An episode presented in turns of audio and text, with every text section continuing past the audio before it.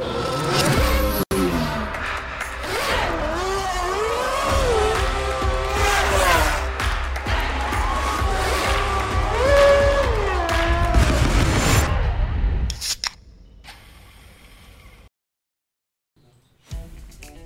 Ćao svima i dobrodošli u najnovije izdanje Lab 76 broj 226. Sad ne znam da li vi čujete Red Bull u pozadini kao što ga čujem i ja, ali negde je nešto upalo u celoj priči. Međutim, želimo vam dobro veče, želimo vam da se mazite i pazite i vodite računa jednim drugima i da budete dobri naravno, a prijavite nam. Opa! Opa! Znam šta je desktop vam je audio upaljen. Draga da Juanita Pablita i samim tim im jeste, jeste, u OBS-u vam je upaljen desktop audio i slušate na YouTube-u verovatno i onda mi to čujemo nazad u lupu. Loop back ste nam napravili, tako da ako me čujete u više izdanja, e, onda čujete sve što i mi čujemo, a sada me više ne čujete, ali... Samo e, jedan želim- srđan je sad. Tako je, ali zato samo jedan gospodin Dejan Potkonjak. Dakle, ako ikada budemo likovi u igrici i bude nas dvojice, znajte da je to neka prevara. Nivo kao u princu od Persije. U ogledalu se pojavio neko, jer... I dobrodošli još jednom u Lab 76. Slobodno udrite muziku, koleginice, nemojte ništa da brinete. Dom Pavlo nije tu, Vanja nije tu, ali Juanita Poblita, kako smo prekrstili našu dragu koleginici iz prodaje, njenim novim imenom je zato prisutna. Nadam se da ste vi prisutni za MotoGP izdanje broj 226, Lab 76-a i danas ćemo pričati naravno o svemu što se zbivalo u Austriji za nas, istorijska trka u svakom smislu te reči, međutim pre nego što krenemo, nadam se da se vidimo 17. septembra 2022. godine na ulicama grada Beograda gde ćemo moći da slušamo jedan V8 motor iz 2000 i ni manje ni više 11. godine RB7 nam stiže, tako da budite spremni ukoliko niste, sad je vreme da počne da se pripremate, tri ponedelje je ostalo do početka, umeđu vremenu ćete imati priliku kada je reč o Formula 1 gledate trku u Belgiji, legendarna Spa Frankošan, pa zatim ćete imati priliku da gledate trku u Holandiji Zandort, pa ćete imati priliku da gledate trku u Italiji, Moncu, ni manje ni više, a ukoliko vam to nije dovoljno, em što ćemo sada pričati o Red Bull ringu, trci iza nas, Moto Grand Prix-a, nego ćemo vam umeđu vremenu najaviti i trku u Mizanu. Dakle, ako smo te mogli da birate period kada počinje školska godina, dragi organizatori kalendara, niste mogli gore da izaberete, jer sva deca će morati vikend da provode uz Formula 1 i Moto Grand Prix, ali to je dobro zato što možete da naučite mnogo toga. Roditelji nadam se da ćete uživati. Deki je mnogo zbiljniji od mene po tom pitanju, ali okej. Šalu na stranu, stiže 1. september back to school, a mi smo back to track, tako da vratili smo se i ja se nadam da ćete uživati onome što nas čeka do kraja trkačke sezone i ostalo vrlo malo, vrlo malo, ali pre nego što krenemo, učinite nešto dobro danas, udrite like, udrite subscribe, to nije dobro, to je to je nešto što će nas usrećiti svakako, možda jeste dobro samim tim, ne znam, ali nešto dobro, pozitivno. U komšiluku, na računaru, na društvenim mrežama, pošaljite neku lepu poruku, ne znam, uradite neki lep post, zabavite se, igrajte igrice, vozite trke, dok još škola nije počela, iskoristite poslednje trenutke da uživate, a oni stariji, pa šta da vam kažem, nama ostaje da uživamo, ne znam ni ja, kada 365. Tako je, 365, bukvalno sad ste ti kažem, kada porasteš imaš gaming 365, Ponekad makar u teoriji. Opa, dakle nema propuštanja ni 29. februara, deki, igranja, igrica i tako dalje. Ali, raspoloženje na nivou, imamo ovde i naravno standardno, ne znam publiku, ali pozdrav ovde sa tribina, imamo i naravno stra- standardne patreone sa naše leve strane i prevodioce tu ekipu, to, to su vaši patricijski delovi, dakle iz prvog reda praktično gledate I to je to. uži- Da, da, da, da, Milice, molim te, nemoj slučajno da ne radiš tokom, tokom podcasta nešto, ipak računar je zatvoren, a već je 9.03 ili 9.07. Dakle, molim vas, Milice, nastavite sa radom i pozdrav za našeg dragog Ivana Toško i Hunitu Poblitu koja je tu u, u realizaciji, ako nekad mrzi nove dane, to su ovi dani, jer uvek se nešto desi u realizaciji, ali To je ekipa Infinity Lighthouse-a i raspoloženje je na nivou. Deki, to je zato što se šta desilo ovih dana, pa imali smo najavu Formule 1, Da samo da kažem za one koji su, naravno, Daniel Ricardo nije mogu da sačeka utorak ujutro, nego je sačekao sredu ujutro da saopšti da ide iz McLarena, tako da je jučerašnji podcast u kojem smo diskutovali da li će se to desiti, to je da je manje više to izvesno, ali To se je nije zbog desilo. vremenskih zona nešto. Da, da, da, pa australijanac, Pa da. da. zbog toga, on je čovjek požurio malo, to jest nije požurio za Vidiš kako ovi naši španci sve paze, vode računa, Moto Grand Prix. Tako je, oni lepo ljudi to urade kada treba da mi možemo da uživamo. Elem, iza nas je jedna veoma važna i velika trka. Pričat ćemo naravno i na novim vestima kada je reč o svetskom šampionatu u motociklizmu i imamo o čemu i tekako da pričamo. Baš imamo o čemu da pričamo. Iza nas Uh, baš istorijski vikend iza nas. Imamo mnogo priča iza kulisa. Moj dragi kolega Aleksandar Đankić, eh, tihi čovek u akciji i ja smo bili na stazi, bila je naša kolegnica Jana Trajković i Dragan Radović, naš dragi kolega i tamo smo vijali informacije, ljude, tračeve, poluinformacije, informacije, ne bismo li razaznali zapravo šta se događa u celoj priči i dosta toga smo uspeli da otkrijemo, pa se nadam da ćemo vam preneti što delić atmosfere, što delić tih informacija, a naravno pričat ćemo i onome što se dešavalo u samim trkama. Za početak spektakularne trke, zaista u sve tri kategorije koje, u kojima se koriste motori su unutrašnjim sagorevanjem, ali ni u Moto E klasi nije bilo bez, rekao bih, drame. Pa čak i u šampionatu je bilo nekih zanimljivih momenta, mada prva trka je bila najdramatičnija i pad vodećeg, jel te, dve krivine Matije Kasadeja pre kraja. Mnogi kažu, ja ga nisam hvalio u tom trenutku, ja sam jurio po padoku, kolega Đankić je rekao da je to sigurno pobeda u njegovim rukama i naravno... Imate bi tih momenta. Imao je si primetio kako, kako to sa sigurnošću... Naučit ćete jednom, da. da. u to da, da, da, da, da, koristite takve rečenice, da ne kažemo. ali dobro. Da. ali vidi, ponekad je jače od nas, činjenica. Ponekad nas ponese moment, međutim, ljudi, iza nas velika nagrada Austrije, Red, Red Bull Ring, ako nešto mogu da kažem, pre nego što krenemo sa ozbiljnim stvarama, zaista najbolje organizovana trka, apsolutno. 92.000 ljudi je bilo u nedelju na stazi, niste to mogli da primetite kada je reč o, o prelasku samoj stazi, ko ide na trkačke vikende zna o čemu pričam, često zna da bude gužva na tim prelaznim putevima, Ovoga puta situacija je bila takva, takva kao da nije došlo 92.000 ljudi, već kao da je svakodnevnica zaista savršena organizacija i staza generalno prenočno dobro organizovana. I ima naravno tu stvari koje mogu da se unaprede, ali zadovoljstvo je bilo meni prvi put na Red Bull ringu, pogotovo u tom kontekstu da smo i poslom bili tamo. Medijski centar koji kao da je sa druge planete sišao bukvalno na vrh upravne zgrade i odanda imate priliku da uživate. Jednostavni prilazi, Tako do, je. dobar pregled, informacije, sve. Sve, baš su dobro organizovani, mm. tako da je bilo zadovoljstvo. U svakom slučaju, da mi krenemo, deki, odakle ćemo da krenemo? Ćemo od trka, tri trke, pa. spektakularne, ili ćemo od 200 ili od čega ćemo? Ajde, od istorije. Kako? Trke su tu bile Trke su, tako da... To je glavna stvar. Pa dobro, da, ali eto, možda vesti, ne znam. Kako Ajmo, hoćemo malo o vestima. Koju ćemo? Kako god želiš. Hoćemo sa Španijom da krenemo. Pa, ajde. Sunčano je tamo. Sunčano je tamo. Pa da, za one koji eventualno ne znaju, dakle, kada govorimo o događanjima koje nam dolaze iz Španije u kontekstu Moto Grand Prix-a, manje više ono što smo negde znali i pričali da, da će se desiti, zapravo, ajmo prva vest. Mark Marquez je dobio zeleno svetlo da vozi motocikl. To je najvažnija vest, ja bih rekao. S obzirom na činjenicu da se radi o osmostrukom šampionu sveta, čoveku koji ima 85 pobjeda u karijeri, o čoveku koji Juri Delić istorije svakako, ne Delić, Juri poveći deo istorije, ali dobio je zeleno svetlo posle četvrte operacije koja je zapravo i sprovedena u delu malo posle velike nagrade Italije u Muđelu, dobio je dakle zeleno svetlo. Da može da vozi motocikl, vrlo važan pregled, negde smo očekivali pozitivne vesti s obzirom na činjenicu da i njegov način ponašanja i način na koristi na koji je koristio ruku tokom ovoga vikenda imao sam priliku da ga bukvalno vidim. I prvi put da sam seo prvi red za konferenciju za medije, obično to ne činim s obzirom na činjenicu da sam prilično visok, pa onda većina ljudi iza mene ima problem. Međutim, seo sam negde sa strane skroz u prvi red da vidim ruku iz što veće blizine.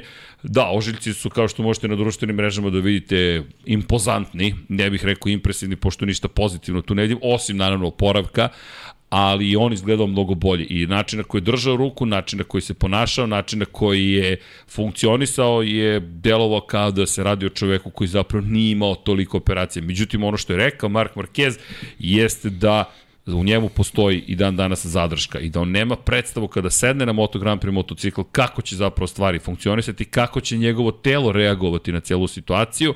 Dakle, da ostaje veliko pitanje zapravo šta će se dogoditi, međutim ono što je činjenica, ta, to, to zavrtanje na svoju prirodnu poziciju ruke u za 30 stepeni ni manje ni više, deluje da je, do, da je urodilo plodom i možda čak se pojavio Mizanu na testu posle trke, iako je i sam rekao da postoji šansa, rekao je da nije siguran baš da je to izvesno, ali da želi da nastupi na jednoj trci ove sezone. Jedna trka bi bila poslednja trka, velika nagrada Valencije, dakle izbjegao bi taj moment odlaska na na prekookeanske trke, dakle ne bi išao u nazivsku okeanijsku turneju, Tako da to su pozitivne vesti i dobro je da je prošao taj test. Tako da Pa da, dobra je stvar vezano za njega ako dobije to zeleno svetlo se pojavi na tom testu Mizana, ali generalno to mu je jedina prilika da sede na Moto Grand Prix motociklu pre te trke. Mislim Jeste. da bi, da bi sedanje ovaj, u Valenciji prvi put na Moto Grand Prix motociklu bilo onako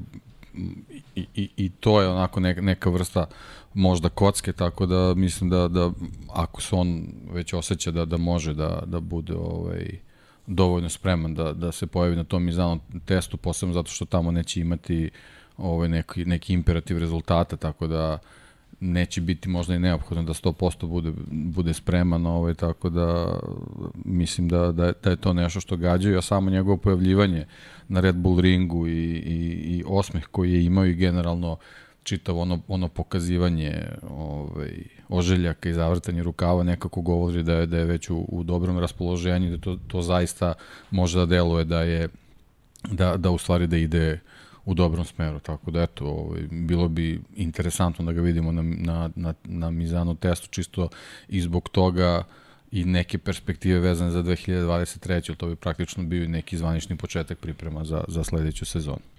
Pa da, ono što je rekao i jedan od razloga zašto se pojavio i to je zaista velika priča, nastavit ćemo, ja se nadam, i tokom pregleda trker, trke su glavna stvar, ali činjenica je da je došao da pokaže moje mišljenje da je on vođa Honda i rekao je došao sam ovde da bih se pozabavio projektom koji se zove pa Honda. da, generalno prelomni dani za, za ekipu. Jesu. Baš su veliki dani iz te perspektive, iako čekamo da, da izađe zvanično saopštenje, manje više možemo da potvrdimo da je Joan Mir potpisao za Repsol Hondu.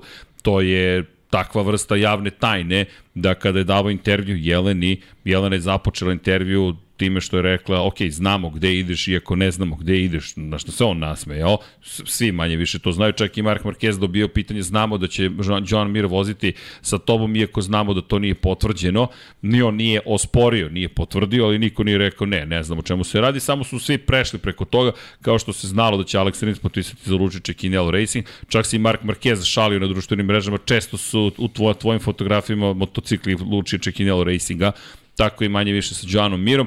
I još jedna bitna napomena, Livio Supo je izjavio sada kada je obezbeđena budućnost Joana Mira, možemo da pristupimo lakše završetku sezone. Čovjek koji predvodi Suzuki, dakle, potvrđuje da je neki ugovor potpisan, ali ono što svi očekujemo jeste zapravo da u Japanu, kada odemo na veliku nagradu Japana u Motegi, zapravo dođe do toga da se potvrdi da je Joan Mir potpisao za Repsol Hondu, što je naravno velika stvar za Hondu s obzirom na činjenicu da će imati svetskog šampiona u svojim redovima. Pole Spargaro je takođe svetski šampion, ovo je dvostruki koji je osvajao titulu i u Moto Grand Prix i koji je osvajao titulu naravno u Moto 3 kategoriji. Tako da, prilično velika stvar za Hondu i dolazak Marka Markeza i taj potpis. I nastavljaju tradiciju, naravno, nastavljaju tradiciju. Španci, dobro, takođe dominacija, red za Repsol to takođe bitno, ali eto, to su zaista neke velike vesti. I naravno Joan Mir, najveća vest za njega jeste da je povređen, nažalost, po prelom članka noge, pri čemu je i ligamente povredio, neće nastupati na velikoj nagradi San Marina i Riminija za desetak dana u Mizanu, ne znamo još uvek ko će ga zameriti, navodno se priča da su čak i Danilu Petrućiju ponudili da zauzme njegovu poziciju, čoveku koji je u američkom šampionatu u Superbajku, čoveku koji je do prošle godine vozio za KTM u teh tri ekipi, dve godine ranije bio dugi niz godina na Ducatiju, tako da možda vidimo Danilo Petrući za sada to nije potvrđeno, a Ducati ima razloga da, da se raduje, iako kada pričamo o Danilu Petrućiju, zaista ga vezujemo pre svega za Ducati, činjenici da je završio karijeru na KTM, ono neko ostaje Ducatijev čoveka. Kada pričamo o Ducatiju, deki, moramo, želim da se prebacimo na, na trke, prosto mnogo je važno, imamo puno istorije. Za one koji ne znaju, najveća vest sa prethodnog vikenda je posle 73 godine zapravo mi imamo najveću promenu u istoriji šampionata sveta uvođenjem sprint trka. Naredne godine, u zavisnosti od toga koliko zapravo trkačkih vikenda budemo imali, pomnožite to sa dva i dobit ćete broj trka koje ćemo gledati u samo i isključivo kraljevskoj, to je Moto Grand Prix kategoriji. Ako budemo imali dakle 21 trku, očekujte 42 trke zapravo Moto Grand Prix-a u 15 časova subotom po lokalnom vremenu će biti održavane uglavnom trke, mada će se težiti kada su u Portugaliji i Velika Britanija u pitanju da to bude 15 časova po centralnoj evropskoj vremenskoj zoni i to je enormno promena, imali smo i specijal u subotu, pričat ćemo još o toj temi jer ima novih vesti, ali istoriju smo videli ovoga vikenda, Deki Peko Banjaje je zabeležio treću pobedu za redom u Moto Grand Prix kategoriji kako se ona zove od 2002. godine, ranije se zvala kategorija od 500 kubika, jer su to bili motori dvotakni od 500 kubika, Moto Grand Prix nismo imali nikoga do Valentina Rosija, čoveka koji ima 115 pobjeda i 9 titula šampiona sveta, Marka Markeza, Jorge Lorenza, dakle Mark Marquez koji ima 8 titula, Jorge Lorenzo koji ima 5 titula, Casey Stoner koji ima 2 titule, obe u Moto Grand Prix kategoriji, Danija Pedrosa koji ima 3 titule, dve u 251 125, da su uspeli da zabeleže 3 pobjede za redom. I nekako mi je nevjerojatno bio taj podatak, moram ti priznati, sve sam razmišljao da na kraju dana nema nikoga, Peko je to uspeo i time je uzeo delić istorije za sebe. Ta istorija je još veća i značajnija time što je on prvi čovek od Casey Stonera 2007. godine. 15 godina je prošlo, koji je zabeležio tri pobjede za redom i upisao se u jednu vrlo elitnu grupu i na neki način približio, na neki način približio se korak bliže tome da će možda čak i da se bori za titulu šampiona sveta. Zaista impresivno. Pa, važno dostignuće pre svega za njega. Iz čistog iz prostog razloga ovaj što što čitava sezona nije nije možda protekla posebno taj taj neki prvi deo na način kako je kako je on želeo pre svega da da uđe u nju i ovo je sad u stvari eto i, i neki dokaz i, i njegovog kvaliteta i njegovih sposobnosti u stvari da bude vozač koji se bori za titula između oslog da bude i lider uh, čitav, čitavog projekta. Ducatijevog, jer da se nije desila ona deska, uh, greška Jorge Martina, mi bismo u prvi šest vozača imali 5 GP22 plus Fabio Quartararo. I od tih pet uh, ovaj, motocikala GP22 Peko Banja je se nalazio na, na čelu, što je u stvari eto, i, i, i neko, neko u stvari značenje šta on u ovom trenutku i, i predstavlja Ducatiju, a i, a i ujedno potvrda da je on sposoban da, da, da i bude uh, lider te čitave priče. Pa da, veliko je pitanje bilo zapravo da li posle svih padova i problema mi možemo da računamo na njega da će se oporaviti u, celo, u svemu tome. Ono što je posebno, ja mislim, bilo važno takođe jeste da ga vidimo u samim trkama kada je pod pritiskom, ne samo kada vodi da može da se zadrži na toj poziciji, nekako polako počinje da se popunjava, popunjava njegov arsena. Da, ovo je, meni ova trka nekako, njegovo izdanje uh, ličilo na onaj Jerez. Ovaj, jednostavno morao je da uradi to što je uradio da, da ovaj, izbije na tu prvu poziciju, on je to uspeo da uradi i od tog trenutka je krenula ta kontrola bez uh, i, i jednog momenta gde smo mogli možda da, da naslutimo da je možda ovaj pod nekim pritiskom da da kreće neka negativna psihologija ili ili ne znam šta drugo nego jednostavno bukvalno kontrola od od, od prve krivine. Da, i kada pogledamo zapravo Peko Banja, evo, deki, jedan, jedan moćan deo, ako, ako pogledamo, početak trke pogotovo kada se zapravo beleži, kada se diktira tempo, zaista diktira. Kasnije ovo odbrana zapravo da, da pozicije, da, de facto nije, kontrola. Nije, da, nije bio u nekoj situaciji da mora da, da forsira, tako da ovaj, ovaj, ovaj grafikon upravo to i pokazuje, a pre svega pokazuje tu neku borbu koju smo imali uh, i iza njega, tako da bukvalno tamo negde čini mi se od 18. 19. kruga, 19. kruga čini mi se, po ovome se vidi koliko je i koliko i on nije imao potrebu za, za nekim žešćim, žešćim tempom, bukvalno je sve bilo ovaj, održavanje održavanjem prednosti, a to je u stvari nešto što je bukvalno zaradio na, na startu trke i, i ovaj, izbijenjem na, na prvu poziciju. Da, da, i grafikoni su nam postali uslovno rečeno problematični, pošto je toliko su male razlike između krugova. Došli smo do stadijuma da, na primjer, krug broj 4, kada je vozio 1.30.072, i, na primjer, krug kada je vozio 1.38.04, što je 24. krug izgledaju kada je večnost u razlici između njih, zapravo nije. Peko je imao samo dva kruga, izuzimamo naravno prvi krug. Hvala Dragoju Stanišiću na sjajnim grafikama kao i uvek, koji je vozio sporio 1.31. I to je bilo 1.31.1 u 27 i potom u 28. krugu.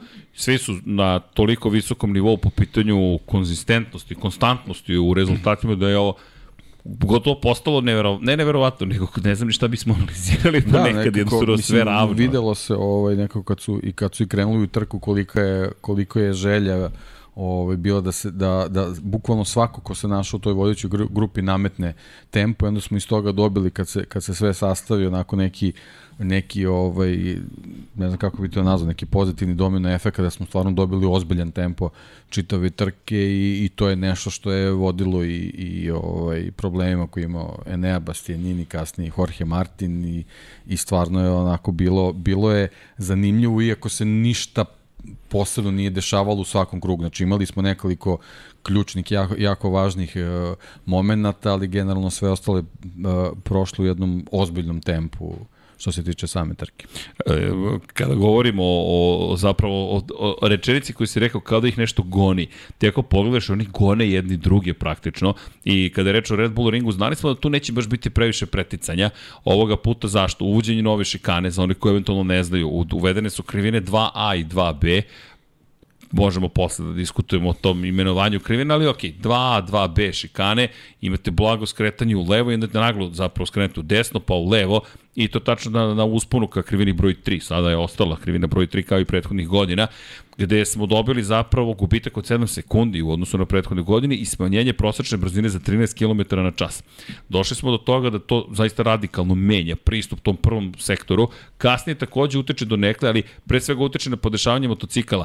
I imali smo jedan zanimljiv detalj, moram da potražim na Twitteru ko je tačno uočio to. Mi smo pričali tokom, tokom trke, o, tokom priprema o stepenima prenosa. Međutim, moram priznati da uočio na, na startno ciljnom pravcu da je zapravo Ducati bio u petom stepenu prenosa imao brzinu 309 km na čas, a da je Fabio Quartararo bio u šestom stepenu prenosa. Ima tu cela diskusija sada i o potrošnji goriva. Ovo je staza koja je poznata po tome što je najveći potrošač goriva istovremeno je jedan od najvećih potrošača kočnica i videli smo diskove prednje od 355 mm. Ljudi, to je 36 skoro centimetara disk. To je jedan ogroman disk koji se nalazi na prednjem točku I inače, kada smo parkirali prvoga dana, Bremovi inženjeri izlaze, i to mi je žao što nisam snimio, iz GPK vade ko ogromne kutije. Razmišljam, da li je realno da nosi diskove? Da, to je taj moment kada si na stazi iz GPK se ovako vade diskovi i nose. Rekao, kod, ne, kod ih ne zamolim da otvore, kao picu da donose, kao, da, kao noćna dostava, kada dođe neka od kurirskih službi i kaže stigla hrana, ne da otvorimo te diskovi da ih pogledamo, ali odradili su super posao, imali smo onaj grozni incident pre dve godine sa Maverickom, vinjali su dva incidenta s njim, ali kada je skakao sa, sa zapravo sa, skakao s motocikla na 200 km čas, jer nije hteo sa ekipom da koristi preporučene velike diskove, sada nema preporuke, sada je to obaveza. Elem, to je dosta promenilo stvari i došli smo u situaciju da odjednom Fabio Quartararo zajedno sa Diegom Gubilinim, svojim inženjerom, može da iskoristi, ne može, mora da iskoristi svaki trik u rukavu ne bili ostao uz Ducati, koji su izgledali zaista spektakularno. Moći inače Ducati do malo više troši gorive nego ostali motocikli i na pa visok... Pa dobro, ovo je ono kako automobilisti kažu Mickey Mouse staza sa, sa tim snažnim kočenjima i ubrzanjem i naravno to to. ubrzanjima se troši, troši gorivo. gorivo. Još si na 700 metara nadmorske visine. Još sad dobijaš još tu 2B krivinu gde gde imaš još jedno ovaj, ubrzanje, tako da... I još jednu snažnu kočenje. očekivano bilo s tim što isto tako je bilo kao očekivano da, da ta Ducatijeva staza možda zbog te krivine 2 će izgubiti ovaj, taj, taj epite da Ducati baš neće uspeti to da iskoristi kao prednost, međutim videli smo ne. samo Jack Miller to nije iskoristio tu, tu drugu krivinu, znači sve ostalo je okej. Okay. Da, Jack Što se koji... tiče Ducati, kažem da nije bilo pada tog Jorge Martina, ovaj, imali bismo baš onako ozbiljnu dominaciju GP22. Pa da, i ono što je čudno zapravo da, da je, ajde, čudno, moram priznati da nismo navikli baš da se točkovi oštećuju na motociklima, kao što je na Formula 1 slučaj da se ošteti na prve prednje krilo ili se pod ošteti. Međutim, Enea Bastianini je u devetoj krivini izgubio kontrolu blago nad zadnjim točkom i udario zapravo u ivičnjak tom silinom da je savio prednji točak. Što ja se ne sećam da nam se desilo u Moto Grand Da, meni, meni u prvom trenutku delovalo kao greška na kočenju, međutim njegovo ponašanje odmah posle kad je izašao iz, iz šljunka videlo se da, da, da nešto nije u redu s motociklom, da nije, da nije obična greška.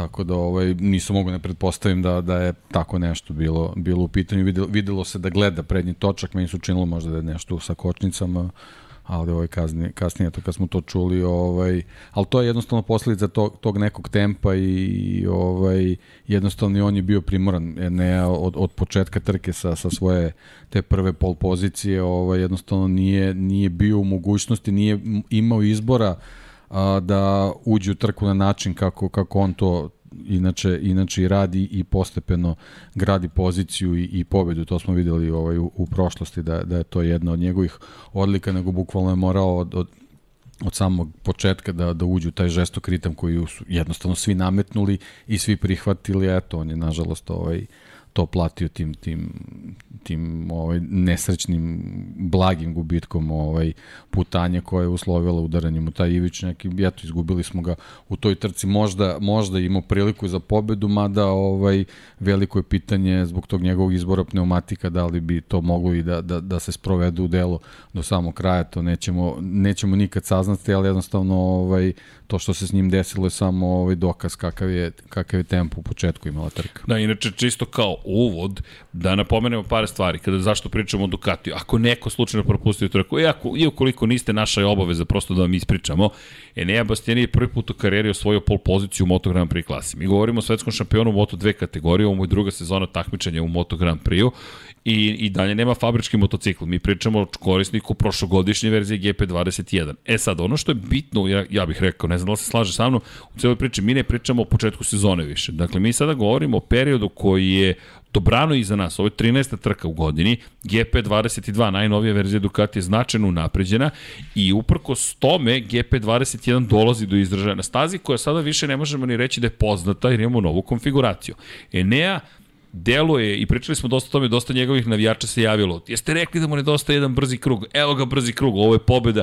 Mnogo ljudi mi je pisalo, ovo je sigurno pobeda ne je Bastianinija. Zašto? Pa na pol pozicije. Ćao, kraj. On sada kada povede, to je to. I kao što kažeš, nemamo pojma šta bi se desilo na kraju, ali činjenica da je Nea u kvalifikacijama već uradio ono što se od njega očekuje. Bio super brz. Pri čemu pobediti Francesca Banjaja u kvalifikacijama uopšte nije mala stvar, bez obzira na sve probleme koje Banjaja, ja mislim da Banjaja ima psihološki, nije čak ni problem, profil, gde on se muči, muči, muči, muči, muči dok ne dođe kvalifikacije. Inače, super pitanje. Ne, jesi, ne znam da si, da li si gledao celu konferenciju za medije u četvrtak. Moram priznati da je genijalno pitanje postavilo jedno od troje dece. Uvek dovedu nekoga iz Kupa Novajlija ili Kupa Talenata Evrope ili Kupa Talenata Severa. I pitanje je bilo kako podnosite pritisak pred početak trke. I kako to eliminišete da ne osjećate taj stres pre nego što počne trka. Deki, i ti ja znamo da ne postoji vozač koji, koji ne osjeća pritisak ili stres pred početak, ali je lepo bilo čuti sve njih kako im objašnjavaju šta mogu da učine, ne bili zapravo doš, doveli sebe do toga da, da prihvate pritisak. I Banja je pa baš da, rekao. da, u principu poenta prihvatiš pritisak i prebaciš ga u, u maksimalnu koncentraciju. Tako je. To je poenta. E, I to je bukvalno izgovorio da. Banjaja. Rekao, ja imam, ja osjećam pritisak dok ne počne trka. Tog momenta Ne postoje ostale stvari. Vinjales je rekao imam tehnike disanja koje sam vežbao, ne bili ih se opustio pre nego što počne trka. Kvartararo rekao prihvatiš da je to deo. Super mi je bilo što su mi svima rekli, ej, mi svi to osjećamo. Ali ono što je sa Banjajom, Banjaja loš u prvom treningu, drugom, trećem, četvrtom, ali ti znaš, doći će kvalifikacija, on će biti brz. I onda se postaje pitanje, naravno, izbora guma i svega ostalog. Ali Bastianini me oduševio i naravno, zašto pričamo o Dukatima, kada pričamo o kvalifikacijama, Dakle, na prvoj poziciji Ducati, na drugoj poziciji Ducati Francesco Bagnaia, na trećoj poziciji Ducati Jack Miller, na četvrtoj poziciji Ducati Jorge Martin. Mi sada pričamo GP21, pa 22, 22, 22, neverovatni Fabio Quartararo na Yamahi, zaista je neverovatan. E, vidio sam jedan od komentara gledalaca, pa ne vozi on Tomos, zašto ga toliko hvalite? Ajmo da postavimo, da postavimo malo stvari. Niko od nas nikada ne izgovorio vozi slab motor u kontekstu toga da je to slab motor sam po sebi. Per se ne postoji slab motor Grand Prix motocikl. Ali, ako uzmete kao ove krugove pa postavite neki odnos, to je slabiji dosta motor u odnosu na motore koji su poput Ducatija prvi sledeći korisnik Yamahe nije čak se ni približio Q2 delu kvalifikacije. Franko Morbidelli u trenutku počeo malo da liče sebe, ali ljudi, mi tražimo utešnu nagradu za, za Franka Morbidelija, vice šampiona sveta Moto Grand Prix klase, šampiona sveta Moto 2 klase, zato što je bio nadomak toga da uđe u Q2 deo kvalifikacije. Kod Fabija se ne postavlja pitanje, on je čovek bio na samo 2,5 desetinke za ostatku odnosu na vodeći Ducati. Tako da Fabio Ja ne znam kako to radi, niko ne zna, ali svakam mu čast i ovo ovako izgledala njegova trka. Pri čemu ovaj krug 25. 1.31.031 je moment kada je pretekao Jacka Millera. Ako pričamo o istoriji koja se menja zahvaljujući sprint trkama, o istoriji da je Peko Banjaja trostruki uzastopni pobednik u Moto Grand Prix klasi, preticanju u krugu broj 25 za veliku nagradu Austrije 2022. U krivinama 2A i 2B je jedna od onih stvari koje se pamte. Možda nije kao Rossi Vadičep, možda nije kao Markezov Lorenzo ili nešto slično, ali Deki, meni ono bilo neverovatno. Iskreno. Pa, m, m, spektakularno i, i nešto što nije moglo se predvidi. Ja sam Videlo se da on traži poziciju, ali...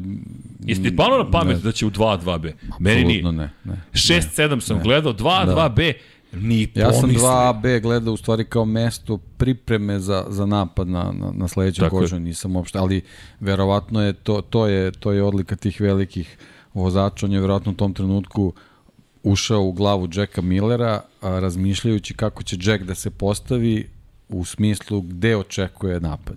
I onda on to uradio pre toga. Bukvalno radio pre toga. Kao ono kad deci daješ inekciju i kažeš idemo na tri i onda na jedan u stvari pritisneš. to je to. to su ti trikovi. Ali To bukvalno, trikovi, idemo da. na 3, ne na 2, Jedno, 2B. Jednostavan je trik u principu. Da, ali je vrlo delotvoran. Da, i, i naravno moraš da budeš jedan od Ljudi koji to mogu da izvedu. ljudi naravno. tamo da bi to mogli da izvedu. Nepotrebno je razmišljati o tome ako ne možeš da sprovedeš u delo. Me, Fabio je mene podsjetio opet na Jorge Lorenza.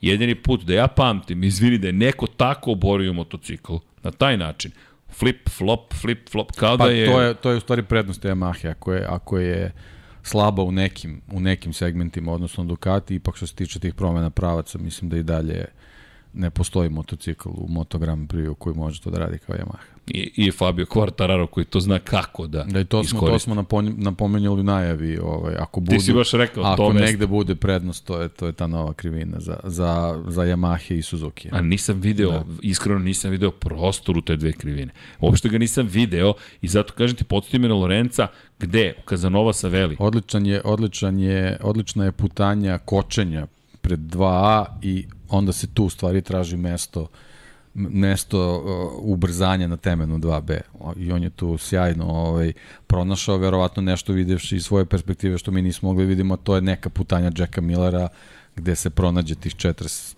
40 santimetara da možeš da prođeš, prođu jer krila. njemu, njemu je pre svega bilo potrebno čisto mesto za, za ubrzanje, za, za snagu na zadnjem točku. To je u stvari ono što je bilo ključno. Da, jer to je uzbrdica.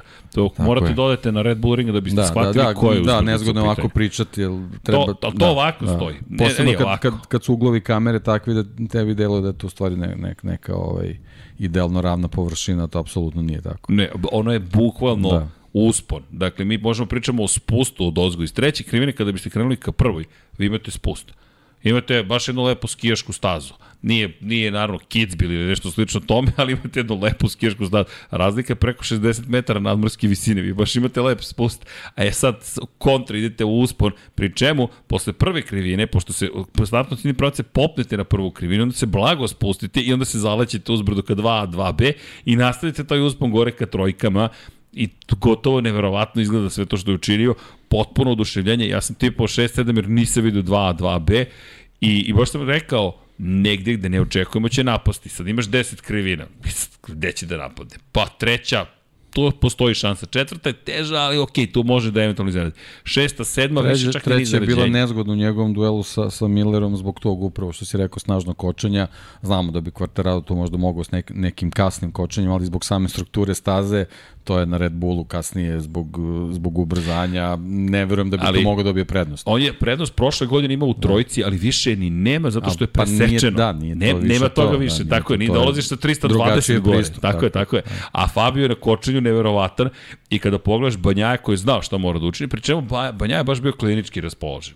Jedno po jedno, jedno po jedno, Kažem, šta zato, mora. zato mi je onako baš, baš me podsjetilo na Jerez njegove ove godine. Bio dobar. I da. kažu da sam samo ja video dramu u poslednjem krugu, ali još krug da je ono trajalo. Da, ne, ne znam, nisam uspeo drama. da, da ovaj, nisam pronašao šta je, šta je razlog usporavanja bilo. Pri čemu, pa evo možemo da, ako pogledamo Fabijev krug zapravo, ako pogledamo završnicu same trke, Dakle, ako pogledamo, Fabio je vozio pola sekunde brže u pretposlednjem krugu i 30 tinke u poslednjem. A, ono što, a, evo, hvala. A ovo su banjajni krugovi. I sad, možemo da teoretišemo, Banja je rekao već da, da to se već se osjećalo, osjećale su se gume, ali pola sekunde je bio brži po krugu Fabi. Ja mislim da je u toj Yamahi još bilo tu prostora za trkanje ozbiljno.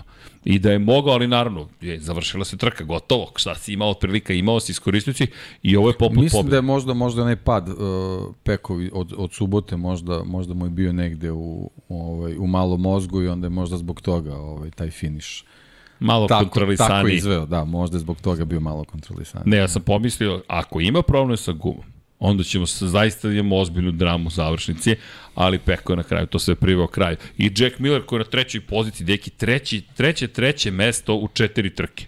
Pa, kad se rasteretiš, Pa to, to, to je to, to. to, to, je to. nema to više je pritiska. Jednostavno, ali to je to su ti sklopovi vozača koji koji tako dođu na na na izađu na na na videlo kad se po, kad se nađu u, u tim velikim ekipama koje melju. Jednostavno ne, melju. neki segmenti ličnosti u, u to ne mogu da se uklope, jednostavno Jack Miller nije nije takva osoba i evo sad sad vidimo u stvari kad kad nema taj to, to ogromno breme na, na, na plećima, koliko je on rastreć, raste, uh, rasterećen i koliko je u mogućnosti u stvari da se na pravi način pripremi za trku i da je, da je, da je odradi.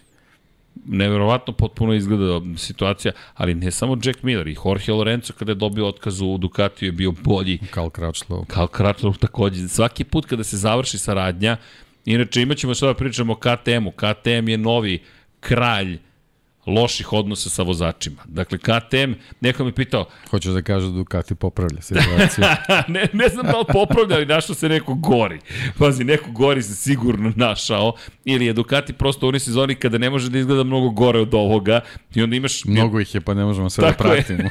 Druga stvar, ti sad već znaš mnogo toga, ali ti ostaje sledeća priča, a to je zapravo u svemu vozači ti ostaju. I Enea, i Jorge Martin, oni će biti tu, i Banjaja. Nemaš sada probleme sa njima u tom kontekstu, ali oni još nisu odlučili ko će da vozi za fabrički tim. To ti isto nešto govori, ali ok. Ali tu su. Ali tu Tu su, tako da. je, tu su, tako da nemaju mnogo prostora da, da, da naprave haos. KTM, gde god je stigao napravio haos, pričat ćemo o tome, KTM, zaista novi šampion loših odnosa.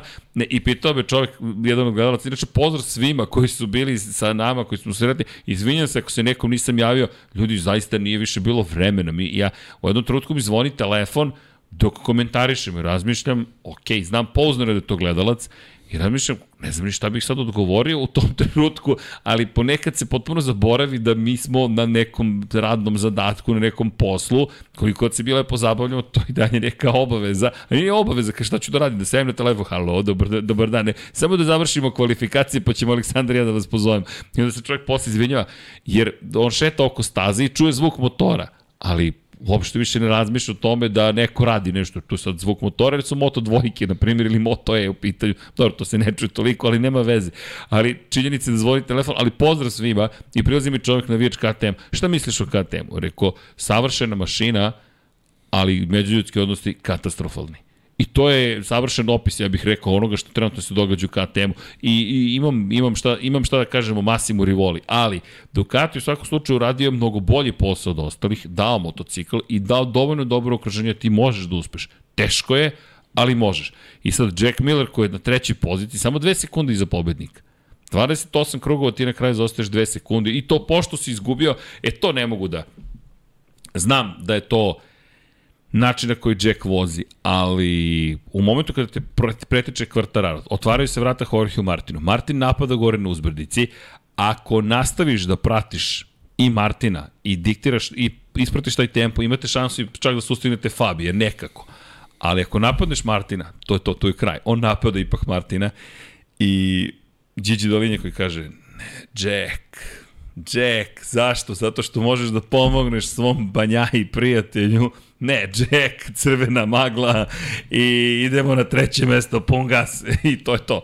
Jack Miller, jednostavno, ne, neke stvari uvek će biti takve sa Jackom. Pa mentalitet je takav. Takav i je, to, to, to, vatren. Da. E sad vidjet ćemo naravno sa KTM-om kako će to sve da funkcioniše na taj način. Da li, da li a, može da se reši tog pritiska kojeg je imao u Ducati koji ga je sputavao, da li, da li može to da da ovaj proizvede na drugačiji način. To, to ćemo vidjeti kad se nađe tamo. Spremim ja da dam predviđanje. Slobodno. Iako nisam 100% siguran, ali 70% to se završava taj ugovor na kraju sledeće sezone. To je moj uticaj, utisak posle svega što smo videli gde KTM ne zna zapravo koga angažuje manje više dok ga ne angažuje. I to tako izgleda, baš, baš isitreni potezi, mada možda su nešto naučili iz ovoga. Sumnjam i Pete Bayer i Stefan Pirer su toliko agresivni u komunikaciji.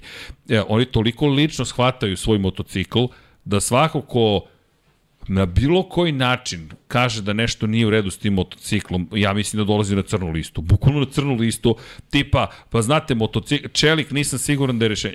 Čelik nije rešenje. Gotovo, kraj, kraj. Nećemo da razgovaramo više o to. Neverovatno je, ali ono što je takođe fascinantno, dva meseca kasnije, ne, ne, mi želimo da nastavimo saradnju s tim čovekom e, ličan dosta stava. U svakom slučaju, vidjet ćemo Jack šta će učiniti, ali fenomenalna trka opet, ako pogledaš rezultat. Biti tri puta treći u četiri trke je nešto što se nije događalo često u Jackovi karijeri. Ovo je nezapamćen zapravo nivo na kojem je trenutno pa, Jack Miller. Bez obzira na, na te neke situacije koje si spomenuo, o njegove vožnje u, u nekom ovaj, prošlom periodu o, vezano za ovih nekoliko trka, možemo da, da okarakterišemo kao staložena vožnja. I onda automatski očigledno donosi rezultate. Imaš mnogo pozdrav, inače, da. deki, od velikog broja gledalaca. Kažu, Srki, ti stalno nešto goriš. Demam to polako, kulturno razloži. Ja kažem, pa, ti, ti, ti si kulturan. ja, ja, da. ja ću da izgorim. Ti si... Goriš, ali na kulturan način. Pola, nema hepokocka. Da, nema hepokocka. Ko zna šta je hepokocka, nekak mi ne like. Slobodno. da, mnogi ovde ne znaju šta su hepokockice, ali dobro. To je nekad bilo ključno, pogotovo ako ste imali kaljevu peć. Pokrenuti vatru, hepokocka, bum.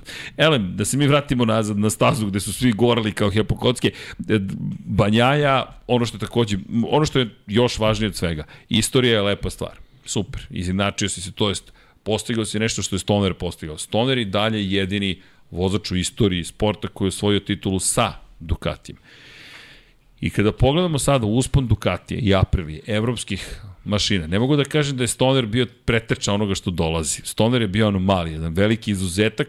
Za one koji eventualno ne znaju, istorija je baš podeljena između jednog evropskog perioda dominacije do polovine 70-ih, Britanci, pre svega Italijani, pre nego što su Japanci, kojima su se mnogi smejali kada su se pojavili prvi put, preuzeli primat. I od kada su to učinili, mi, od kada je Barry Shin to učinio da, zapravo... Da, sad smo vrtio da kažem, nije priča vezana za Hondu. Ne, za baš Suzuki. Suprotno, baš suprotno. Za da. Suzuki je vezana. Suzuki je taj koji je prvi osvojio titule. A onda je došao kralj Kenny Roberts, osvojio tri za redom za Yamahu. Tek onda počinje Honda Amerikanac da se... na japanskom motociklu. Tako je, Amerikanac na japanskom motociklu. To je baš bio udar. Da. To, to, I to je bio potpuni šok. Da. Jer čekaj, mi smo italijani na italijanskom motociklu, to otprilike gleda, ili britanac na italijanskom motociklu. Da, ili, ili britanac na japanskom, to je već ono kao, može se proguta zato što taj britanac ipak tu, on je deo te čitave priče Jeste. i sad, ok, to, to oruđe koje koristi, dobro, eto, desilo se. De. Međutim, kad dođe amerikanac na japancu, I ne samo amerikanac, amerikanac koji, čije su izjave sledeće, Kad sam bio mlad, moj trening je bio seks svako veče. To vam je Kenny Roberts. Zaista. Dakle, to je potpuno čovek koji je došao sa ranča manje više. Inače, Rosijev ranč, ranč Valentina Rosija, je zapravo inspirisan bukvalno rančom koji ima Kenny Roberts na kojem on vozi motocikle. Ali to nije nešto što je on smislio kao posebno unoguđe. Ne, on je imao ranč i tamo je otišao da vozi. Čovjek, čovjek ima ranč i on vozi na ranču. I onda je Rossi inspirisan kraljem Kenijem napravio svoj ranč. Tako da je sad ranč pa, postao... Dobro, da, to je generalno ta saznanja evropljana za, za, za tehnike kojim vladaju američki motociklisti upravo su dolazili sa tih dirt trackova njihovih, gde, gde, gde, to jednostavno njima svi, svi oni su počinjali na, na, na tim stazama ovaj, i onda ti jednostavno vremenom u stvari shvatiš da je to pre svega odličan vid treninga i naravno kad imaš idola kakav je Kenny Roberts, šta drugo da uradiš nego da iskopiraš šta je on uradi. Ništa, napraviš ranč. Vrlo jednostavno. Gde? Pa, da. U kamenolomu. ok, pa, da. eto, kupio sam kamenolom. Šta će ti sine kamenolom? Pa da se trkamo, naravno, na motorima. Ali to je krenulo od Kenny Robertsa koji je sa dirt trackom To nije motocross, ne, ne znam ni kako bih prevao, baš sam se... Baš A sam... kružne, to su kružne, kružne staze, staze kao, to je neki, neki evropski speedway, samo drugačiji su motocikli, te, te staze njihove konfiguracije su drugačije, nije... nije... Ravno je. Da. I to ono što je velika razlika odnosno na motocross. Vi, vi imate sličan motocikl, da. ali... U stvari možemo tako da kažemo, u Evropi je bio speedway, u Americi su ti dirt trackovi Može. bili to je recimo ta neka priča. Taj dirt track je vjerojatno u stvari bila neka, neki uh, moto panda NASCAR Pretpostavljam da u Americi, otprilike, otprilike. to tako je bilo. Da. I onda dolazi Kenny Roberts u Evropu, seda na japansku Yamahu, koja nema ni jedan razlog da, da pobeđuje. Inače, da, tada su Yamahe bile žuto-crne. Znate zašto su bile žuto-crne? zato što su zvučale kao ose. I zato su ih ofarbali žuto-crno i zato su ih tako i vozili, ali to su čuvene boje Yamahe i onda tri pobede, tri titule osvaja Kenny Roberts i onda se pojavljena grupa američkih vozača, između ostalog Freddy Spencer se pojavljuje, pojavljaju se ljudi poput, hajde, čak je i Honda kao... kao, kao... Freddy Spencer je vozio sprinterke. Da, vozi. Samo istog dana.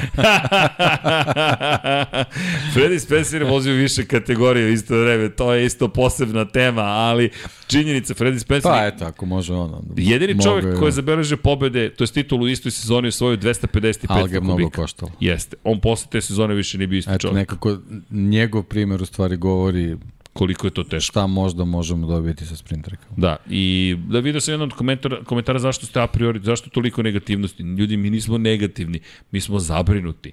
E, e ali čak ne ni toliko sprint i, i sprint trkama, ali ono što mene brine je načina koji su uvedene.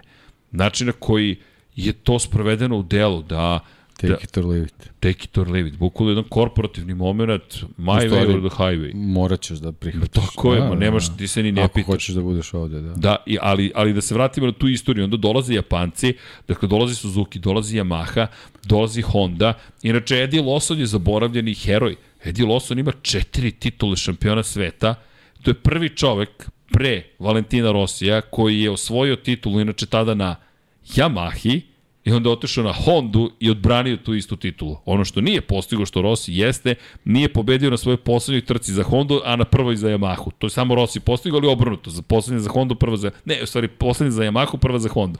Kod Lawsona, kod, kod Rossi je poslednje za Hondu i prva za Yamahu. U svakom slučaju, Eddie Lawson je kultna ličnost bio u tom periodu. Samo što Eddie Lawson bio malo... Eddie Lawson je dominirao. Da, i pretača vozača na Ducatiju zvanom Kađio. Tako je. Koji je, reci neki, ono je, ono, je, ono su Simpsonovi pravili, ne, ne, Iz, je, kroz vreme su da. se vratili, bukvalno. San da ga imam u sobi. Tako je. Ne znam kako, ali ba. ne, napravit ćemo nešto. Rešit ćemo. Ne. Rešit ćemo, ali činjenica ali je da... Ali nevjerovatno, i izgled, i bukvalno ispred vremena, da. da. Kao Jeste. da je, da je upao, ovaj, kao što kažeš, iz nekog iz nekih vrata, ovaj, iz drugog neke, neke dimenzije, neverovatno, zaista. Jeste. Kađiva je toliko lepa, baš je bila... Čak je uspio da pobedi. Formula 1, de facto. Da, da, da. To je baš Formula 1. Pa njenu tehnologiju, materijali jednostavno nisu mogli da prate. A da, nije, nije moglo da izdrži. Jednostavno, to je motocikl koji je bio toliko ispred svog vremena da nije mogu da bukvalno nije mogu da izdrži to čemu je bio izložen taj motocikl. Ali, kao što si rekao, došla su neka nova vremena. Međutim, međutim, taj, taj put je bio sledeći. Dakle, mi govorimo, inače, i ovu knjigu, nadam se da ćemo kupiti prava, prevesti i tako dalje, zove se Stealing Speed, krađa brzine. Krađa brzine i priča zapravo o tome kako su iz istočnog bloka Nemačke, istočne Nemačke doveli ljude Ernst Degner pre svega je glavnu ulogu u, tom, u toj krađi brzine. Šta je uradio? Ernst Degner je vozio za zapravo MZ čuveni I kada pričamo o Saxon tu ima velika istorija zapravo MZ-a, obegao je u zapadnu Evropu u to vreme, potom u Japan i doneo je Suzuki u zapravo tehnologiju izrade izduvnih sistema za dvotaktaše. I zapravo, kada govorimo o frekvenciji izduvnog sistema, on je taj koji je Suzuki otkrio kako stvari da urade. I odatle tek potom kreće zapravo razvoj japanskih motocikala, pa onda njihova pojava u većim kategorijama, inače oni su eksperimentisali sa raznim stranama, stvarima, na primjer oni su imali motocikli gde su čak, ako se dobro sećam, uh, spajali, pošto mora da bude V4, oni su pravili V2 koji je bio zapravo sagrađen od četiri cilindra i onda spojen u neku vrstu V2, V4 kombinacije, svašta su radili, inače vi ste imali pravo da čak da koristite četvorotakne motore, ali niste smeli da imate veći kubikaž od 500 kubika, što nikako nije moglo da parira dvotaknom od 500 kubika. Stvari je jednostavno, ti koristi četvorotakne ako hoćeš, samo ne znaš šta ćeš postići. Elem, Japanci su izdominirali u tom celom periodu, dok je došla promena u Moto Grand Prix. Nije više bilo evropskih proizvođača. Niko nije mogao više da prati tu tehnologiju i onda Honda sa svojim RC211 sve nastavlja svoju dominaciju, još su imali Rossi u tom, vre, u tom periodu u Hondi Yamaha pokušava sa, sa Da, Bjađim. samo smo zaboravili da ubacimo priču kad su došli Amerikanci, ubrzo posle njih su se pojavili Australijanci. Tako je, da. Da. pojavio se tata Da, Gardner, da, Wayne da, Gardner se da. pojavio 1987. osvojio titulu, postao prvi australijanac koji je osvojio titulu, nekako čudna kombinacija amerikanaca i australijanaca, ali to je to, sa Edijem Lawsonom, Da, zatim plejada, dolazi, čitava plejada. da, dolazi Mick Duan, pojavljuje se Wayne Rainey kao Amerikanac još jedan, Rainey koji dominira tri godine, on doživljava nažalost onu strašnu povredu, ostaje paralizovan, osvaja titulu Kevin Schwantz, kaže Kevin Schwantz dosta, Mick Duan je već bio na putu da osvoji titulu 92. teška povreda noge, pa onda uvođenje to je zadnje kočnice na palac i zatim počinje era dominacije Mika Duana, pre što se pojavio prvi šampion iz Španije, Alex Crevije, inače, i potom se pojavljuje Kenny Roberts mlađi, čisto kao uspomena iz neke prošlosti već, i onda dolazi era Valentina Rosija i italijani se vraćaju, dolaze španci, pojavljaju se ponovo Casey Stoner i to vam je ukratko istorija. Ali, kako se pojavio Stoner? 2003. Ducati stiže u šampionat sveta i u tom momentu to je jedini evropski proizvođač. KTM se pojavio pre šest godina, Aprilia se vratila u nekom trenutku. Aprilia je bila presuta 2002. sa V3 Cube-om i ništa nije postigla, osim što pamtimo i dalje Colin Edwardsa kako skače sa zapaljenog motocikla u Saxonringu i to je to. I sada dolazi jedna nova era u kojoj su evropljani ti koji zapravo dominiraju. Zato su ove sve promene nekako kao da se krug potpuno okrenuo ovako i da je 40 i kusur 5 godina kasnije došlo vreme ponovo evropskih proizvođača gde ćemo opet imati vozače koji voše, vode voze više trka tokom jednog trkačkog vikenda, I opet ona slično sa Formulom 1. Znaš, evropski proizvođači koji diktiraju neke nove tehnologije koje Japanci uporno ne žele da prate i ista priča kao u Formuli. Da, bukvalno ista priča kao u Formuli, s tim što Formula je proživala jedan težak period, vidjet ćemo šta čeka Formula 1, trenutno je ultra popularna i treba da bude sve to lepo, ali je stvar u tome što postoji bojazan iz naše perspektive da ćemo ostati bez japanskih proizvođača i ne samo naše, sada već to postoje vrlo ozbiljno pitanje, do pre tri godine pričati o tome da Honda neće biti u šampionatu sveta bi bilo nezamislivo, bukvalno. Sad uz odlazak Suzuki to, te stvari postaju i tekako ozbiljno pitanje. Pri čemu kada vidimo da je KTM uspešno izlobirao u Moto3 kategoriji stvari koje Honda nije dobila i da je Honda politički potpuno zanemoć, atrofirala de facto. Honda, ista Honda koja je Fabio Quartararo omogućila da kao mlađi vozač od 16 godina dobio promjenu pravilnika i dođe u šampionat sveta, to je 2015. bilo, mi sad imamo Hondu koja ne zna Da. kako da se I odbrani. zato, vraćamo se na početak Tako je. priče, zato su ovih par dana izuzetno važni i za, i za Hondu, ali veoma važni i za Moto Grand Prix šampionat. I opet, eto, vraćamo se 2023. i ozbiljan zadatak istorijski za o, Marka Markeza i Joana Mira. Baš veliki zadatak. Jer oni postaju jednom, neću reći poslednja odbrana, ali zajedno sa Fabijom Kvartararom de facto, oni su poslednja odbrana japanskih proizvođača. Jer nema više japanskih proizvođača. Ostaju Yamaha i Honda, pri čemu Yamaha uz odlazak RNF ekipe u okrilje Aprilije ima samo dva motocikla, Honda zadržava četiri motocikla, ali u potpunosti menja tim. Dolazi Alex Rins, verovatno Ayogura, sjajni Ayogura. Da, dakle, imat ćemo trojicu španaca i jednog japanca. Znači, bukvalno špansko-japanska kombinacija će da brani čast Honda. To jest, ostatka To jest. japanskih proizvođača. jel? Bukvalno Ako ne računamo Yamahu, Honda je tu koja, koja mora da na svaki način proba da se vrati na, na te stare staze, ne možemo kažemo slave, nego dominacije. Jer jednostavno Honda je dominirala i ovo je sigurno nešto što je apsolutno ne prije.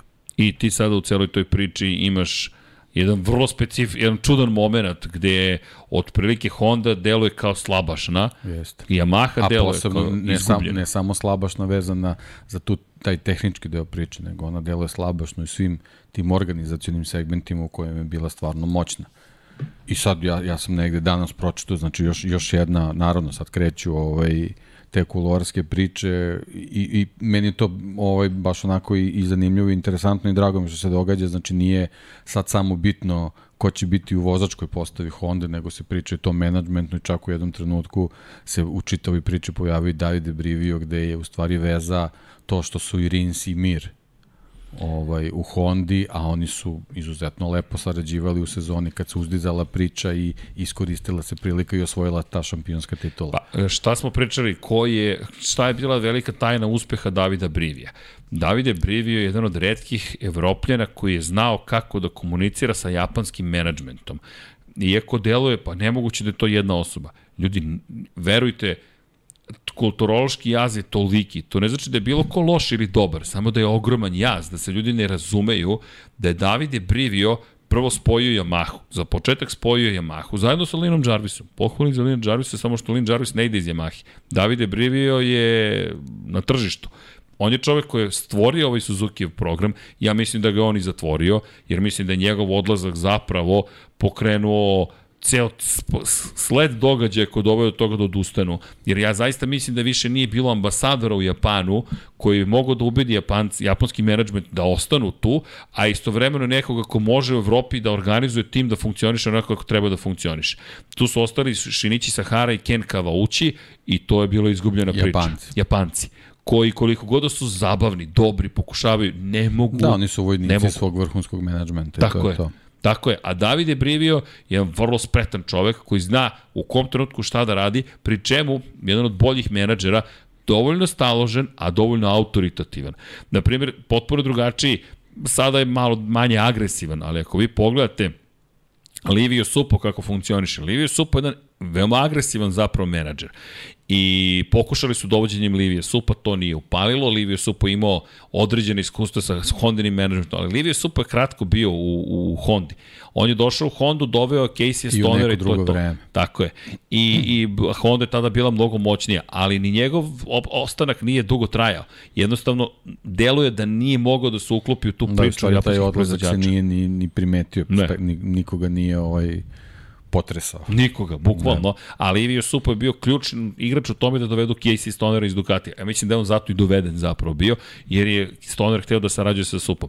I, cijel, I sad dolazimo do toga da mi odjednom imamo potencijalno Davida Brivi u priči, koji je oživeo Suzuki projekat, koji... Dobro, ali mislim da se on pojavio u priči pre svega zbog dvojice vozača Suzuki. Ali sve pa, zajedno on pa, spaja, spaja. Da, generalno za jednu onako interesantnu limunadu je super. E sad, da li će to zaista da bude tako. Mislim, meni bi bilo stvarno interesantno da ga vidim u toj priči, da li, da li može nešto, da se desi, ali, ali ne treba zaboraviti da čitav klan oko Marka Markeza se tu prilično pita i tako da je zaista veliko pitanje da li, da li na taj način tu ima mesta za Brivija koji će potpuno je prirodno naravno kad se pojavi da se pre svega osloni na svoje vozače, to teško da će Mark Marquez da dozvoli.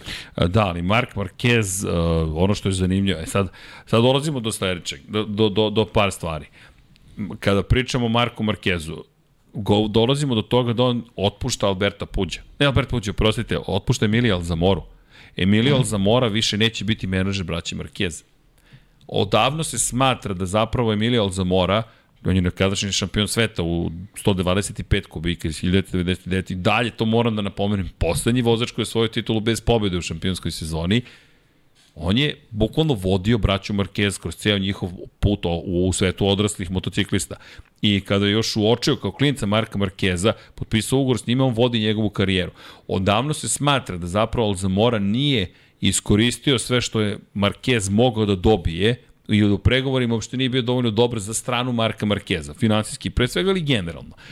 I inače Milan Zamora ogroman utica imao na braću Markeza. Umeđu vremenu ovih dve i po godine, tri skoro, kada se desila i pandemija i kada se desio haos sa povredom Marka Markeza, izgleda da su braća došla do toga da jednostavno ne žele više da sarađuju sa Emilijom Zamorom. Ko će se sada pojavlja? Jaime Jimmy Martinez zapamtite to ime. Verovatno ćemo pričati dosta o Jimmyu, ne Josh Jimmy Sunday. Inače, Jimmy Sunday, moram da pohvalim, bio na trci, dakle, bio na trci i kao komentator sport kluba uspeli smo da izvestujemo propusnicu za Jimmy-a. Jimmy koji je rekao, ja nikad nisam bio na trci, ja hoću da dođem na trku. Ne znam zašto, ali hoću da dođem na Moto Grand Prix trku. Došao je i u subotu je rešio da navija za Francesca Banjaju. Rekao, nemamo, nikome, naišli su na... na, na Jimmy Saturday. Jimmy Saturday, tako je. Došao je i rekao je, Herceg, ja sam kao na igralištu, moraš da mi objasniš šta se ovde dešava. Naravno, pohvatao je do nedelje Radiš šta hoćeš da ne istrčiš na stazu. to mu je bilo jasno, veruj mi. Ne, ali najveći šok je bio za Moto trojke. Kako ovo zvuči? Pošto Moto trojke imaju, jel te, jedan cilindar, ali dva izduvna ventila, imate dva topa ovako kod Honda i dva sa strane za KTM, 100, 250 kubika zapravo, četvorotakni motor, ali ljudi, to tako tutnji kad ide na svojih 13-14 hiljada obrtaja. Posebno na Red Bull ringu. Posebno na Red Bull, na glavnim tribinama da. Red Bull ringa. Inače, evo, za, za, za sve koji idu na staze, na livadama i na slobodnim tribinama, još i možete bez antifona, ne za decu, antifoni za decu su obavezni, možda možete bez čepića za uši, ali ako sednete na glavne tribine, ja vas, ja vas preklinjem, Nemojte ni da pokušavate bez zaštite za uši. Ljudi, mi sedimo u zatvorenim kabinama sa slušalicama na ušima i to tutnji, non stop tutnji, to se sve ruši. Jednostavno vibracije su tolike da je to zastrašujuće, zaglušujuće. Inače, gotovo da ne postoji, nažalost, čovek koji radi u Moto Grand Prix garaži, koji nema oštećenje sluha kada vas lažu kako su svi, ne, nije, verujte, pitajte Aleksa Briggsa, čuvenog mehaničara Valentina Rossi, on čovjek ne čuje, Ne možete, jednostavno imate 115 decibela malo malo, 100, 107 sam ja izmerio na, na, na satu kada sam stavio pored Suzuki-a. I zabavno ti je prvo dva, tri puta, onda kad počneš, a, molim, šta? Da govoriš i onda kažeš, čekaj, možda je pametnije da stavim antifone i da budem zaštićen. Tako da vodite računa. Ali oduševljenje moto trojkama kad krenu mo, njih 20, 30 i onda dođe, dođe Red Bullov kup Novajlja. Kao ko su ovi? A, to su klinci. Bo, ono sve totnje, ne možeš ni da dišeš, a kamo li nešto drugo. Elem, iz vremena kada je vozio male motore, Jaime, to je Jaime, ne, Jaime, vratno je Jaime, nije, nije Jaume, Jaime, ovo je Jaime Jimmy Martinez. Dakle, Ovo nije potvrđeno, ali svi manje više o tome pričaju. Dakle, Speedweek je prvi izvestio o ovome. Zašto je Speedweek bitan u celoj priči? Pa, Jimmy Martinez je vodio Red Bullov marketing za automotosport u Španiji. Zašto je to bitno sa konekcijom sa Speedweekom? Speedweek je zapravo glasilo Red Bulla. Red Bull je sponsor Speedweeka, speedweek.de, posetite sajt, koji je vrlo bitan za nemačko govorno područje. Austrija, Švajcarska, Nemačka, zemlje Beneluxa i tako dalje. Dakle, gde god se iole govori nemački jezik, Speedweek ima vrlo dobre konekcije. Elem, ima i na drugim mestima. Ali, ono što je izvešta jeste da je to nova osoba koja će raditi sa Marko Markezom tokom jednog od najdelikatnijih perioda u njegovoj karijeri. Dakle, mi pričamo o ozbiljnim promenama kada je reč o Marku Markezu, apropo ovoga što si spominjao, i sad tu kako će njegov kamp da reaguje na dolazak Davida Brivija, koji je blizak sa Mirom. Pre svega, e, kamen s poticanjem i delo da uopšte nije Rins toliko, koliko, koliko John Mir.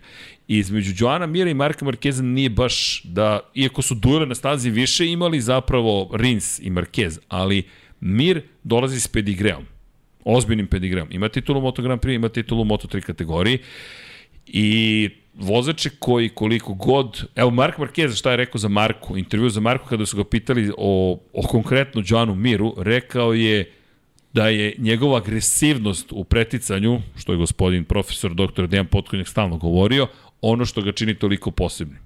I rekao je kada prevaziđe tu potrebu da, da, da se bavi pobedama, pošto to je mišljenje Marka Markeza, da će biti mnogo opasan. I sad dolazi ta osoba, a oni treba da imaju udruženi front da bi pobedili najezdu Evropljana. Apsolutno udružen, da. I ne smeju da, da posustanu, jer Honda trenutno, kao što si rekao, nije ni blizu one pozicije koje nekad imala. Bio si na vrhu, stajao, dominirao, ti si sada bukvalno na dnu. Šesti u šampionatu konstruktora od šest proizvođača. A ti sad imaš interni sukob, potencijalni koji ne sme da se desi i imaš Novajliju u Luči Čekinelo Racingu i Aleksa Rinsa za koga nemamo pojma kakav će biti. Alex Rins mnogo ide gore dole. Mnogo ide gore dole. Tako da, cela priča se mnogo i na Red Bull ringu smo zaista doživjeli, lepo si rekao, ovih nekoliko dana mnogo važno za ceo auto motosport. Pri čemu, u celu tu priču, ne zamerite, ovo sve ima veze sa trkanjem, se uključuje KTM ponovo. Kako? Prva stvar, saopštenje da Teh 3 postaje gas-gas uopšte nije mala stvar. Ljudi, to je ogromna stvar. Zašto? Gas-gas je robna marka. Gas-gas pripada KTM-u. To je španski čuveni proizvođač, ali trenutno Husqvarna, švedska, Gas-gas španski, pripadaju KTM-u, austrijskom KTM-u. Ceo taj trio radi sada na razvoju tih čuvenih zajedničkih platformi. To je nešto što u auto, u auto da kažem, po biznisu odavno poznata stvar, KTM to polako primenjuje na svoje motocikle. Da. I jako onako zanimljiva i intrigantna stvar je da Hervé Poncharal prihvata da njegov tim gubi svoje ime. Gubi identitet, gubi ime bukvalno. A Hervé Poncharal koji je Teh 3 s ponosom održavao kroz godine koje su mnogo teže bile od ovih, ili makar na prvi pogled su bile teže, je došao do toga da prihvati da mu je gas, gas slamka izbavljenja bukvalno. Dakle, mi smo dobili sledeću situaciju. Hervé Poncharal je inače čovek koji vodi IRTU. IRTA je Međunarodno udruženje trkačkih timova. MSMA je udruženje spo, proizvođača sportskih motocikala. Imate FIM, Međunarodnu motociklističku proste federaciju, imate Dornu. To su četiri velika igrača u celoj priči. MSMA u poslednje vreme se uopšte ne spominje, kao da je to postala irrelevantna kao, kao asocijacija. A RV Ponšaral ima veliku moć u cijeloj priči. Međutim, on pristaje da Gas Gas preuzme de facto upravljanje. On će voditi tim, ali to sve manje i manje upravljanja. On i sam govori da on mnogo toga zapravo ne zna kada je reč o ugovorima I vi sad imate bukvalno KTM-ov tim, još jedan. Zašto je to bitno? Pogledajte istoriju DTM-a, to je Deki davno spomenuo, nažalost se obistinjuju stvari koje je najavio. Izvini Deki, znam da, de, verujem da kada pričaš možemo sa sigurnošću da kažemo da će se to desiti, ali ponekad mi je žao šta vidiš. A to nisi ti kriv, ne ubijajte glasnika. Nis, nije mm. Deki kriv što vidi ono što će se desiti. Ko Gandalf u gospodaru prstenu kad se... E, desit će nam se ovo. E, nemoj to da nam pričaš. Ne, ne, to će se desiti, to se upravo dešava. I ta pojava gas-gas je mnogo važna. Trenutno je KTM rekao da će igrati fair, i da neće Gas Gas posmatrati kao novog proizvođača. To je potpuno suprotno onome što se desilo u Moto3 kategoriji, gde je Gas Gas proizvođač prijavljen u šampionatu konstruktora kao nezavisni, gde je Husqvarna prijavljena kao nezavisna, gde je CF Moto kineski, koji nije u vlasništvu KTM-a, ali koji sarađuje sa, sa KTM-om, prijavljen kao nezavisni proizvođač. Imate KTM, Gas Gas, Husqvarnu, CF Moto. Svako je proizvođač za sebe. A svi koriste KTM-ove motocikle koji se proizvode u KTM-ovoj fabrici kako to može da bude onda taj konstruktor? To bi morao da bude samo KTM koji ima bedževe koji se zovu gas, gas i tako dalje. Gde je problem? Niko u Dorni, ja moram pridati da ja nisam razmišljao o tome, nije pretpostavio da će se sutra pojaviti gas, gas u Moto Grand Prix klasi. Gde je rupa u pravilniku? Ako je gas, gas novi proizvođač, pa ima pravo na koncesije. Ti sad imaš pravo da imaš šest puta na godišnje probnog vozača na stazi, ti imaš pravo da koristiš više motora sa unutrašnjim sagorevanjem, ti imaš pravo da imaš gotovo neograničenu kilometražu u testiranju sa vozačima van staze, a ti zapravo to radiš za KTM. Da, i gled čuda, opet se vratimo na Formulu 1, kako se ove godine Red Bull ovaj, priča o tome da se takve stvari u Toro Rosso, kasnije u Alfa Tauri, apsolutno ne rade. da, da, a ko je prvi počeo saradnju sa Hondom? to, Toro Rosso. I onda u jednom trenutku Helmut Marko rekao otvoreno to, to će nam biti proces evaluacije da li treba da sarađujemo sa Hondom da se ne lažemo, to tako da. funkcioniše. Da. E sad, KTM je rekao, mi ćemo igrati fair i to će se, zapravo će se voditi u konstruktoru kao da koriste KTM. Pazi sad tu izjavu. KTM je rešio da igra fair. Čekaj, čekaj, kako, kako se vi uopšte pitate kako ćete vi da igrate? Zar ne postoji pravilnik koji kaže vi ćete da igrate po ovim pravilima? KTM pritom u Moto3 klasi je došao do toga da je Leopard Racing izdao saopštenje. Vrlo opsežno saopštenje koje nisam imao vremena zaista da pročitam celo u, u etar, da, zato što jednostavno u toku prenosa to ne možeš. Ali, nadam se da imate dovoljno vremena, suviše bitno, suviše zabavno. Inače, nismo znali da će da se to dešava, zato što u, u četvrtak je već bilo jasno šta se sve zbiva, ali čekaš, imaš embargo na vesti. Imaš embargo, ti znaš neki o čemu pričamo. Znaš nešto, imaš embargo na vesti, ne smeš da saopštiš. Pri čemu je saopštenje poduže. I o čemu se radi? Leopard Racing, kao tim u Moto3 klasi, je prošle godine razvijao posebne delove za primjenu u 2022. godini. Međutim, 23. decembra prošle godine FIM je izdao saopštenje za javnost da određeni dijelovi Moto3 motocikala, dakle sistem sa žicama, e, konektori, kao i, kao i paneli koji se koriste zapravo na, na, na upravljaču, neće moći da se menjaju. Zatim, pumpa za gorivo i kompletan sistem sa električnim e, žicama, sa cevima i sa konektorima, dakle, postaju takozvani performance parts, to je delovi koji se tiču performansi motocikla. I to stupa na snagu odmah, što znači da timovi više ne mogu da ih menjaju, pošto je zamrznut razvoj tih motocikala. I sad, ono što su i napisali, to je iznenađenje za nas. Zašto? Zato što su to upravo delovi koji su uz odobrenje tehničkog direktora Denija Oldridgea zapravo bili razvijeni tokom cele 2022, 2021. da bi unapredili performanse svog motocikla. I sad, napravili su lakši sistem, napravili su mnogo toga što su unapredili. Međutim, rečeno im je da ne mogu više to da učine. Zatim su tražili objašnjenje tehničkog direktora, sve ovo ima veze sa KTM i Hondom i vraća se na Moto Grand Prix. I da te sve zapravo izmene ne samo što će uticati negativno na performanse potencijalne, već i ekonomski loše utiču na ekipu, jer su uložili mnogo para u research and development, u razvoj delova. Zatim je odgovoreno, tehnički direktor odgovorio da je ta promena učinjena na zahtev KTM-a, a da je na taj zahtev Honda zatim dala zeleno svetlo. Pazi sad, bitna je i Honda, ne samo KTM, dala zeleno svetlo. I da neće moći niko da koristi te delove i s obzirom činjenicu da je odluka doneta u kalendarskoj godini 2021. odnosi se automatski na 2022. I sad imamo homologizaciju originalnih dijelova iz 2021. koji odgovaraju onome što je bio pravilnik i spisku koji ste prijavili na početku 2021. Pri čemu, kada je Honda, HRC, u to vreme još uvek Honda Racing Corporation, sada se to zove samo Honda Racing, je dobila zapravo odričan odgovor na upit da li postoji mogućnost da se ipak prijeve novi delovi, dakle eksplicitno. Zatim su u Leopardu, to su Leopardovi delovi, morali da kupe originalne Hondine delove za motocikle, ako, kada se pritamo o performansama i promenama u odnosu snaga koji smo videli u trkama, ovo je ono što kaže Leopard Racing. Dakle, izgubili su mnogo toga i u financijskom smislu i u pripremi za 2022. pošto su morali da pređu na originalne delove. Ako ne znate, imali smo priču o čuvenom delu koji se zove kao Leo 001 koji je zapravo zadnji točak koji je razvio Leopard Racing i onda ga proizveo za sve korisnike Honda su morali tako da prijave. Ozbiljna igranka se igra u Moto3 kategoriji. I sad, kada se sve to uzme u obzir, rečeno je da je nemoguće da se unaprede ti delovi. Međutim, na velikoj nagradi Španije u Herezu tražili su razrešnjenje od tehničkog direktora kako je moguće da su ustanovili da je KTM u 2022. upravo promenio delove koji su navedeni da nije dozvoljeno da se promene. I da su eksperimentalnih koristili Ajovi vozači na kraju 2021. godine, iako nisu bili izlistani, to je listirani kao delovi KTM originalni 2021. godini. Odjednom, tokom trke u Ali, Muđelu. kad pogledaš vozače Aja iz 2021. u tom periodu, oni su bili baš loši dakle, ti, ti sad imaš, imaš čudne situacije. Ajo, pazi, sa Pedrom Akostom... Fođe je ozbiljno počeo da ih stiže u, u da kraju, tako je. Da. Oni su počeli da ih ozbiljno sustižu.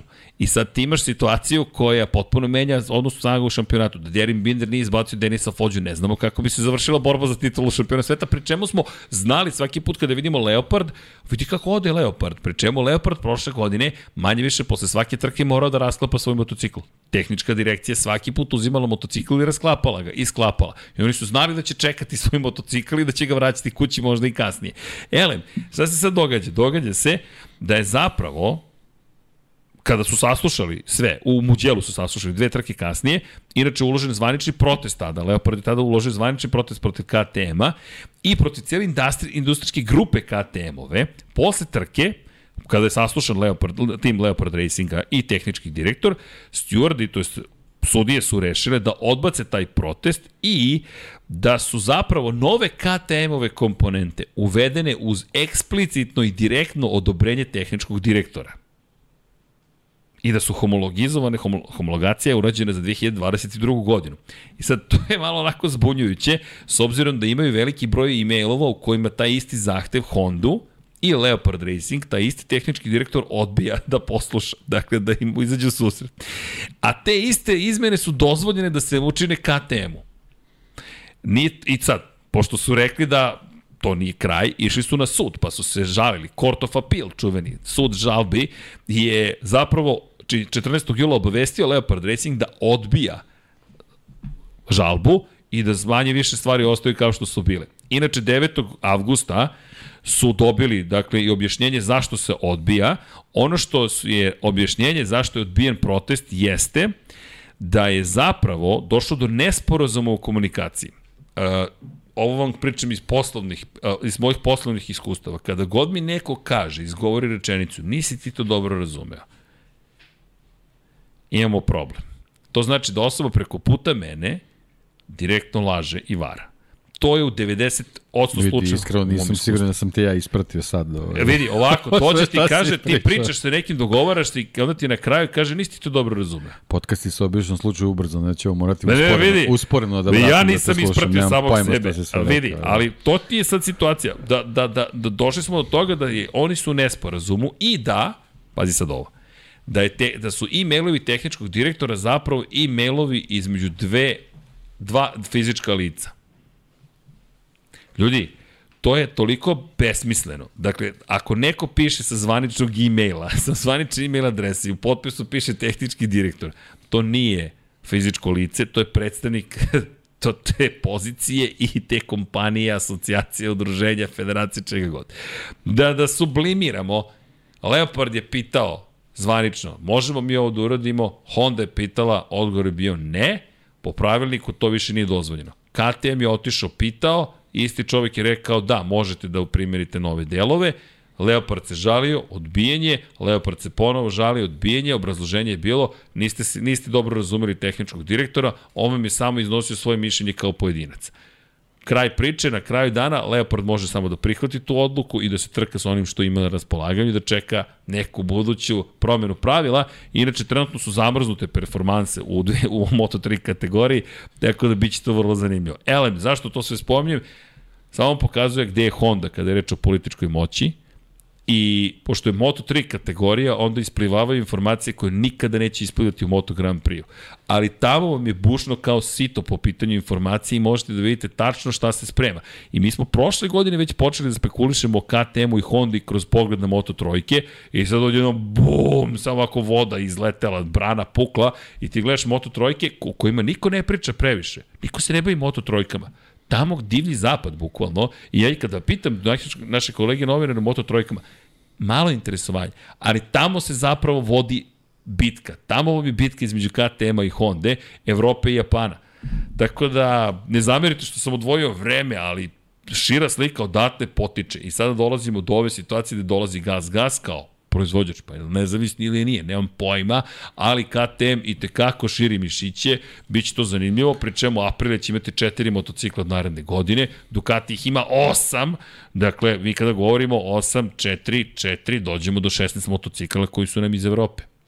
Od 22. 16 na 6. Onako. Da, ajde, eto, da ajde. pogledamo tu čitavu okay, priču. Vezano, se. da, vezano za gas, gas, ovaj Pole Spargaro ponovo dolazi u neku da kažemo, priču koja je već bio i koja je poznata, znači dobija neki motocikl s kojim treba da se da se ovaj unaprede stvari, posebno ako budu te koncesije zaista ovaj u nekoj u nekoj igri i meni ono što je posebno zanimljivo je to neko drugo mesto ovaj u tom timu.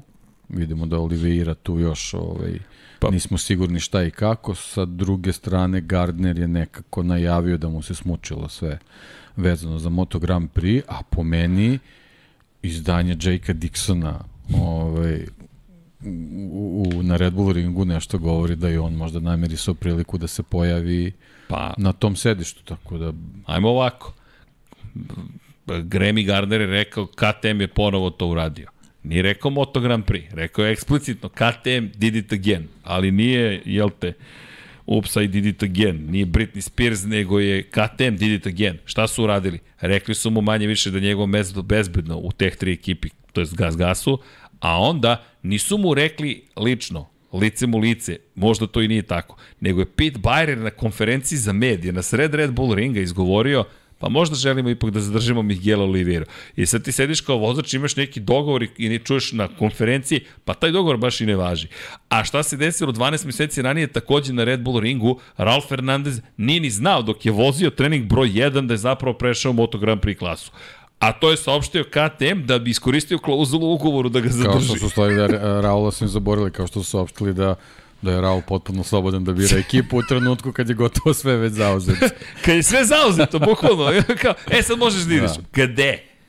Gde? Potpuno su neverovatni. Zato kažem, KTM je, nije baš omiljen među vozačima, ali... Kažem, ja sam neko ko to protumače vezano za Remija, da mu se stvarno smučilo. Jeste. Sve opet Teki. priča australijanac i njima se lako sve smuči tu, tako da Oni možda, možda, direktni. možda ga nećemo gledati sledeći Prvi godine Moto Grand Prix. Da, da sam ga video baš neraspoloženog. Da. I pokušaj za razgovor, bi sad bio, čovjek bio, ne, nema šta da pričam.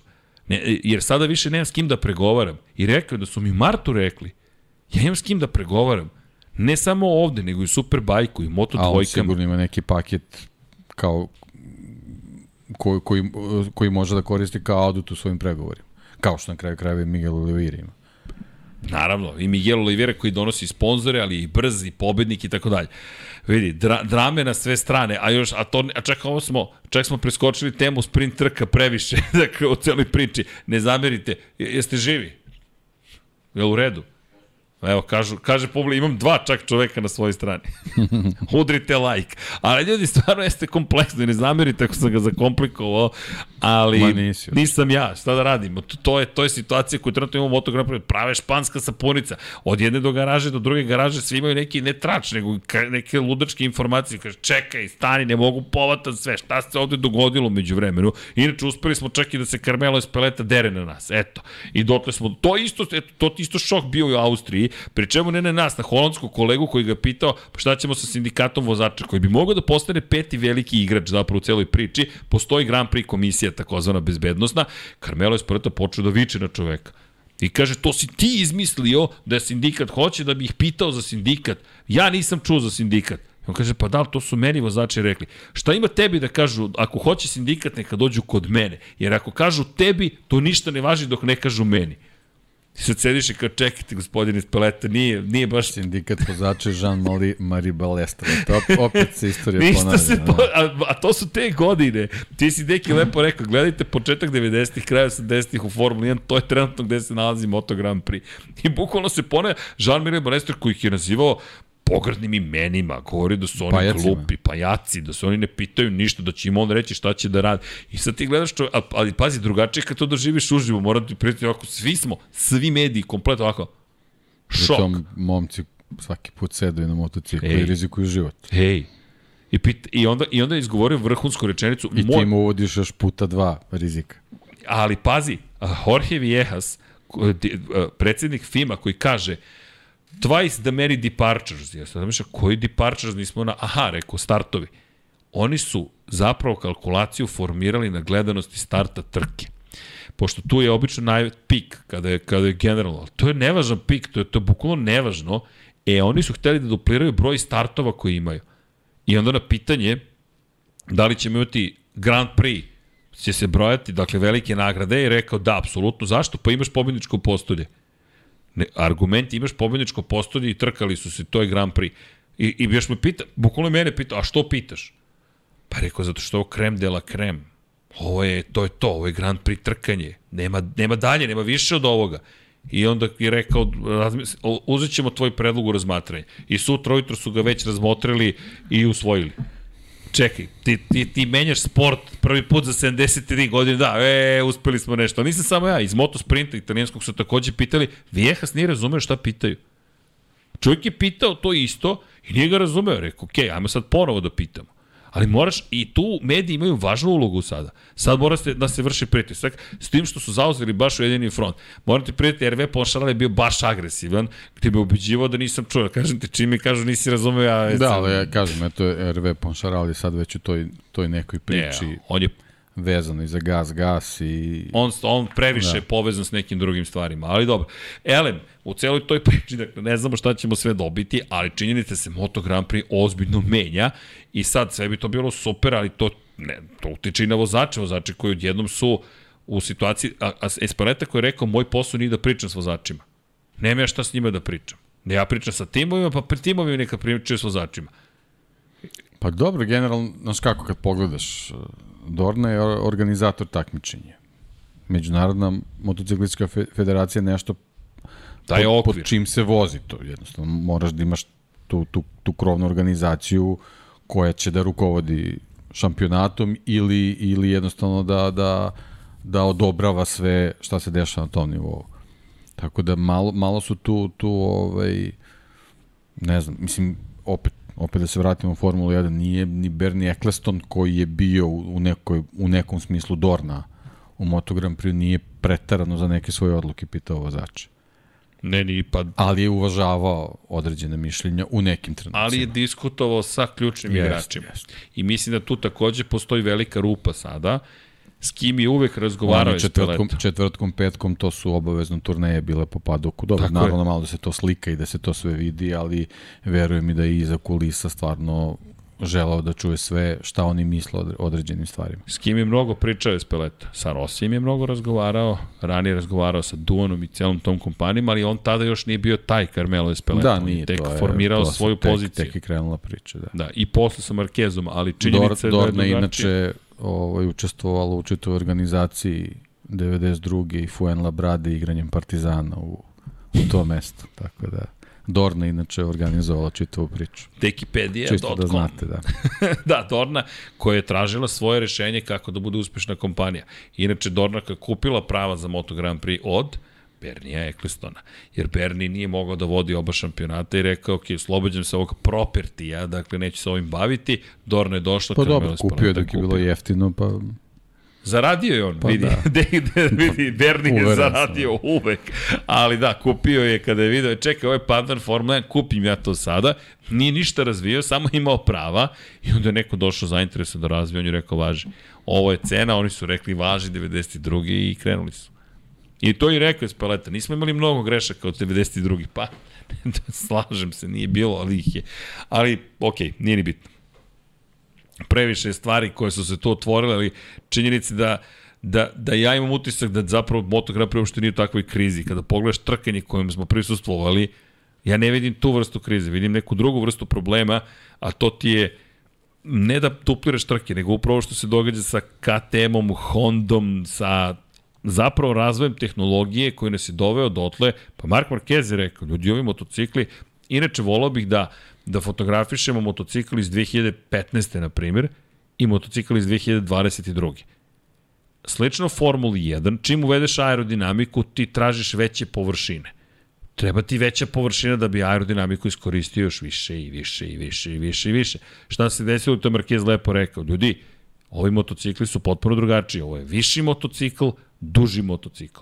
I vi ako pogledate stare trke Formula 1, to su zvrkavci bukvalno u odnosu na ove kamione. Isto se događa sa Moto Grand Prix. Ti imaš sada mnogo velike motocikle koji postaju sve veći i veći, površinski postaju sve veći i veći. I naravno zapremina vazduha, pa, ono što 90, 91. Formula 1 bila jedan veliki karting u principu. Jeste. Dosta I onda sa, sa, sa uvođenjem aktivnog ugibljenja odmah se promenila priča. A mi smo ovde na kor, mi, mi praktično ga imamo već. Pa, Mehaničko imamo, da. je, ali aktivno. Polu, polu, polu, polu aktivno. Da. Ali u svakom slučaju, ne, nisam video krizu u ovoj trci. Ti kada pogledaš vremena, ti manje više imaš vrlo izjednačeno takmičenje, osim što smo ovoga puta mogli da vidimo jasno uz odustajanje nekih ključnih aktera koliko zapravo ostali slušnički ipak zaostaju. Luka Marini bio četvrti, ali dobrih 9 sekundi iza pobednika. Nije to bilo tako... 9 sekundi. 9 sekundi, pa Vidi, evo, Luka Marini. E, I dobra bila trka za Luku. Luka je sjajan bio na startu pogotovo. Mene oduševio njegov start i ako pogledate pažljivo ovaj grafikon, do 19. kruga, zaključno s 19. Luka je vozio jednu sjajnu trku. Imao je jedan de facto lošiji krug, ne, ne gledam drugi krug, tu je bila bitka za pozicije. Da, njegov, njegov završnica trke prilično liči po krugovima na Banjajinu.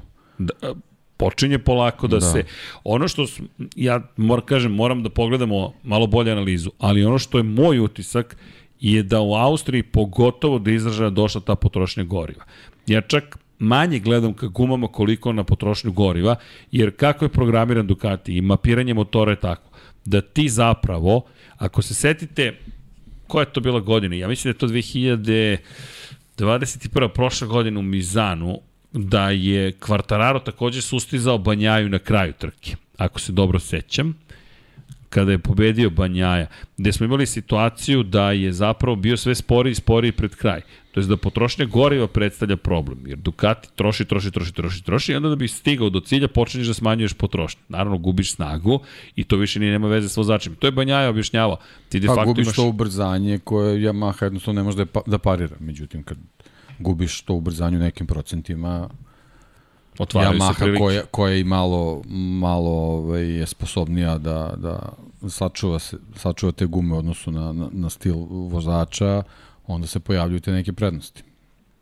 Da, moram ti priznati, ne, da. siguran sam da je bila Emilija Romanja ili tako nešto da se događalo, dakle, prošle godine, da smo zapravo imali situaciju u kojoj je Banjaja, da, na kraju, to je to, prošle godine, dobro sam setio, Banjaja je pobedio 30 tinke prednosti imao, ali znam da ga je Kvartararo sustizao na kraju i da, da imamo, ali imamo i, i, i situaciju sa Mizanom ovaj, i Eneo na, na, isto na starom Ducatiju koji postaje normno brz u finišu. Da, što je potpuna anomalija, kao, kao i sve njegove trke ove godine on je bukvalno kontra od, kontra od vozača do Ducatija. Znači da. on, on je i u Teksasu i u Le Manu u finišu postaje enormno brzo. Sad si mi dao pitanje za Eneu za budućnost. Da li ti trošiš da, manje goriva na početku? da će ti otkriti to. Da, pa naravno Sigur, da neće, ali vidi, sam to. pa vidi, ali deki pitaš ga, pa po reakciji markar proceniš da li si na njušio kako treba. So, ako obrva se glič neki Ej, pojavi. Ej, ponekad ih da, da. zbuniš pitanjem, da, vidi. Da. Jer ne pita ih, ne pita ih mnogo ljudi to tim stvarima. Bestijas glič.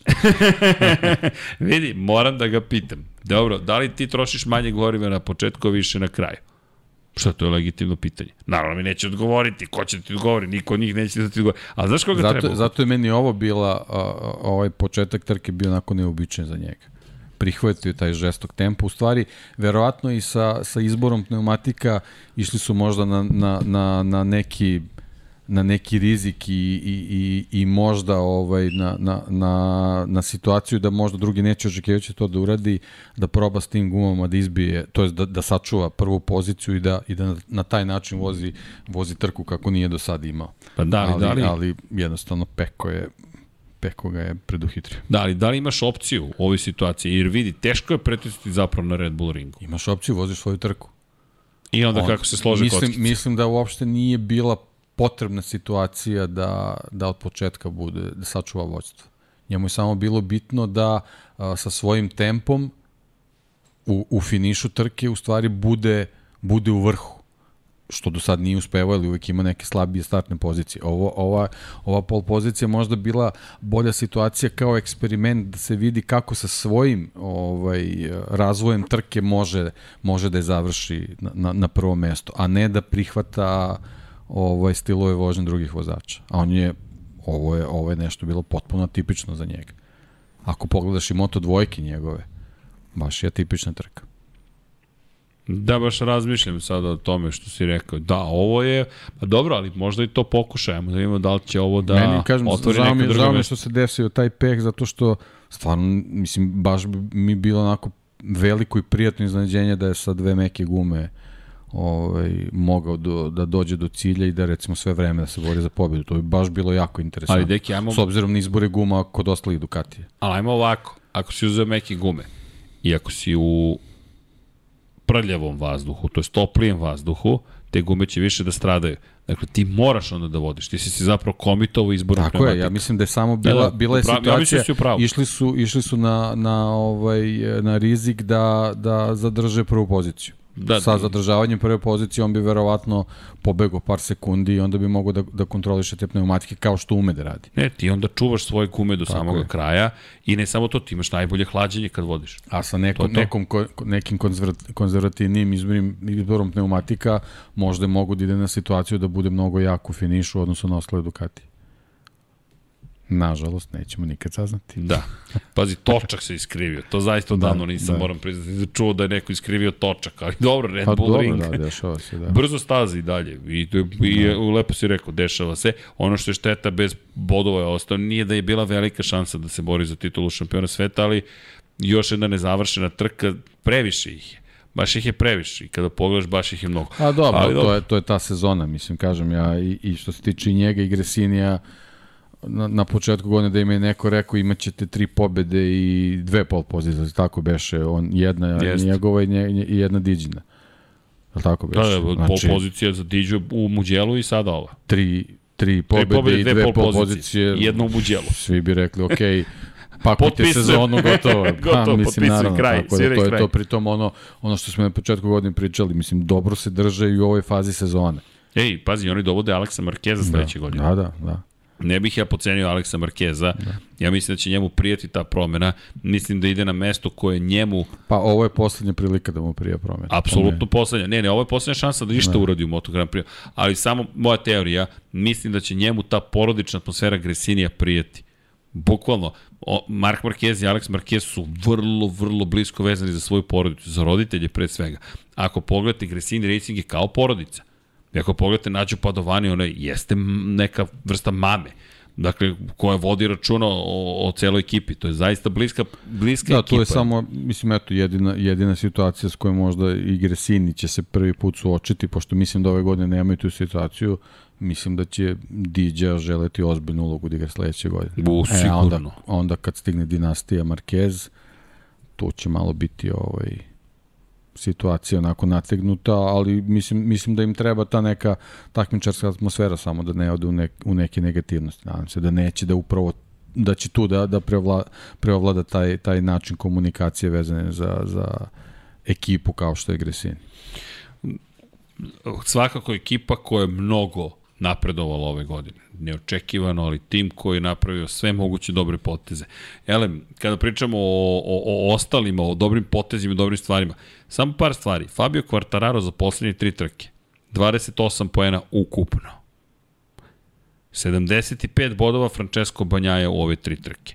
Ovo što se desilo u Austriji, drugo mesto, Fabio Quartararo. Kao pobjeda. Kao pobjeda. Ovo je ono što je bilo potrebno u Britaniji, posledice kazne iz Holandije, u Holandiji samog sebe izbacio iz cele priče i posle dve vrlo prosečne, loše trke de facto, trka u kojoj Pa dobro, ja, bi, oduševio. ja bih pre svega rekao da ja sam bio loša trka, Tako je. a ovu, ovaj, ovaj Silverstone jednostavno bio posledica tog Asena i nismo mogli ni, ni da vidimo boljeg Fabija koji je generalno taj Asen sasvim pristojno i počeo. O, Silverstone sasvim pristojno i počeo. Ali dobro, jednostavno to je onako kad se, kad se nadoveže kad se sabere. upropastiš dve trke praktično. Samo 8, pa Da, ukupno da, 28 da, da. ove tri trke. Da. Jednom Banjaja o kome nismo ni uzbiljnije razmišljali je tu na 44 pojene za statka. Za Banjajino ono veće veće razmišljanje ta njegova dominacija u, u ovoj u ovoj situaciji, a razlike dalje 44 boda. To je ono zbog čega on u stvari treba se e, zabrine, ali ne treba da razmišlja o tom startu sezone koji je stvarno bio Ja, ja sam bilo jače od mene. neadekvatan. Morao da. sam da ga pitam, da li su ti ove tri trke te trk, tri trke? I Peko koji vidiš da jesu, ali ne može to da kaže, nije ni dobro da tako kaže, ali to je to, gledam reakciju pre svega, ne čekam da ću govoriti da ovo su mi najvažnije tri trke, jer pre nego što odemo put Japana, a put Australije, Malezije i Tajlanda, on mora da se približi dovoljno. E sad, ajmo ovako, teoretski, pobedi u Mizanu, Fabio bude drugi, to je 39 poena. Pobedi u Aragonu, Fabio bude drugi, to je 34 poena ostaje To je, da, ali to je mali tempo. Baš Ne. je slab tempo spuštanja bodova. to, Da. pa, ostaje ti pet trka.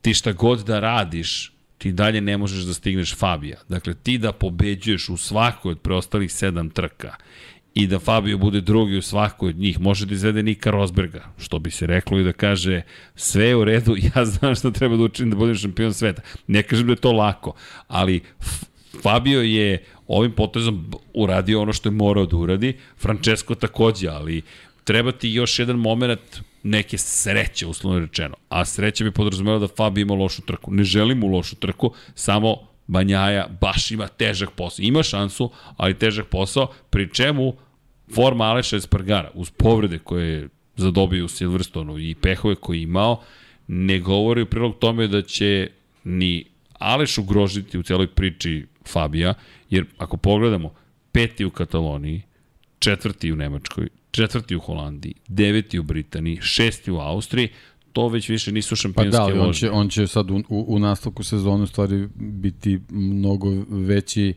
začin u smislu pekove potrebe da stigne Fabio. Peko i Fabio da. uz Aleša koji celu tu priču A baš čit, čita, čitava ta začini. situa situacija u stvari Fabio najviše odgovara. Da se pojavljaju dvojica vozača koji koji imaju potrebu da budu ovaj na pozicijama gde se uzimaju, gde se uzima veliki broj vodova. I on samo treba da prati situaciju i da, i da ne ulazi u, u, u, u te probleme kakvi ima Asenu. I on, on, on i dalje sve drži pod kontrolom.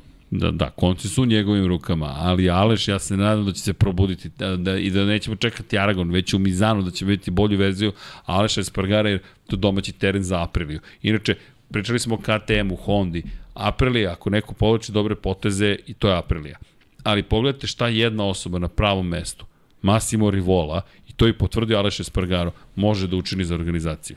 Ti imaš motocikl, ali nemaš odnose sa ljudima. Aprilija je menjala vozače Tako. Samo da ga Ferrari sad ne uzme kao što je Alpina uzela Brivi. Pa vidi, a da li, da li imaš utisak, moj utisak je, naravno da Rivola mi to neće reći, ali da li imaš utisak da, ok, ne date mi priliku, ovde idem negde drugde, dobio sam priliku koju sam želeo izvršiti direktor Aprilije, gde je izgledalo kao došao na pogrešno mesto. Mi smo tad već pričali, to je taj potez, to je taj potez, ti stavljaš izvršnog direktora koji će promeniti kulturu i ono što je još važnije, baviti se ljudima, jer on mora da se bavi ljudima. I imaš Romana Albisjana. Albisjano se ne pojavlja više ni na TV-u. Albisjano se inače šeta padlokom, niko ni ne zna ko je Romano Albisjano. Njemu to super prija. On čovjek je tehnički direktor, njegov posao da razvija motocikl. I sa Albisjanom je sada najlakše razgovarati, što on voli da priča o motorima. Niko živi se ne bavi Romanom Albisjanom. Zašto? Svi se bavimo Masimom Rivolom. On je menadžerski superstar. Izvršni direktor koji je doveo sada i Fernanda Alonsa kao svog drugara iz ere Ferrarija, dvostrukog šampiona Formula 1, da malo poseti Apriliju. Pazi sad ti ovo, ti si sredio, motocikl je Romano Albisjano sredio ti si sa Alašem Espargarom našao pravi odnos. Ovo je otkrio formu. Doveo si Maverika Vinjalesa, podržao si Maverika Vinjalesa, on ti vraća sve boljim i boljim rezultatima, iako, iako... imaš pozdrav od švajcarskih kolega, rekao sam im, da imaš pozdrav od švajcarskih kolega, e, rekao sam im, moj prijatelj Dejan Potkonjak, vrstni ekspert za Moto Grand Prix, smatra da ne funkcioniše dobro Maverick Vinales na, na planinskim stazama. Uzvrdicama i nizvrdicama. I stoji, ti sad se zaborio čoveku ime, ja, stade mi mozak. Čuveni švajcarski komentator, ovako. Hmm, make sense. Ok. Mm. Asen, hmm, Hmm, yes, flat. Silverstone, oh, yeah, ok. I, I rekao sam mi pozdravi ga, rekao, ok, pratimo svi. Je Tako ponovo da, star trke. I... Širim tvoju da. filozofiju, DNA. Pa da. Po, po kabinama Nije to filozofija, to onako, samo je to pogled jedan, da. pa da, okej, okay, ali vidi, moje... I baš bi voleo da grešim. Moje, mo... ali, ali, ali ne za, sada, za sada ne grešiš. Pazi, bio je tek 13 i celo mi priča, baš sam verovao da ne, neće neki biti u pravu i, i ovako gledam, razmišljam, ne. Bilo je dosta, dosta problema, baš su imali problema sa gripom i... Jesu i kad su neke gume testirali bilo je loše vreme. Ba, baš, baš loš tajming bio, tako da ajde, ajde da nađemo opravdanje. Da, da ok, ali ide Mizano, tako da, da. da ide ravnica jedna lepa, tako da me vreme, vreme za podijum, da. Ali šta sam htio da kažem, Rivola je podržao Vinjalesa, Zatim je potpisao ugovor sa satelitskom ekipom, oteo je Yamahi, Japancima je oteo tim satelitski, sada će imati dva dodatna vozača na starim motociklima, dakle ne ugrožavaju, i tu je jasno stavio do znanja. Fabrički tim ima najnoviji. Vi imate prošlogodišnje, to je što? M smanjuješ troškove, M si stavio do znanja da postoji razlika. Bukvalno postoji razlika i kada da ti to sad nije dovoljno, samo u Italiji saopštavaš ko su novi vozači, samo u Italiji izdaješ saopštenje za javnost ključna, dovedeš Fernanda Alonso i odjednom najveća zvezda... Fernando Alonso u aprilnim majicama sa svojim brojem, fenomenalno. Deki. Neko razmišlja o sitnicama. Tako je. Tako je. I to hoću ti kažem. Massimo Rivola, gledajte ga, superstar, menadžerski superstar. Bukvalno. I čovek tačno radi ono što treba da se radi. Pri čemu tačno vidiš i da ga je Formula 1 školovala. Da ga je naučila da vodi računa o tome da imaš vesti, da vodiš računa o detaljima, da se baviš menadžmentom, da se baviš marketingom, da praviš priču oko svog tima. Pazi, ti kad pogledaš ko je, snim, ko je prva ekipa koja je snimala iza kulisa priču? Aprilija. Ko je pustio Dornu da snima i u međusezoni? Aprilija. MotoGP Unlimited, ko je napravio show, iskoristio priliku? Aprilija. Bukvalno Massimo Rivola daje scenarij ostalim menadžerima kako treba da izgleda Moto Grand Prix i to me dovodi opet na priču o Marku Markezu, koji je rekao, mnogo se toga desilo na Red Bull ringu. Baš sam srećan što sam bio na Red Bull ringu Iako ništa nisam, delovio da ništa ne mogu da stignem. Toliko sam morao da slušam, pratim, da se krećem. Mark Marquez koji je došao i rekao, kada pogledate evropske timove, bolje rade posao. I pričao o komunikaciji i organizaciji, de facto. Iako je govorio samo reč komunikacija, protok informacija trenutno zapeo negde u Honda.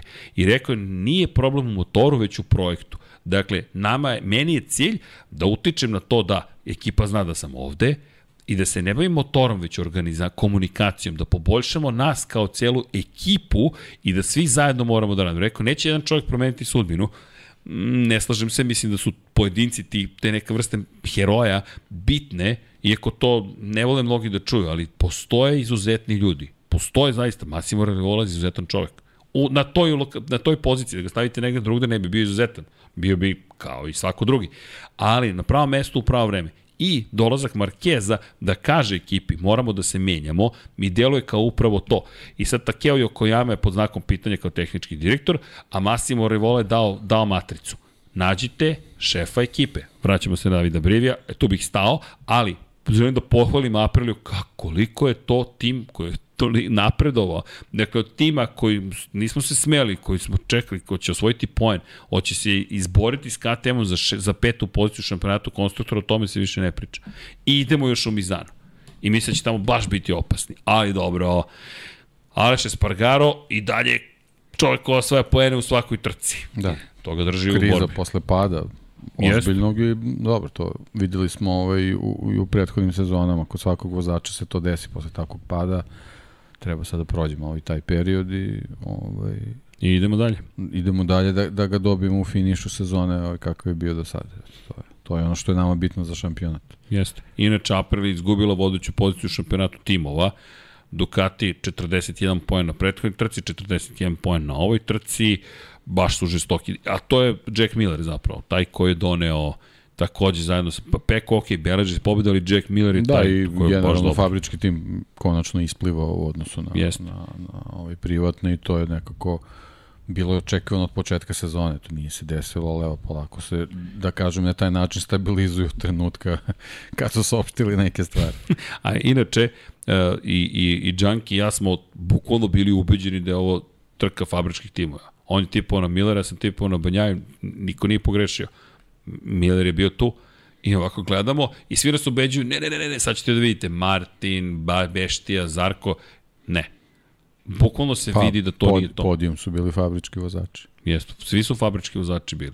I to u momentu kada ti je to baš potrebno. Jack Miller je zapravo prvi put da je pravi fabrički vozač, a ne Jack S ili Trailer Miller, nego je baš fabrički vozač Ducati.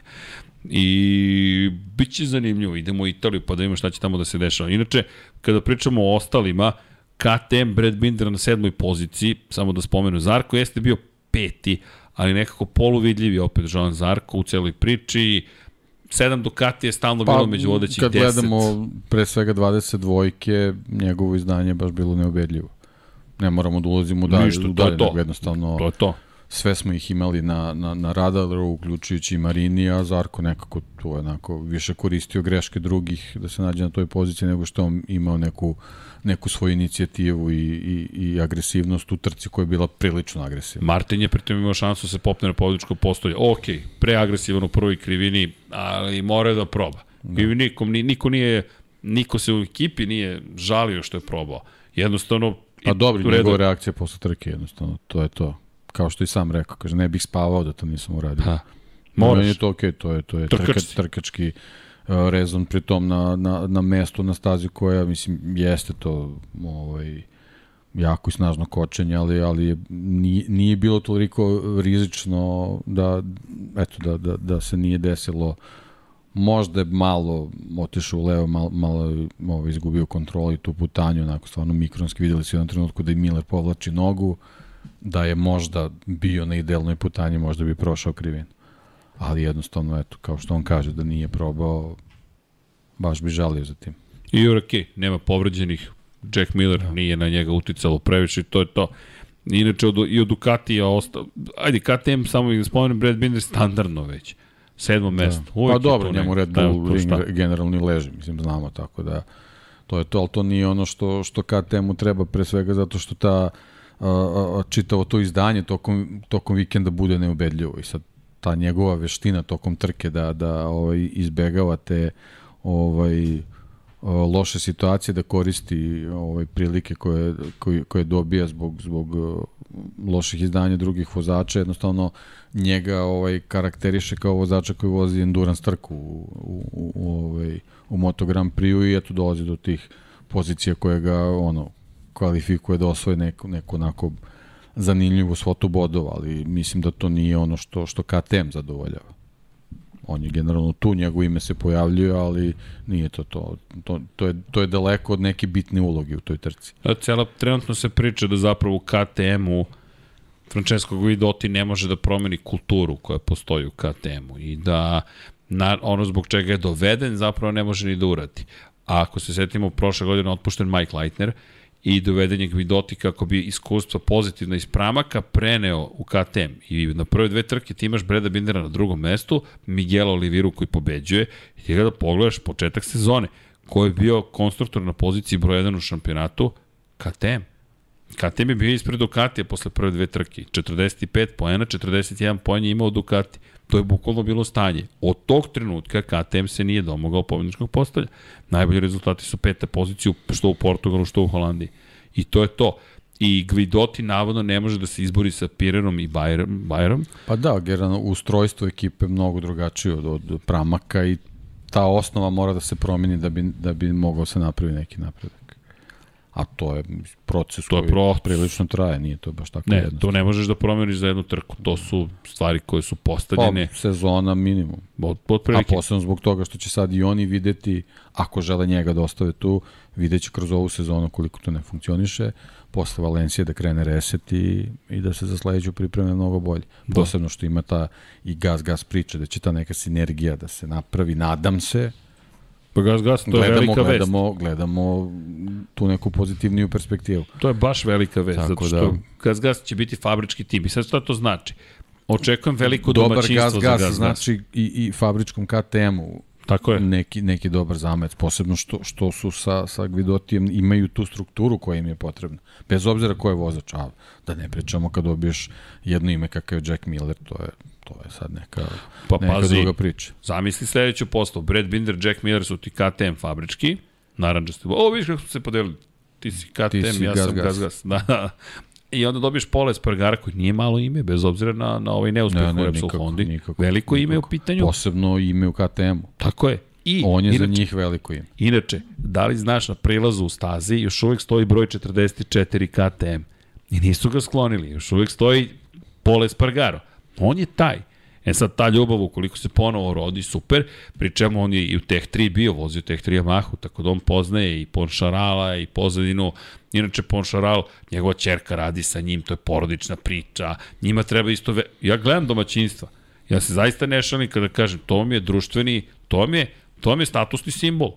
To je bukvalno status, pa kao šta je bitan? Bitan je, vozač kad dođe u Hondu koja je ogromna, mada se sve ljuljalo tokom oluje, baš je bilo ozbiljno oluja, nisam ni stigao postaviti pitanje Markezu, bukvalno svi su ovako sedeli, hoćemo prekidamo, rekao, ajmo prekidamo, ali dobro, bit će prilike za pitanje, imam, imam šta da ga pitam, ali svi su manje više imali problema sa domaćinstvima, ali šta je pojenta sa domaćinstvima?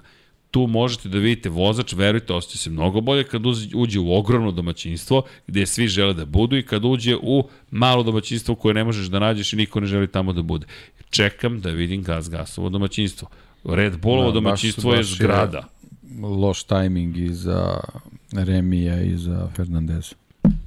Baš da, u lošem najgori. trenutku bili u Moto Grand Prix. U da. najgore mogućem trenutku. Baš im se ništa nije otvorilo kako treba. Pa i ni Derin Binder nije mnogo bolje prošao.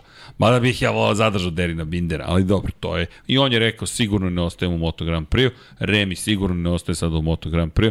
Šteta, ali, ali tako je. Ali ja zaista verujem da Derin ima nešto za Moto Grand Prix. Kada se pogleda njegove trke, tu nešto postoji. Ali dobro, u svakom slučaju, promena i tu mora da se desi u KTM-u. Lepo si rekao, ovo nije prihvatio za jedan KTM koji, koji treba se boriti za pobed. A ovo je domaća staza, prošle godine su pobedili uz malo sreće činjenica, međutim prosto za ovoga puta se stvari nisu nisu se nisu nije se ništa praktično poklopilo. Nisi ni Suzuki poklopilo. Rins je na kraju bio, Alex Rins je bio osmi. Da, pa uh, Mir je krenuo u dobru trku, da nije bilo tog pada. Pa, da jeste. Da. Ali A jednostavno pad se desio, on je u tom trenutku pratio ove, Vinjalesa i, i, i baš je morao da koriguje putanju na tom ovaj, e, na, na, na temenu, čini mi se peti krivine, ali tako beše, tamo je pao i kažu da je bio off throttle. četvrta, Baš je, pa, pa peta, da. da. Znači na off throttle se desio high side koji je onako ozbiljno lansiran bio zaista. I videlo se da, Da. su uhvatio za članak noge. Od momenta. Odmah da, se da, uhvatio da, da, i, da, da. i promenili su kadar. Da. I nisu ga ni vratili na više na taj kadar, prosto je trka otišla nekim svojim putem, ali to mi baš ostalo urezano u, u sećanje, vidim kako se hvata za nogu. Ali on je, on je od, od prvog izlaska na stazu ovaj, u petak pokazao da, da, da ima nešto u tom Suzuki za ovu trku i baš mi je žao što, što nismo mogli da vidimo da, da li bi on učestvovao u toj priči, posebno što onaj Fabio Manemar u drugoj krivini me prilično posetio na, na Miro Mizanu. Tako da ovaj, moguće da bi on ovaj, tu imao šta da kaže. Izvini, smijem se, jedan od predstavnika medija sa ovih prostora, da ne imenujem čak anegdota, pred snimanje intervjua Jelena koja je radila za sport klub i, dolaz, i čovjek stoji fotografiše i kaže Miru, kaže, ja sam navijač Suzuki i Mir kaže, evo, evo anegdota iza kulisa, kaže, i ja sam bio. Surovo, dosta ako svi sedimo u Suzukijem domaćinstvu kao, jer je sam se rekao idem ja dalje, idem ja nekim svojim putem, ovo je suviše bolno i zaista je nekako bolno, ali dobro. Treba da radim intervju sa Rinsom, ali, ali, ali je čovjek koji vodi njihovu organizaciju poslu pogrešno vreme, ali eto, dobili smo besplatno piće u domaćinstvu. Kaže, piće su na mene, da znaš da jesu. Biće previke. Elem, kada je reč o trci, ne bih dalje nešto ulazio previše u analizu, zato što sve ostalo što se dešavalo nekako je već, možemo reći, gotovo uobičajeno. Luka Marini mi je najprijatnije iznenađenje, ako mogu da biram iznenađenje vikenda. Pričati o Fabiju kao iznenađenju zato što je vozio spektakularno, nije. Pričati o tome da, da je pobedio Banjaja kao iznenađenje, nije. To je potvrda samo, to je bilo pitanje. Može li da nastavi niz? Mojte kako može. Jack Miller, pa više ni to nije iznenađenje nikakvo. Martin i, Bastianini nisu iznenađenja, bore se za vrlo traženo mesto u, u fabričkom timu Ducatija. Očekujem saopštenje za 10 dana, jer idemo u Italiju. Tad, ako ćeš negde da saopštiš, u Mizanu ćeš da saopštiš. Posle toga već gubi neki smisao, marketički gledano. Tako da to nisu iznenađenja. Marini, baš je prijatno iznenađenje. I šest pozicija na početku i dobar start i dobra vožnja i stabilan. Od, I to je nešto što je bilo, ja, moje mišljenje je da je to baš bilo potrebno Luki.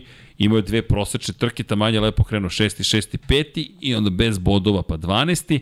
Sada četvrta pozicija. To, to njega bih istakao zaista kao neko ko se baš lepo, baš lepo istakao i eto da samo da napomenem pred svoju poslednju trku Andredović je osvojio poen za Yamahu kao neka druga najbolja Yamaha. I Honda je imala osvajača poena u vidu Aleksa Markeza koji je bio 14. To je prestalo takođe da bude iznenađenje. Zastrašujuće. Hondini rezultati u šampionatu konstruktora. U poslednje tri trke. 4 poena, 3 poena, 2 poena. Pazi, forma je u padu. Bili ste 4, 12. 13. 14. Ne odgovaraju im staze. Ne, deki, ja, ali meni je ne, neverovatno je. Neverovatno je. Imaš Bradla, imaš Aleksa Markeza, imaš Pola Espargara, imaš Takakija Nakagamija, ti osvojiš ukupno u šampionatu konstruktora dva poena. Imaš četiri fabrička motocikla za ovu sezonu. Da, znam da više nije iznenađenja, ali, ali aman. O, od, od Francuske, ne, ne od Francuske, od Španije, Njihova forma je sledeća. Najbolje plasirani vozači. Četvrta pozicija, šesta pozicija, osma pozicija, deseta pozicija, bez bodova, 12. Kakvi su bili na pozicija. trkama u Španiji? 13. 14. u Španiji, pa Marquez je bio četvrti. Ne oni, Marquez je bio da. Četvrti, napominjem. Ne, ne, ne, ne, ne vredi. Ma, Marquez je otišao iz Italije, ali čak i tu forma je u konstantnom padu. Jedini tim koji ide na dole ovako, konstantno. Ne, nema mrdanja. Stižu novi delovi, stiže nova oplata, stiže novi RAM, stiže novo, novo, novo, novo, rezultati sve gore i gore. I tako. Dobro, dobro. Ispričao smo se, imao sve, a još nismo pokrili, ima, ima još stvari koje su se dešavale tamo po Red Bull ringu, koje imaju veze sa šampionatom. Zaista imaju veze sa šampionatom, ali mislim da treba ipak da da, da se pozabavimo moto dvojkama, moto trojkama, nešto sačuvam i za sledeću nedelju kada budemo najavljivali odlazak u Mizano i tako. Ali ja moram da se osvore samo još jednom na sprint trke. Deki, mi smo zaista prisustvovali istoriji. Se, od 1949. mi organizujemo šampionat sveta i ovo je najveća promjena koja se ikada desila. Drago mi je što neće sprint trke biti računate kao velike nagrade.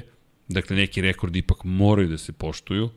Pre svega mislim na Giacomo Agostinija, Valentina Rosija, Angela Nijeta, Mark Marquez je pet pobjeda od velikih nagrada od Angela Nijeta. To, to je velika stvar.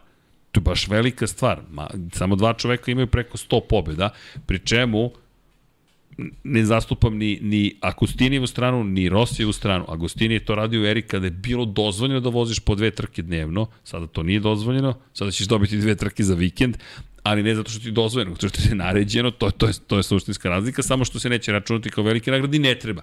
50% traju, odnosno na klasičnu trku i skoro 50 pojena donose. Tako da to je najveća promjena, ali imate specijal ceo Ma dobro, okej, okay, mislim, treba... Idemo dalje. Treba se, treba menjati, treba napredovati, samo je poenta što treba nekako ono, udahnuti, izbrojati, da deseti vidjeti u stvari šta je promjena koja će doneti napredak. To je ono što Ali u čemu napreduješ? Da, da. U gledanosti ili u trkanju? Pa to je to je priča, jednostavno potrebno je uvek gledati taj sportski aspekt po meni, ali očigledno da da da neke druge stvari, neke neki, neki drugi interesi u stvari prevlađuju u, u tom modernom sportu koji je naravno davno više show biznis nego samo takmičenje, tako da to je produkt svega toga. Idemo dalje. Moto dvojke, Ajo Gura! Nema šta, da. Ajo da. Gura! I Augusto ja sam, Fernandez, ja sam pred, to. Pred Silverstone sam nekako rekao da je ovo Gura mi onako delo da je ovo njegov period godinu. Silverstone to baš nije tako bilo, ali evo, ovaj, ova trka je pokazala da, da, da, da ovo možda bude njegov period godine, samo što jedno mislim da ni on na Čantru nije, nije računao. Mislim da ni Čantra nije računao na sebe. Ej, čekaj, čekaj, ima Tako cela priča. Da. 5-2 ok, mu su mu držali pet krugova, piše 5-2 ok. Za one koji nisu pratili trku, pogledajte moto za trku, čućete kratku rekapitulaciju. Ajo Gura je pobedio, Somkijat Čantra je bio drugoplasiran i njegov klubski kolega na motociklu Honda Team Azije. Honda bar uspeo u moto dvojkama, gde ne proizvodi ni motore ni motocikle, ali je brand. I Somkijat Čantre dobio potvrdu, pošto su toliko bili ispred svih ostalih, da je pozicija broj 2 u redu. Dakle, ostani na poziciji 2, vrlo jasno, P2 je ok. A Gura vodi, Augusto Fernandez se muči u tom trenutku na poziciji broj 5. To je prilika da, da preuzmemo vojstvo u šampionatu sveta, jer pobedom 14 pojena više osvaja Ajo Kura i za poen prelazi na vodeću poziciju. Ako pobedi Somki od Čantra, 5 pojena manje osvaja Ajo Gura i zaostaje 4 boda za Augustom Fernandezu. Matematika je dosta jednostavna. Somkijat dobija poruku, P2 je ok. Pri čemu? A Ogurin motocikl pleše. Dakle, vidi se da pleše, Čantrin je zakucan, dakle, kao Shinkansen, dakle, kao da on stigao iz Japana. I ne mrda zadnji kraj, ne mrda prednji kraj. I ti vidiš da Čantra može to da reši u svoju korist. Ja mislim da smo videli duhove Rubensa Barikela i Mihaela Šumahira, ali ovoga puta 5-2 5-2 not ok, to stvari bio je na kraju ok, ali bio je na poziciji 2. Za one koji ne znaju delić istorije, 15 i više godina ranije, Rubens Barrichello dominira manje više Red Bull ringom, pobeđuje na velikoj nagradi Austrije, osim što odjednom popušta pred ciljem i Mihael Schumacher ga preteče desetak metara pred cilja, pobeđuje, prvi put u svojoj karijeri da dobije zvižduk i to usred Austrije. Ferrari je vozač Mihael Schumacher, koji potom stavlja Rubensa Barikela na prvu poziciju na pobedničkom postolju. Tek onda dobio zvižduke. Tek onda dobio zvižduke. Haos nastaje kompletan, kompletan užas. Nastaje da govorimo o Indianapolisu kasnije šta se desilo, ko je ko, tu. I sam sad ja povedio, jesi, pa nije trebalo ti da pobediš, pa šta da ti milimetar. Obrnula se situacija. Elem, to se dešava na Red Bull ringu. Somkijat Chantra, u devetoj krivini poslednjeg kruga od 10 krivina, a znao sam, jesam, jesam, jesam, znao sam da će da napadne, jer tačno mirišeš mirišeš trkača koji je rešio i bio sam u fazonu, vidio, ići da napadne 100%, i gledam Junkie, Junkie Mnogo je rizično bilo, stvarno. Ono, Ja mislim da je Zamisli da, da, pobeleo da mu se desio. Banaja, ba, Banaja da ga je pokupio. Zamisli da mu se desio Janone. Da mu se desio Andreja Janone moment gde koji, za one koji ne znaju u Argentini, eliminisao što sebe, što Andreju Dovicioza. Dovicioza možda mogu i titulu da osvoji da nije bilo Janone, ali dobro. Činjenica je da od Čantra napada. Inače, krivina broj 9 ljudi je mega zahtevna. To je niz brdica u desno, jer tako je lako izgubiti kontrolu nad motociklom kada tu napadate. Pri čemu dolazi još i deseta krivina koja je slična tome, ali Somkijat Čantra zna, veruj mi, neki zna, bio sam 100% siguran da će napasti, napada, Ajo Gura odgovara na to, Čantra ostavio makar dovoljno prostora, ali čestitke Oguri što je uzvratio udarac. Što nije rekao, ok, ne, bolje ovih 20 poena, uzvratio udarac, pobedio, A Čantra je posle rekao, video sam 5-2, ali nisam video ok.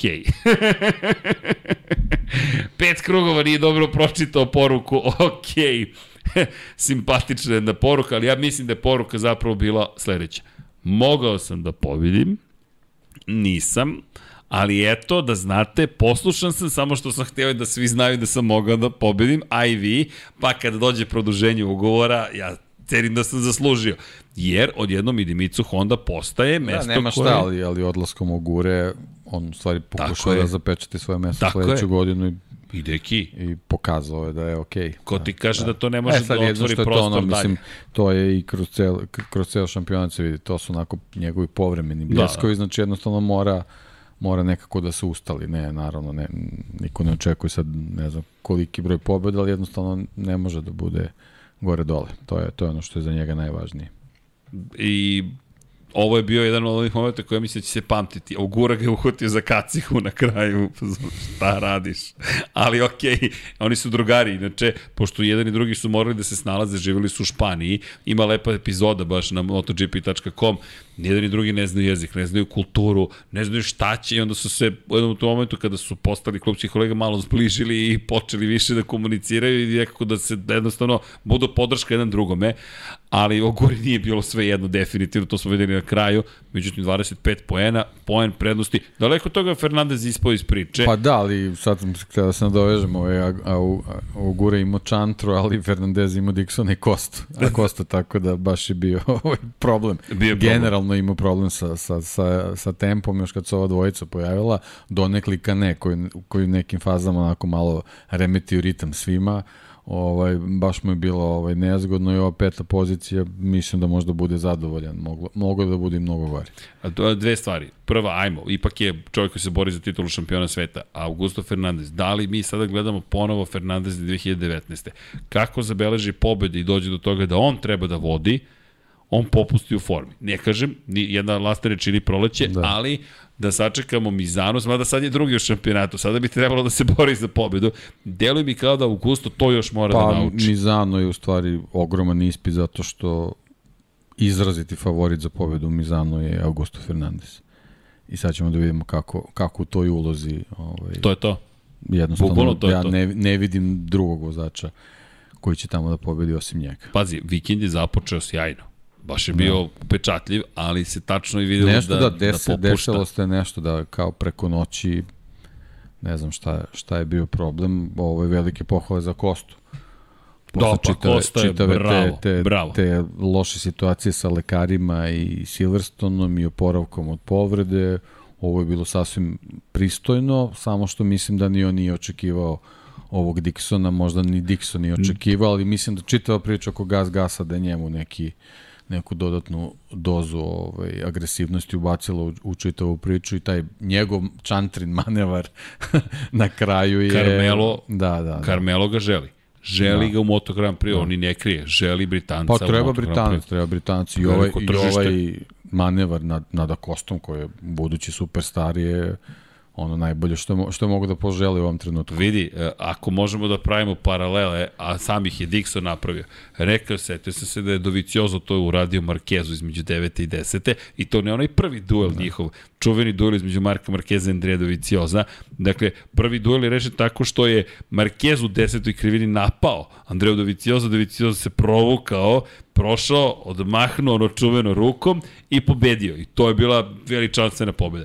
Međutim, druga pobeda je bila mnogo veće iznenađenje, jer celoga vikenda niko nije očekivao, mada moram priznam da smo najavili pobedu još tada, neki, da će Andredović još da pobedi. Međutim, Dovi delovalo da je izgubljena trka. Zašto? U devetoj krivini Marquez je prvi.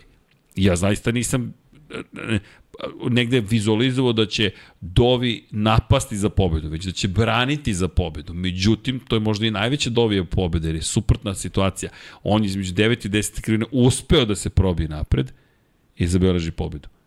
I Dixon je rekao, setio sam se Dovicioza, a to sad izveo Akosti, pa eto, čisto. Znam da je Akosta Akosta, nije Marquez, on je svoja priča, ali opet... Bio je neraspoložen, to da. se videlo. Da, da, da. da Dixon je sad postao meta. ja mislim da je upisan bukvalno. Upisan je sigurno upisan. 100%, da, da, da. To, ovo, da. ovo se ne zaboravlja, a družit će se jel, naredno. Jel podijum na, na Red Bull ringu za Kostu posle svega šta mu se dešavalo, sigurno mu je bio, bio mnogo bitan. Da, da. I ovo mu neće zaboraviti. A još pride ti to uzme neku poslednjoj krivini poslednjeg kruga i još gas, gas. Da. Onaj da, drugi da, da. brend. Da, da. Onaj drugi brend ti uzme to, a... I, I manevrom gde može da postane motogram privozač pre tebe. Mislim da, da Dixon do kraja sezone će imati baš... do kraja karijere. prilično težak posao, posebno ako bude u duelima sa Kostom. Da, ali da lepo je vidjeti, bilo vidjeti da. to vrstu trkanja. Pedro da. svaka čast. Da ne, ne pričamo o njegovim šansama u šampionatu, ni oni Čantar 9 i 10 to nema pa nema veze, to je prilika za opuštene trke, jednostavno učenje do kraja sezone za nešto drugo, znači Čantra i Akosta sledeće sezone u u Moto dvojkama. Biće zabavno. Potpuno druga uloga. Da. Biće zabavno. Posebno ako Augusto Fernandez uzme titulu pa ove da. godine i on sebi otvara neke druge priče. Tako da... Augusto Fernandez nije van šansi da ode u Moto Grand Prix. Da, da, da. Jer nije potpisan ugovor između Miguel Oliveira i Gas Gasa. To nije potpisano. Tako da, Dixon ima šansu, ima šansu, s druge strane, Augusto Fernandez ima šansu. On je u KTM-ovom programu. On ima šansu da ode već sledeće godine. Miguel Oliveira, gde leži problem? Nije to rešena, završena stvar sa Miguelom Olivirom. Oliveira je već odbio da ide u Teh 3. Njegova prva ponuda koju su mu dali je odbijena. On je rekao, neću u Teh 3, neću nazad u Teh 3. Ali sada to više nije Teh 3, sad je to Gas Gas i zato Bayer se nada da pod istim uslovima može da pređe u Gas Gas jer će imati veće da, i to, i to je sad opet, opet ulazimo u neke marketinške priče, ako Gas Gas ima ambiciju, to jest KTM sa Gas Gasom, ako ima ambiciju za portugalsko tržište, Menjaju se stvari. Sve, da, Baš se menjaju sve, stvari. Sve I... ovaj, jasnije sad i tu je sad samo bitno. Znači, da, a, a, Dixon je bitan Moto Grand Prix kao Britanac, ali veliko pitanje da li je bitan KTM-u i Gas Gasu za, za, za britansko tržište. Ne, ne, ne vidim tu sad neku korelaciju, tako da to je sad onako prilično otvorena situaciju i, i zbog toga i zanimljivo, zato što imamo mnogo vozača koji konkurišu za to jedno mesto u ekipi koja bi trebala da bude fabrička. Vidjet ćemo da li će to stalno tako i da bude. Čekam domaćinstvo. Tako je. Da. Čekam bukvalno da, da, da. domaćinstvo da, da vidim, onda ćemo znati koje su, koliko su ozbiljni u celoj priči. U svakom slučaju, iz te, iz te ekipe vozača, zaista se otvaraju jednom neke da. priče da. koje nismo A, očekivali. Vezano, vezano za Moto dvojke ovaj, i, i neku sledeću sezonu, sad baš idemo daleko. Ali... Ovaj, Takav je podcast večeras. Albert Arenas je neko ko je pokazao da ume da bude da. starosedilac u šampionatima i da postepeno dođe do svog velikog cilja. Tako da sledeća godina sa Čantorom, sa Kostom, sa Arenasom, može da bude baš onako zapaljivo. Još se vrati Derin Binder, to je da. prvi put dođe u Moto Ako dvojke. Dixon ostane, ako ne bude sva, sva ta kombinacija sa Moto Grand Prix realizovana, baš će da bude onako uzbudljivo. Ima još jedna stvar. Kada pričamo o tome, ako pričamo o, o, o budućnosti i Moto Grand Prix-a, dakle, Moto Grand Prix, Kjalami, Južnoafrička republika, čisto da ne zaboravimo da Derin Binder tu može da se nada da neke stvari mogu da se dese. Dakle, Južnoafrička republika je jednom postala mnogo zanimljiva i za Formula 1 i za Moto Grand Prix. Čisto da eto, ubacimo i to, da, da, da ne, to ne smemo da zaboravimo. Ali, ima jedna osoba koju nismo spomenuli uopšte. Zove se Celestino, preziva Vijeti najgora moguća trka koju je mogao da odveze u ovom trenutku. Dakle, na stranu to što je ostao bez poena, načina koji je ostao bez poena, ceo nastup i sve ono što se događalo oko njega u tom trenutku, baš najgori mogući tajming. A delovalo da ipak može da bude drugačije, međutim, Deki ponovo bez bodova i mislim da je ovo baš veliki udarac za njega. Jer u četiri trke, dve nezavršene trke, ukupno 23 poena, svi oko njega osvajaju bodove. Pa to je u stvari najveći problem. Nevrovatno.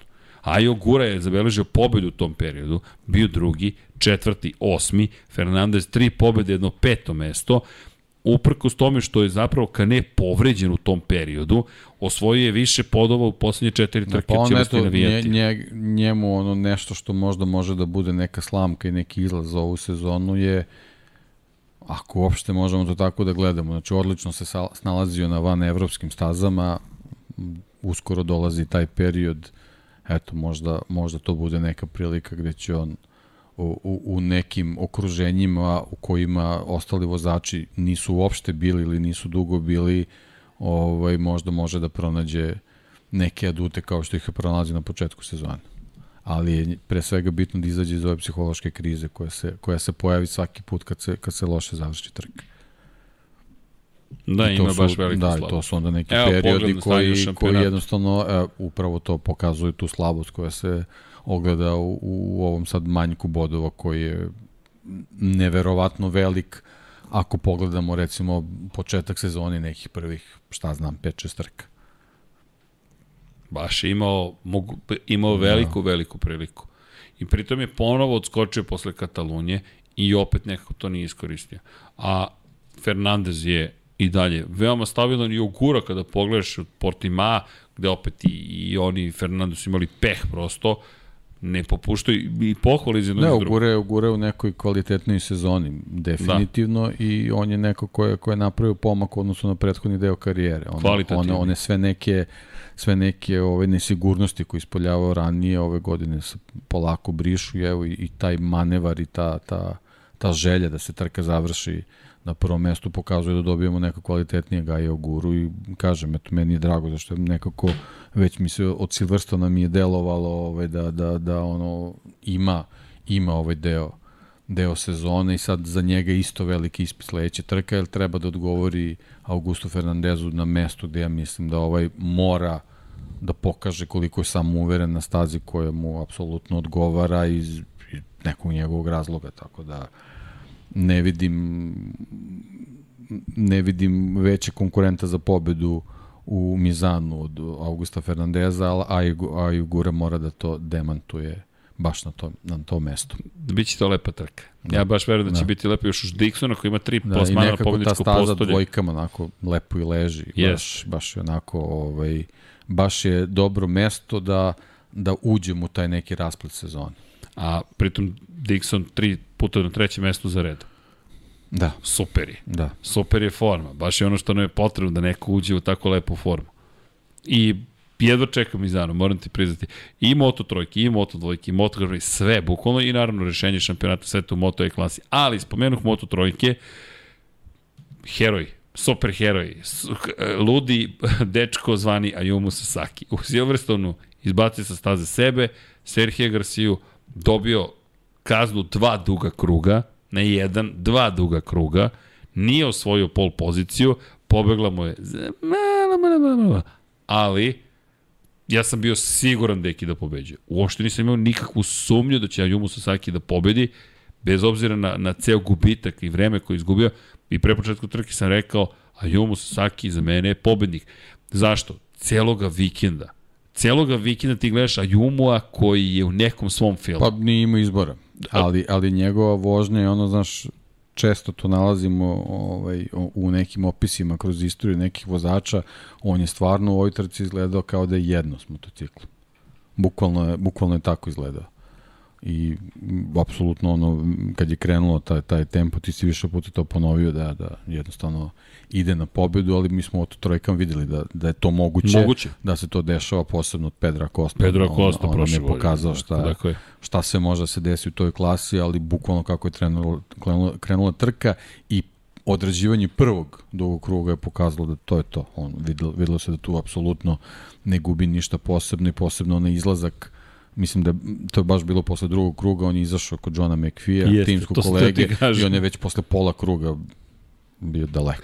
Ne, me, me, meni je to bilo fascinantno. I to je u stvari bilo merilo. Znači, kad Jeste. se nađeš na, sa, sa čovekom koji je na identičnom motociklu, onda ti je apsolutno jasno da, da je on otključao priču i da, da, da, da ne, ne postoji šansa da ga neko spreči u tome da, da, da dođe do cilja koji je bio potpuno jasan, Ja pobediti. Ja sam samo gledao da. Gume, gledam gume i gledam koliko su stabilne i razmišljam kako. Kako je Jumo, kako? Jer ti gledaš čoveka koji nije, nije, nije, nije na granici pada. Nijednog momenta o meni nije izgledao Ne, kao ne, da je rizik. ne. Znači, on ima, ima svoj tempo i, i, i nijedna situacija nije bila rizična da bi te, te, te gume pretrpile neki stres koji je dodatan. Jednostavno, to je, to je bilo to i fenomenalno, stvarno sjajna trka. u granicama njihovih mogućnosti. Da. Bukvalno gume su odradile da. Svoj maksimum. Pohvali za Tocuki Suzuki, drugo mesto. To je najbolji plasman ove godine. Pa da, ali on je, on je, bez obzira na neke situacije nesrećne u prethodnim trkama, ipak je, ipak je u dobroj formi. Vidi se da je u dobroj formi Jeste, i ovo je raspoložen. čisto eto naplatio je bar bar nešto bilo bi lepo eto da i on zabeleži tu pobedu, ali i ovo je sasvim okej. Doći će. Sasvim okej. Pa da, dobro. Doći će da. pobjeda. Bukvalno vidiš da. Kako dolazi, polako li sigurno. Ja čak mislim da će u Motegiju da. Tacuki da On je u zabeleži. Silverstone trebao da, da bude bolje plasiran, mislim, bukvalno izguran sa staze u, u poslednjem krugu, Jeste. ali ovaj, tu je, tu je. Jednostavno u formi je i to je ono što je bitno. A upravo to što kažeš kad, kad dođu trke u Japanu, oni su tamo i više od wild carda. Ali pazi, dva Japanca na, da, da Da, pobeđuju u prvoj da, i drugoj da, da. trki, trci dana, oprostite. Da. Razmišljam, čekaj, nisam, nisam ni pomislio iskreno na Takaki Gamija, koliko god kao japanski triling, rekao ne, od tog filma nema ništa, ali ovo je mnogo lepo videti i baš, mi, baš sam bio radostan, jer gledam jednom dve zastave u Moto trojkama, pa aj, Gura na prvom popovi, pa tajlandska zastava je tu, čekaj, baš je međunarodno prvenstvo, baš baš je bilo dobro, a, a, a, a kada pogledaš da u cijeloj toj priči nekako jedan i drugi, jedan i drugi i treći zapravo napreduju, budućnost deluje vrlo svetla za japanski vozače. Inače, treći je bio David Munoz, koji jako hrabro Da. i odlično. Stvarno. baš je bila Stvarno. dobra trka. Baš O, dobro. Najavljuje velika dela, ozbiljno. Zaista mi tako dela. Od svih on je meni, e, Nizan Guevara mi nije toliko Da. ozbiljan. Guevara i Garcia su mi mnogo bili ovaj, nekako uzdržani na ovoj trci, to mi se uopšte ne sviđa. A i, i ono što Baš mi se ne sviđa. a pritom su bili dosta jedan protiv drugog. Da. Ako pogledaš rivalstvo u okviru garaže, kao da je kao da se prelilo na stazu. I odjednom imaš situaciju peta pozicija Garcia, sedmo mesto za Givaru, najloše njihovo izdanje, apsolutno Znaš cijele kako, godine. ovaj Sasaki, da mu se nije izdešavalo u sezoni sve što mu se izdešavalo. Bez problema. Sa, sa ovakvim nastupom Garcia i Guevare nisam siguran da bi u ovoj, u ovoj fazi sezone mogli ovako da, da, da računaju na, na, na titulu i jedan i drugi. Sasaki sa, sa, sa, sa onim, onim, onom glupom situacijom na prvoj trci sezone, sa onom dominacijom i posle padom i oporavkom sa nekih plus 50 bodova, mnogo bi drugačije sve bilo. Sasaki bi sada bio u borbi za titulu šampiona sveta. Bukvalno bi bio u borbi za titulu. Pri čemu, ja sam bio šokiran iskreno i Garcijom i Givarom i Denisom Fođom. I pitali smo, Denis, Denis, pitanje je bilo za Denisa Fođu šta se desilo. Ne znam. Nešto se desilo. Meni, ja, do, s Fođem poseban problem imam iz te perspektive, što deluje kao čovek koji, ne kažem da je A, nezainteresovan, pa, a, kao kod, da... Fođe nema prepoznatljive agresivnosti, a kod Garcije i, i, i Gevare se pojavila neka neka opreznost koja uh, u, u nekim trkama videli smo uh, kako u poslednjim krugovima stvarno pokušavaju da izbjegnu sve, sve situacije koje bi mogle da dovedu do pada i, i, i ostajanje bez bodova, ali, ali situacije da, da, da, da, si, da si oprezan u trenutku kad, kad uh, očigledno možeš da stigneš do, do, do mnogo veće količine bodova mi je potpuno nejasno, posebno na stazi koju su i oni doktorirali jednostavno, ja ne, ne znam koliko su krugova prevezli tu, znači ti, ti jednostavno moraš da gospodariš Red Bull ringom.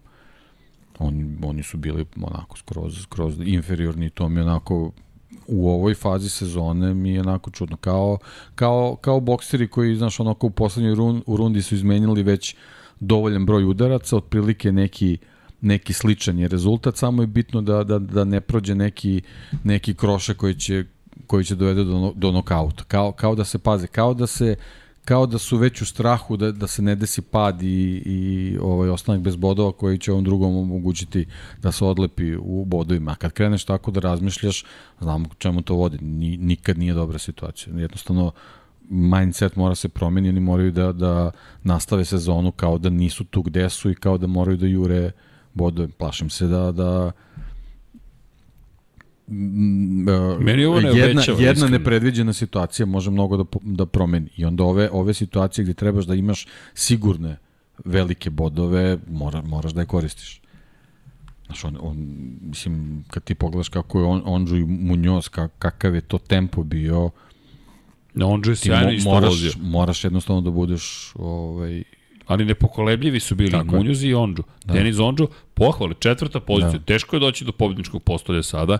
Juri tu prvu pobedu u karijeri, ali Ondžu vozio je. Da. Vozio uvek malo na granici, to je već tipično za Pa Ondžu. to je, da, to je nažalost postao njegov zaštitni znak i stvarno mora da počne Ja da mislim da njega to košta. Čak ne mislim Da, ni pa- reputacijono, već Jeste, košta te u brzini. jeste, jeste. Je, strateška pozicija ti je loša.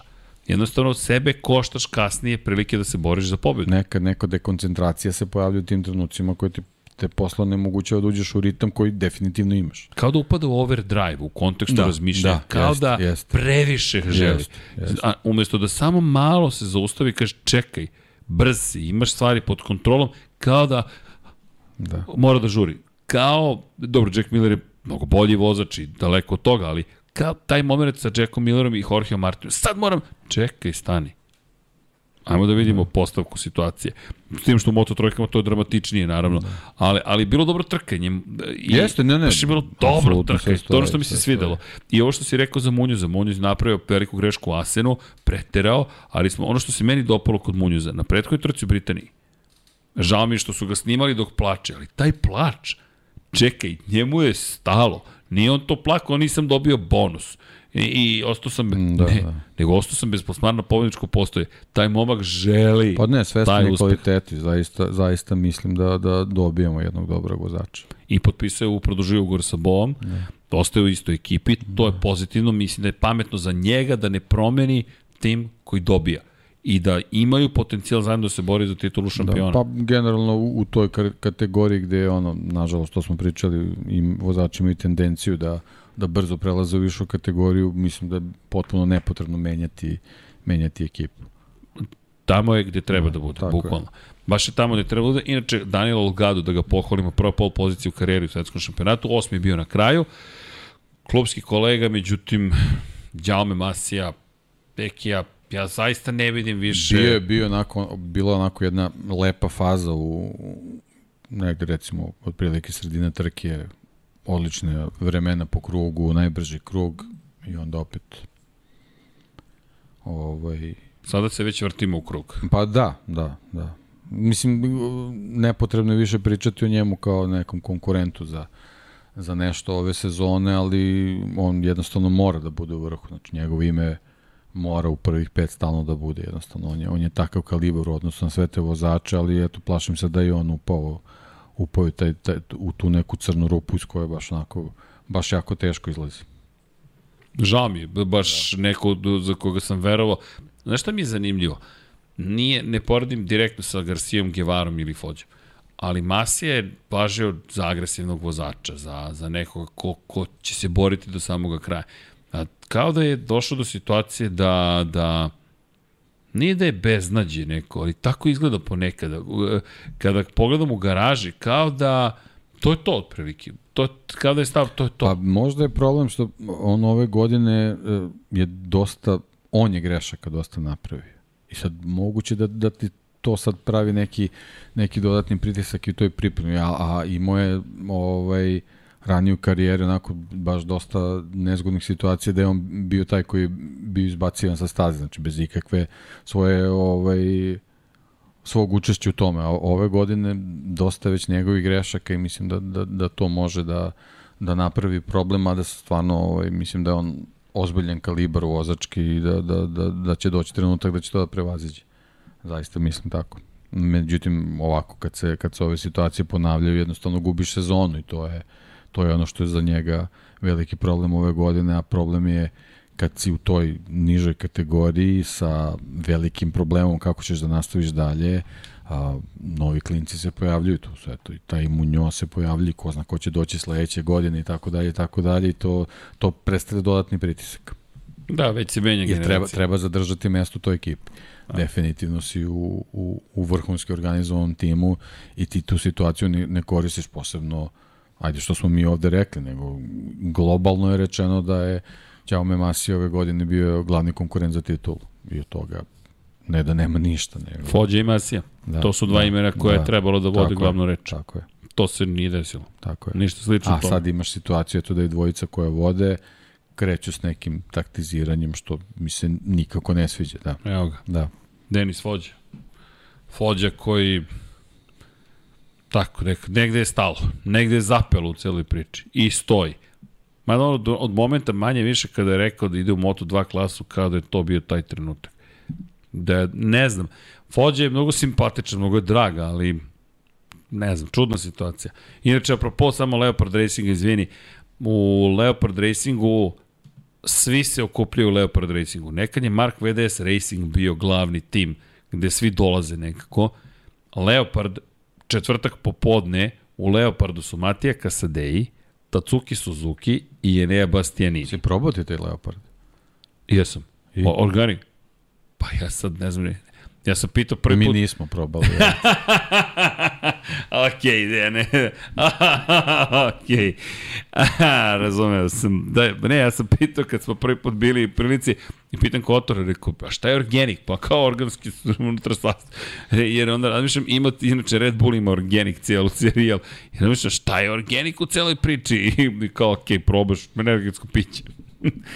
Ali da, dobro, sada razumem se. Ali imate kacigu, evo. Kaciga. Kaciga je fenomenalno. Kaciga i dalje zaista je fenomenalno.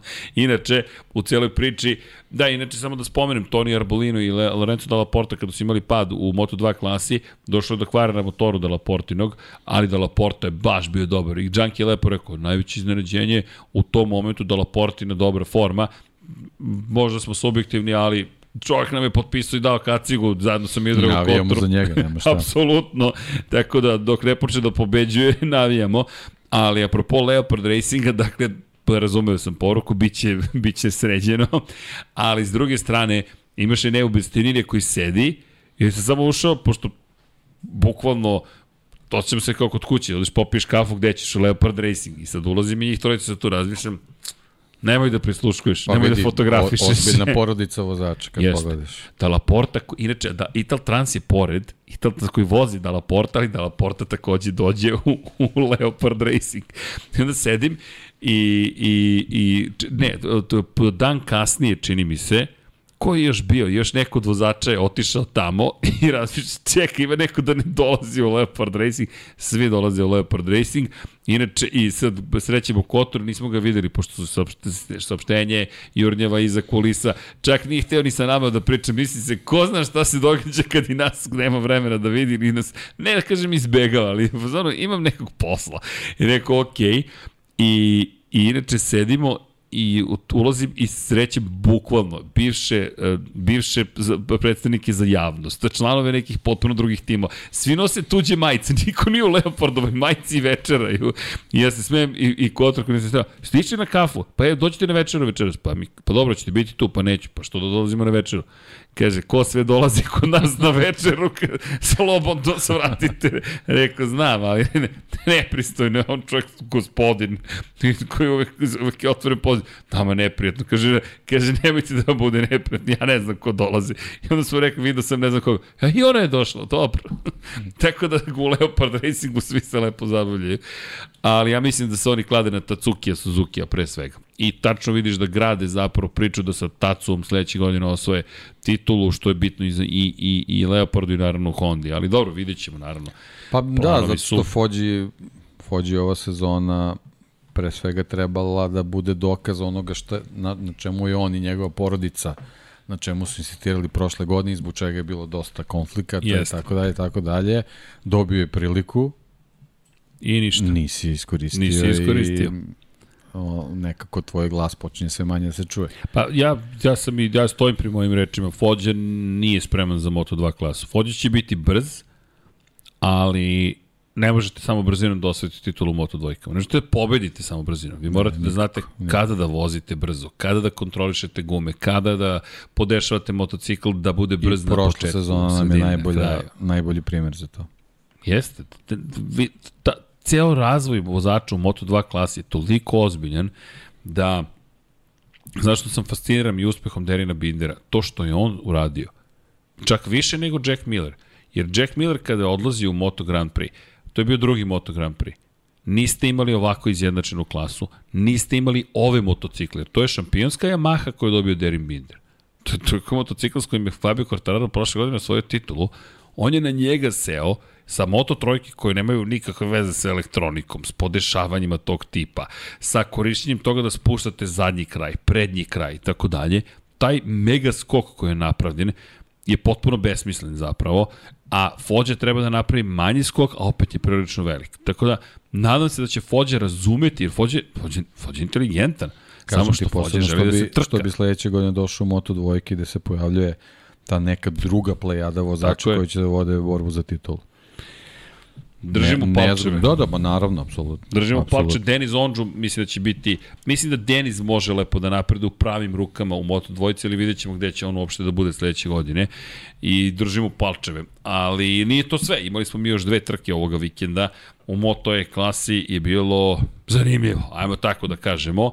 Mada Dominik Egerter rekao bih da je napred dovoljno dovoljno koraka ka prvoj tituli šampionatu sveta Moto E klase 194 poena, jedno drugo, jedno treće mesto.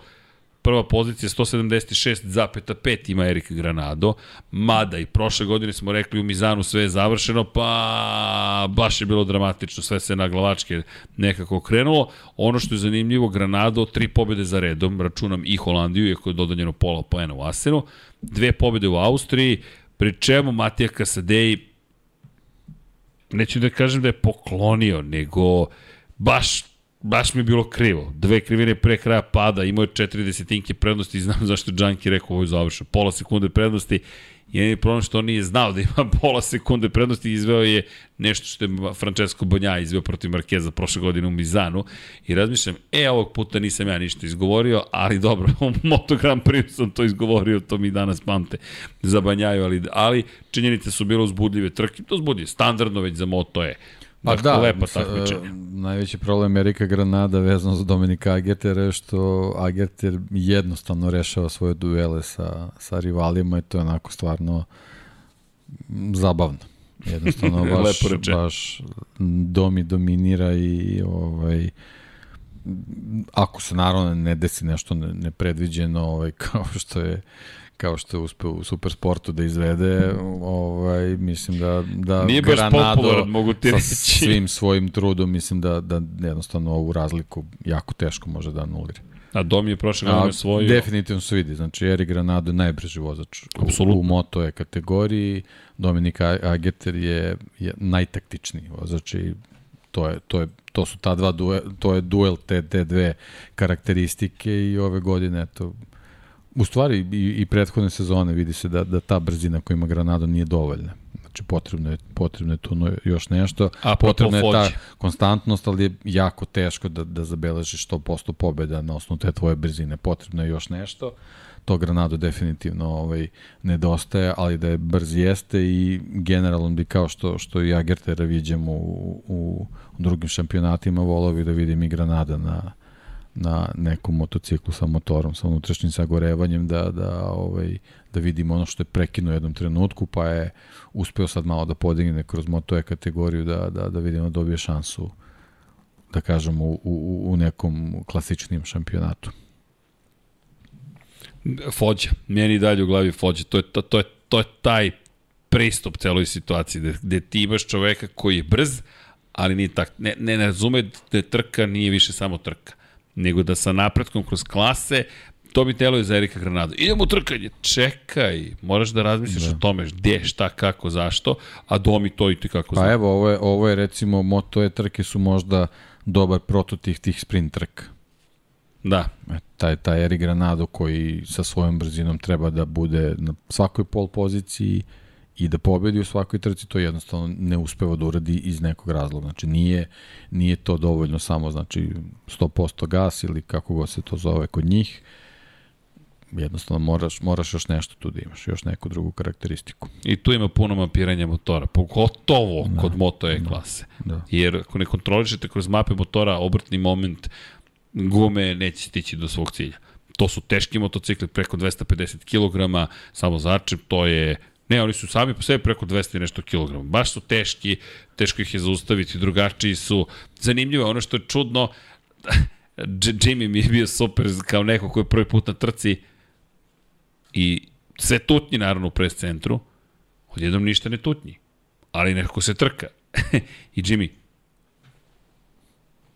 Oni se ništa ne čuju. Ništa se Jimmy ne čuje, potpuno druga priča, ali dobro, to je, to je deo modernog trkanja. Ali bilo lepo u svakom slučaju gledati i, i Granada kako čini do nekli uzbudljivu završnicu, uzbudljivu završnicu sezone, jer da on nije pobedio, da je Domi bolje odvezao, mogao već sada da obezbedi praktično. Ne da obezbedi baš, ali blizu je bio nadomak toga da da praktično stvari budu završene. Nisu još uvijek završene, u Bizanu u poslednje dve trke, tako da za 10 dana ćemo znati ko je šampion sveta Moto E klase, bit će to prvi šampion ove godine.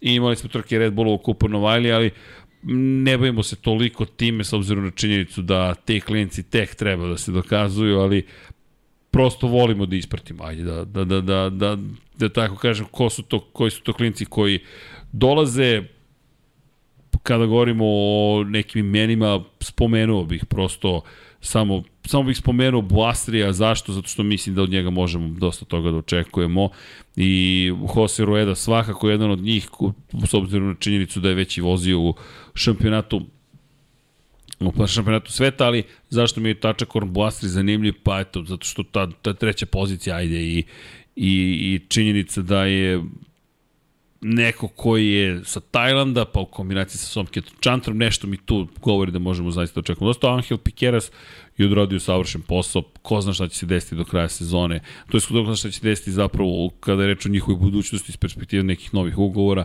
i tako. Bilo je zabavno, poslednji krivini, poslednji kruga, pobeda u Spielbergu, pa to se pamti eto, ne, ne bih nešto dodavao previše, s obzirom na činjenicu da nemam pojma šta će biti kada, kada dođe Aragon ili Valencija, ima tu još mnogo da se vozi, i druga stvar što nisam vidio nikoga da se izdvaja toliko koliko se, na primjer, Pedro Costa svoje vremeno izdvaja. Makar ne za sada, iako je Jose Rueda neko koga čekamo da dođe u šampionat, nije takav domin, tako dominantan kao što je bio Pedro Costa. Pedro Costa je s takvom lakoćem završavao stvari da pogledaš i kažeš, ok, ja nisam verovao da će se to preneti na šampionat sveta, ti jesi, a, a pazite, ono što je fascinantno, Pedro Acosta 2020. vozio u Red Bullom kupu na Vajlija.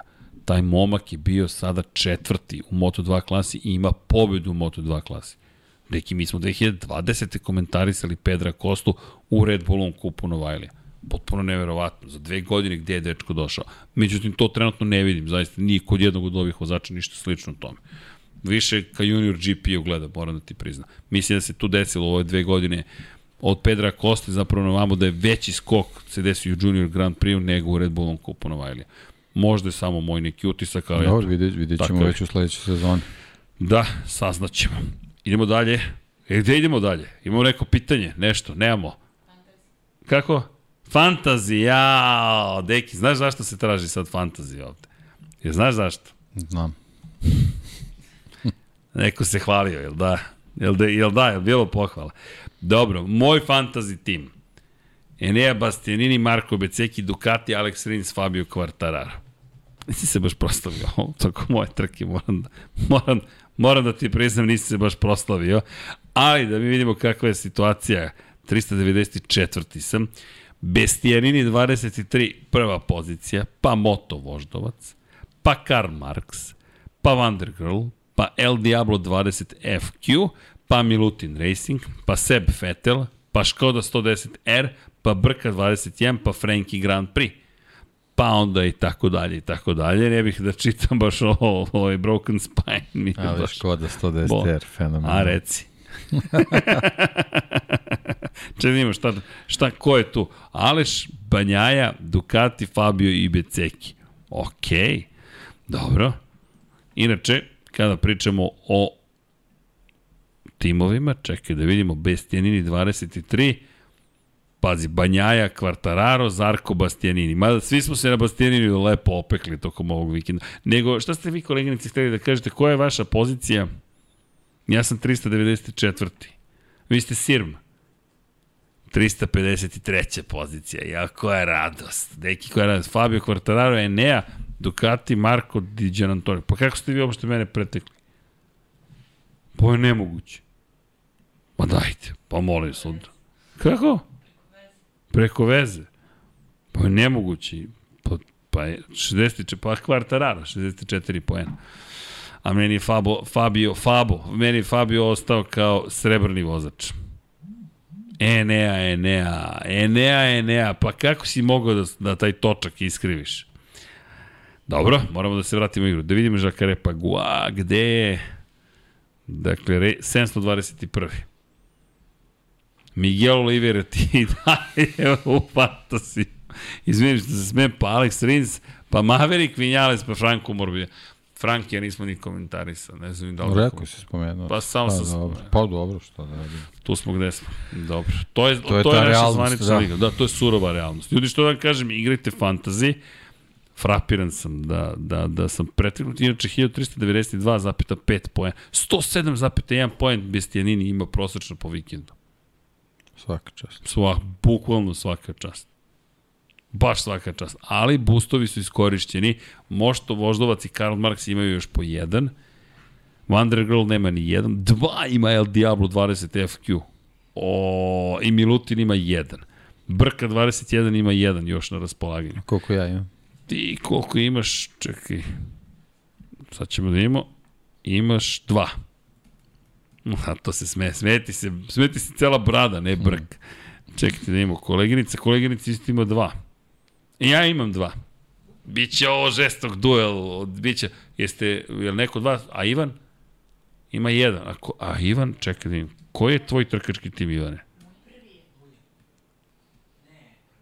Koji, koji ti je? Munja. Munja 2 2 opa, Ivan je 224. Ja još imao Derina Bindera koji nije osvojio poene. Aleš Fabio Ducati. Ma svi imamo Ducati, to zakucaš Ducati za u konstruktorima i voziš dalje. Momci, vi? Niste u fantaziju? Au. Od sada moramo da uvedemo na tribinama, mogu da budu samo igrači fan. Šalim se naravno, ali dobro. Dakle, Munja 224. Dobro. Deki, imamo neka pitanja? Imaš ti neka pitanja? Da, ovo je ovaj, ognjem podsjeća, opet zamalo su redari pokušeni.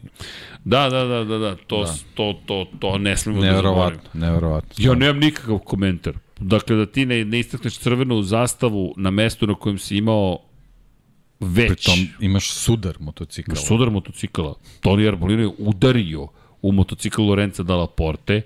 Dva vozača su pokraj staze.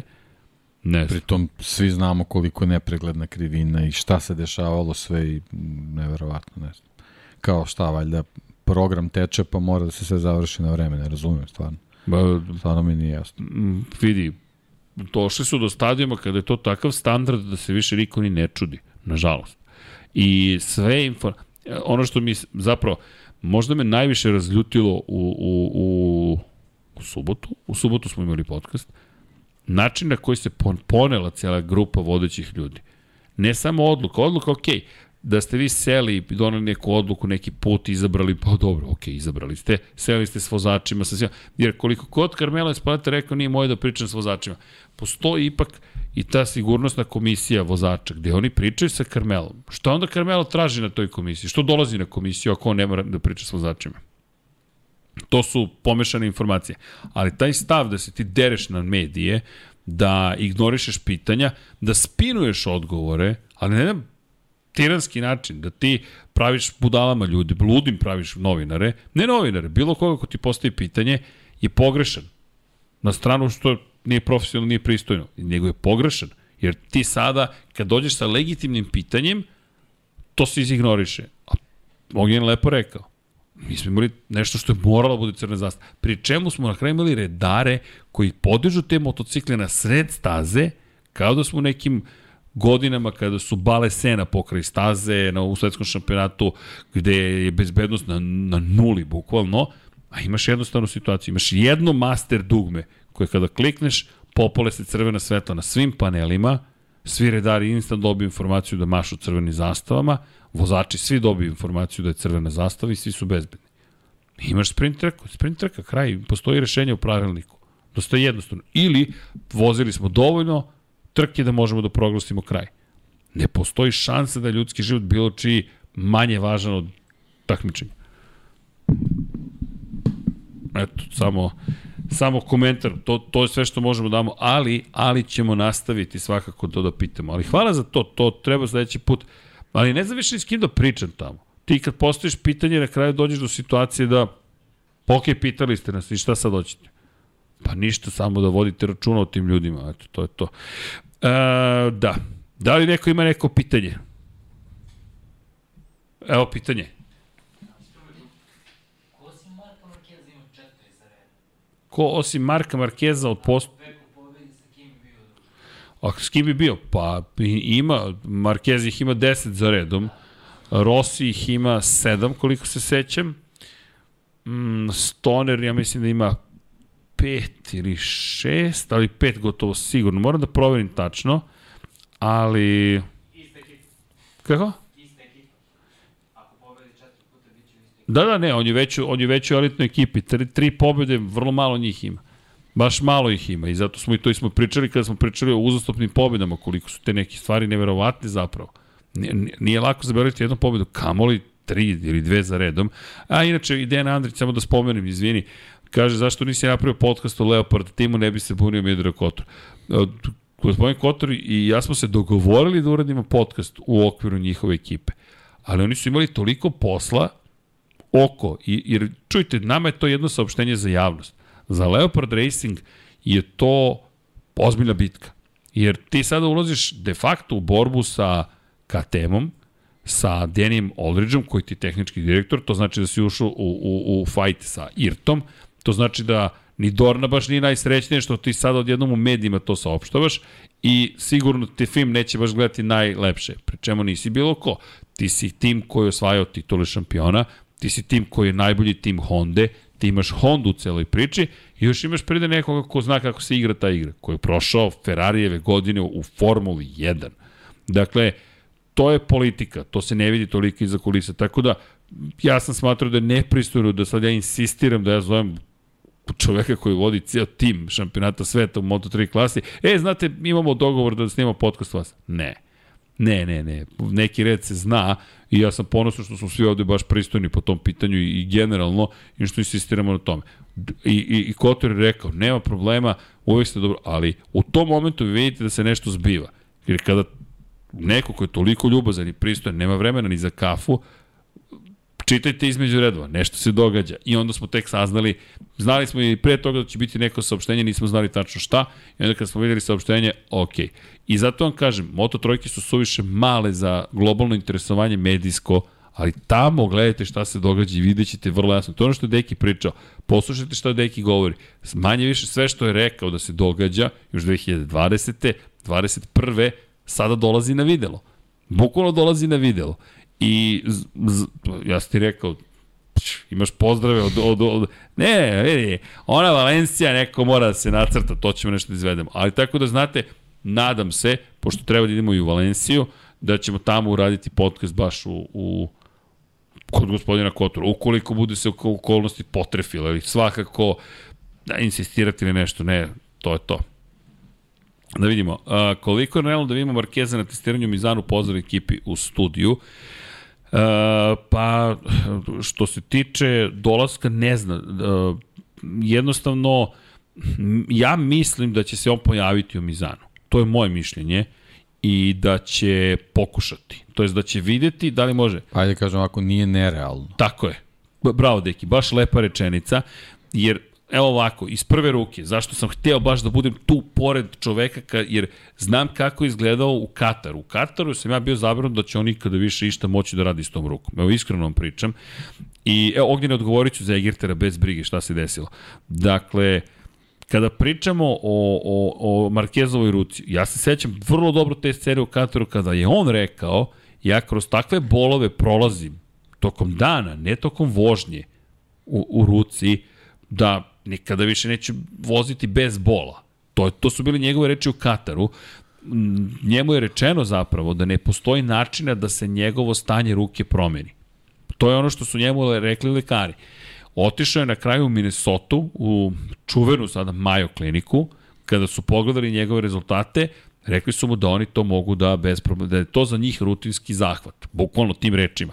Na kraju se ispostavilo, sada na osnovu svih ovih rezultata, da je to za njih rutinski zaista bio zahvat. Ono što je zastrašujuće meni bilo kada, kada je došla informacija iz Mayo klinike, da je zaista, dakle, zamislite ovde, znam da je malo groteskno, ali ovde ruka je bila presečena, tu je polomljena ruka. I neko je kost, sad zamislite da gornji deo ruke se ne mrda, ovu ruku za 30 stepeni okrenuo. Dakle, moja majica i dalje stoji ovako, nekomu je savio ruku za 30 stepeni. Ljudi za 30 stepeni mu je zarotirao ruku. I vidite tog čoveka koji ovako se kreće kroz Katar. Manje više. Nisu atrofirali mišići, ruka je pogrešno namestena. I kada se vratio sada, prvi put se video nekoga ko, zato smo pričali deki ja o plivanju. Kada vi vidite da on izvodi ovaj potez bez problema, to je već sigurno znak da je ta ruka potpuno... Pa ne mnogo, ne mnogo, potpuno prirodno se sad tako ta je. desna ruka ponaša, nije tako bilo. Da, i, i, operacije. to je to. I, I baš smo ga pitali, baš nisam ga ja pitao konkretno, ali novinari su pitali šta je plan, rekao je čak možda se pojavim u Mizanu, ali zavisi od toga šta će mi reći lekari na kontroli. I sad su mu rekli da može da sedne na Moto Grand Prix motocikl. Tako da očekujte ga da sigurno dođe na trku u Mizanu, jer njegova sada situacija je sledeća. On mora da bude tamo. Kao vođa te ekipe da govori svima ja sam tu, ne da uteruje, ima i, i doza straha koja mora da se pojavi kod koga? Kod svih koji nisu preuzeli odgovornost za neuspeh koji se desio. Jer ono što je meni problem u Hondi najveći, niko nije odgovoran. Apsolutno nema jedne osobe koja je rekla ja sam odgovoran za ovo što se desilo.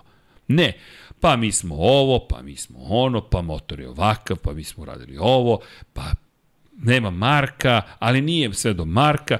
Ljudi, ovo je motocikl Takakija Nakagamija pre svega. Ovo je razvoj, to su nam potvrdili tokom ovog vikenda. Dakle, ovo je put koji Takaki Nakagami definisao 2020. godine. Nastavio 2021.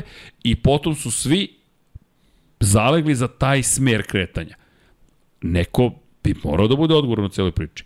Pa makar da kaže, ej, pogrešili smo. I ne, ne, apsolutno ne postoji nikakva doza odgovornosti, makar ne javno.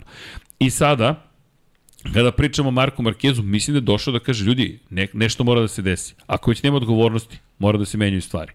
Jer u ovom trenutku Honda deluje kao grupa amatera. To je katastrofa, bukvalno. Tako da ga očekujemo u Mizanu, a onda, šta se desilo sada u, u, u Austriji? On je čovjek seo za motocikl Bukvalno bilo jače od njega, Santi Hernandez stoji iza njega i Mark kaže čekaj, čekaj, staću, staću, staću. I vi vidite prvi put nasmejanog Marka Markeza. Bukvalno se rekao kao, neki, kao neko derište. I ja mislim da on zna da sada može ponovo da razmišlja o vožnji motocikla na način na koji to je već činio. Sad, da li će on biti onaj stari Mark Marquez? Nemam predstav. Evo jedan komentar, Miloš Petrović kaže, misle da će biti iste priča kao sa Rosim 2010. Nije nemoguće.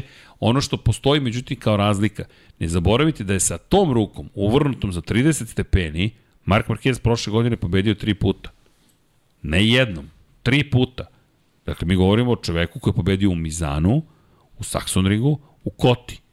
Dakle, to su tri pobede u Moto Grand Prix klasi. To je besmisleno. To, ljudi, to, to, to, je, to je bez presedana. Da ti imaš čoveka kome je uvrnuta ruka i on pobeđuje. E sad mu je prava ruka ispravljena, Tako da ja mislim da će biti ipak malo drugačije. Drugo, šta se desilo Rosiju što se nije desilo Markezu i ne branim Rosije, samo ističem. Desio se Jorge Lorenzo, koji je na Yamahi pobeđivao. Ko pobeđuje trenutno na Hondi? Pa ne mogu da osvoje više od dva poena po trci. Ljudi, da je Paul Espargaro seo na tu Hondu i sad on ređa pobede i dominira i bori se za titulu šampiona sveta, pa možda bi Mark Marquez rekao, čekaj, šta sad? Gde ću sada? Ili ima mesta za mene u Hondi? Da li bi Honda rekla, ne, ne, Mark, vrati se. A u tom trenutku neko dominira u šampionatu. Ne, njegova najveća opasnost je apsolutno niko. Dva poena su osvojili. Ljudi, Alex Marquez je bio najbolji vozač Honda na 14. mestu. O, tako da, mislim da prosto nije, nije isto poređenje. Ne postoji neki novi Jorge Lorenzo koji je seo, zato je Rossi bio ljut na Yamahu, što su doveli van serijskog, van zemaljca su doveli u ekipu. I Rossi je rekao, ovo nije u redu, ja sam dao sve i onda, nisam, onda sam dobio rivala koji može da me pobeđuje. To, to je Rossi rekao na kraju. Rekao, bio sam ljut. Da li će mir biti Markezov ili Lorenzo? E, deki, zakuvana čorba sada. Došao je Lorenzo, nije mu bio pretnja. Bio je Dani Pedrosa, nije mu bio pretnja. Stigao je Pole Spargaro, nije mu bio pretnja. Dolazi Joan Mir. Možda i to razlog zašto se Marquez pojavio i rekao, čekajte drugari, ja sam ovde ipak vođa. I to je isto vrlo moguće. Vrlo moguće. Ima, Da, da, inače Nikola M. kaže, sve te priče oko Honda su jedno, drugo da je sam motor promašena priča. Kad se radikalno menja paradigma, to je rezultat uvek. Pa, ali, evo, ali Nikola, gde postoji problem? Ko ima najviše poena sa promenjenim motociklom i novom paradigmom? I dalje Mark Marquez, on ima 60 poena čovjek. Ne kaže da je taj motocikl spektakularan, ali on je rezultat nečega. Ostali i dalje ne mogu da ga stignu u šampionatu. I to on je rekao. Ja sam i dalje najbolji vozač Honda čovjek ne vozi, on je najbolji vozač Honda. Čekaj, to, to, to nikad u životu nisam čuo, on ne vozi najbolji.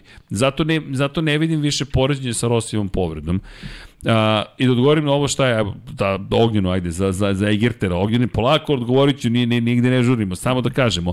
A to je da je zapravo u cijeloj priči Dominik Egerter pao s motocikla u prvom krugu i onda ostao da leži simulirajući da je toliko povređen ozbiljno da bi redari istakli crvenu zastavu, zaustavili trku, on podigao motocikl, to jest otišao, motocikl stigao do garaže, on seo i vozio trku ponovo. Ili ti uveo je najgore, najgore iz futbala, je uveo motociklizam. Dakle, on čo, pa, a ovde baš pričamo o ljudima koji kada padnu, otresu prašinu i kažu gde je moj motocikl. Sad Domi, ne znam šta ga je navelo, nisam hteo da ga pitam jer sam ga sreo, na, i to isto sam zaboravio, to ne sam da zaboravio, Luigi Taveri je uveden u kuću slavnih, ali neka to bude druga priča. Domi je tamo sedeo, sa Tomom Lutio rekao, nije sad prilika da ga pitam, dobro, zašto prijatelj, zašto si nam uveo loš futbal, nije svaki futbal loš. Ali, kada govorimo o, o, o, o, o Markezu i toj cijeloj situaciji, da li će voziti iskreno, ja mislim da će on sesti na taj motocikl. To je moj utisak.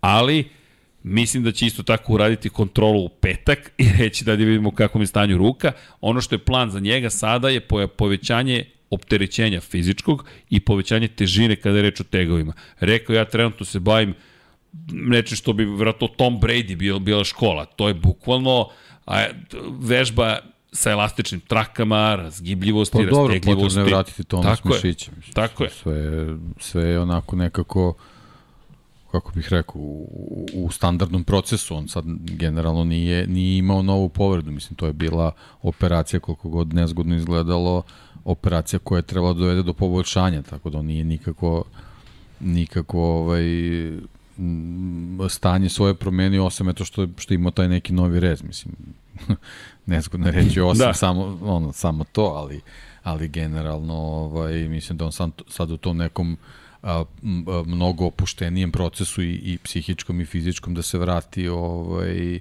u to neko stanje koje će ga dovesti do toga da može bez, bez te goba da upravlja Moto Grand Prix motociklom, a mislim da, da je pojavljivanje na, na testu u Mizanu, pre svega važno za njega, ponavljam, posebno ako ima nameru da vozi na trci u Valenciji, on jednostavno zbog kompletno ove višemesečne pauze mora da oseti Moto Grand Prix motocikl, da ima neko saznanje pre povratka pa u da. sedište u Valenciji, tako da, pa, da i to prevelika je pauza da to bude da njemu pojavljivanje u petak u Valenciji bude prvo sedanje na Moto Grand Prix Ne, me, deki, ono što je, me, zašto je Mizano bitan? Zato što imate test u ponedljak u Mizanu. Tako je. Zato tako je to može da se pojavi bez nekog većeg oka javnosti, u smislu ne ulazi u trku. A i tu će imati prvi put priliku posle dužeg vremena da bez nekih svojih velikih ograničenja u stvari uh, razume filozofiju tog motocikla da bi možda mogao već da da neke smernice za za, za, za budućnost i neki, neku eventualnu po, promenu pravca u razvoju ako, ako generalno ta čitava Honda razmišlja na taj način. E sad tu je jedino nezgodna situacija zbog čitave priče oko tog menadžmenta Honda, ako nešto krene da se radi posle tog testa u Mizanu, to će započeti jedni ljudi, a trebaju da nastave neki drugi, tako da ogromni su izazovi zaista pred Hondom i da, da, da sad ponovo ne ulazim u tu celu priču, ipak je bez obzira na sve to mnogo važno da on na tom testu sedne na, na, na taj motocikl. Da, evo komentar Dominik potpisao za Juventus. Ali da, inače hvala Boško za pohvale za YouTube, za Reels sa komentarima Honda. To je naš prijatelj Igor Jankovski zapravo izmontirao, ali potrudit ćemo se da toga bude još više i više. Ima raznih ideja, baš na tu temu. Ja se nadam da će ovo jesen biti i po tom pitanju. Plodonosna. To jesam već stigla ili meni hladno. Šalim se, nije mi hladno peri prije, a onda su se svi ostali verovatno smrzli. Pa generalno vreme je za inovacije i za napredak. Jeste. Eto, i, i mi isto da. kao i Moto Grand Prix moramo da napredujemo. Imamo spremne još neke stvari i ne brinite se, Ali neće će biti početi da duplo priča. više podcasta. Neće biti duplo Verujte više podcasta, da. Hoćeš jedan sprint podcast da uvedemo. pa uveo si ga sad u nedelju. ja, jesi video, a? Oni pričaju, a mi radimo. a dobro, malo sprint specijal, morali smo malo. Bilo nedelju? U subotu. U subotu. Oh. Aj jao. Da, da. da, duga nedelja. da, da, duga nedelja. Uh, Muđelo Rabijata. Da, da li mislite da ako Peko beže pobedu Mizanu i Aragonu može da se kaže da apsolutno zaslužuje titulu ove godine? Pozdrav ekipi, stojite pozdrav. Pa da, da li zaslužuje? Čujte, zaslužuje, a da li će osvojiti, to je nešto sasvim drugo. Ono što je sada već malo problematično, Peko ima najviše pobjeda ove sezone. Peko ima pet pobjeda, tri pobjede ima Fabio Quartararo, tri pobjede ima i Enea Bastianini. Ali Fabio je i najkonstantniji u celoj priči i ima dovoljno pobjede da može da brani prvu poziciju za sada. Peko je taj koji ima pitanja zašto sa pet pobjeda nisi vodeći u šampionatu sveta, ali sad je kasno, nemaš BB, KBB, sad je na njemu da nastavi da beleži pobjede. Ako zabeleži te dve pobjede, gde ja mislim da može najveću štetu da nanese, ajde, iako smo otišli već četiri nedelju napred, gde može najveću štetu da nanese Fabio Quartararo? U Aragonu. To je loša staza za Fabio Quartarara. Pogledajte istorijet njegovih nastupa u, kvart, u, Ar, u Aragonu, nijednom se tamo nije proslavio. Niti on, niti se Yamaha previše tu proslavila. Tako da Aragon može biti ključna stanica, ali da bi došao uopšte u šansu da u Aragonu nešto mora da uradi, opet ga čeka Mizano. Pri čemu Mizanu ja ne mislim da će Fabio biti najveći problem, iako će biti problem Banjaj, već je Nea Bastianini. Ja mislim da će Beštija da bude najveći problem zapravo tamo. Jer ja očekujem pobedu je Bastianini. Iskreno očekujem pobedu, besmisleno je kako on vozi na onoj stazi, I sada dolazimo u momentu kada je imao padove, imao probleme, njegova domaća staza, div italijanski tim, oprašta se, verovatno, oprašta se sigurno od, od, od, od, od celog Resinija, mislim da je to prilika da kaže, e, evo još jedne pobede. I mislim da tu Peko ako pobedi, e onda Aragon može da bude problem za Fabija i ukoliko dođe ljudi do pet pobjeda za redom, čekajte, to je sada već, to je, to je preozbiljna priča ta vrsta samopouzdanja se redko onda pojavljuje. Na Ducatiju. Na Ducatiju. Pet pobjeda. Ljudi, to sad pričamo o Casey Stoner i Peko Banjaja. Ne postoje dve druge osobe. Inače ne postoje dve druge osobe koje su vezale tri pobjede na Ducatiju. Casey Stoner je poslednja osoba, pri čemu samo da se podsjetimo šta smo pričali pre tri nedelje, četiri, ko pomaže Peku Banjaj? Valentino Rossi mu je savjetnik i Casey Stoner mu je savjetnik. Već smo rekli, to je cheat mod.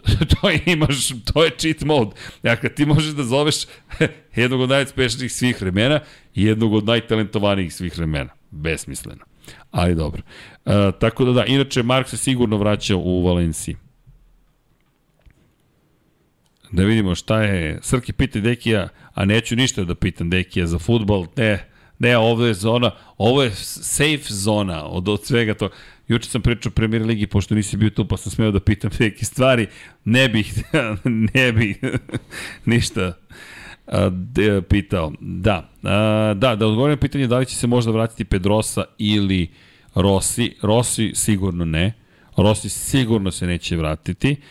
E, da li će dolaziti na stazu? Neće, ali Nikola pita, volio bih da se Rossi E, prestane da se trka nekim drugim mestima, posveti više ekipu, da li bi se Dorno tako ponašali, da li bi bili problem što se tiče popularnosti.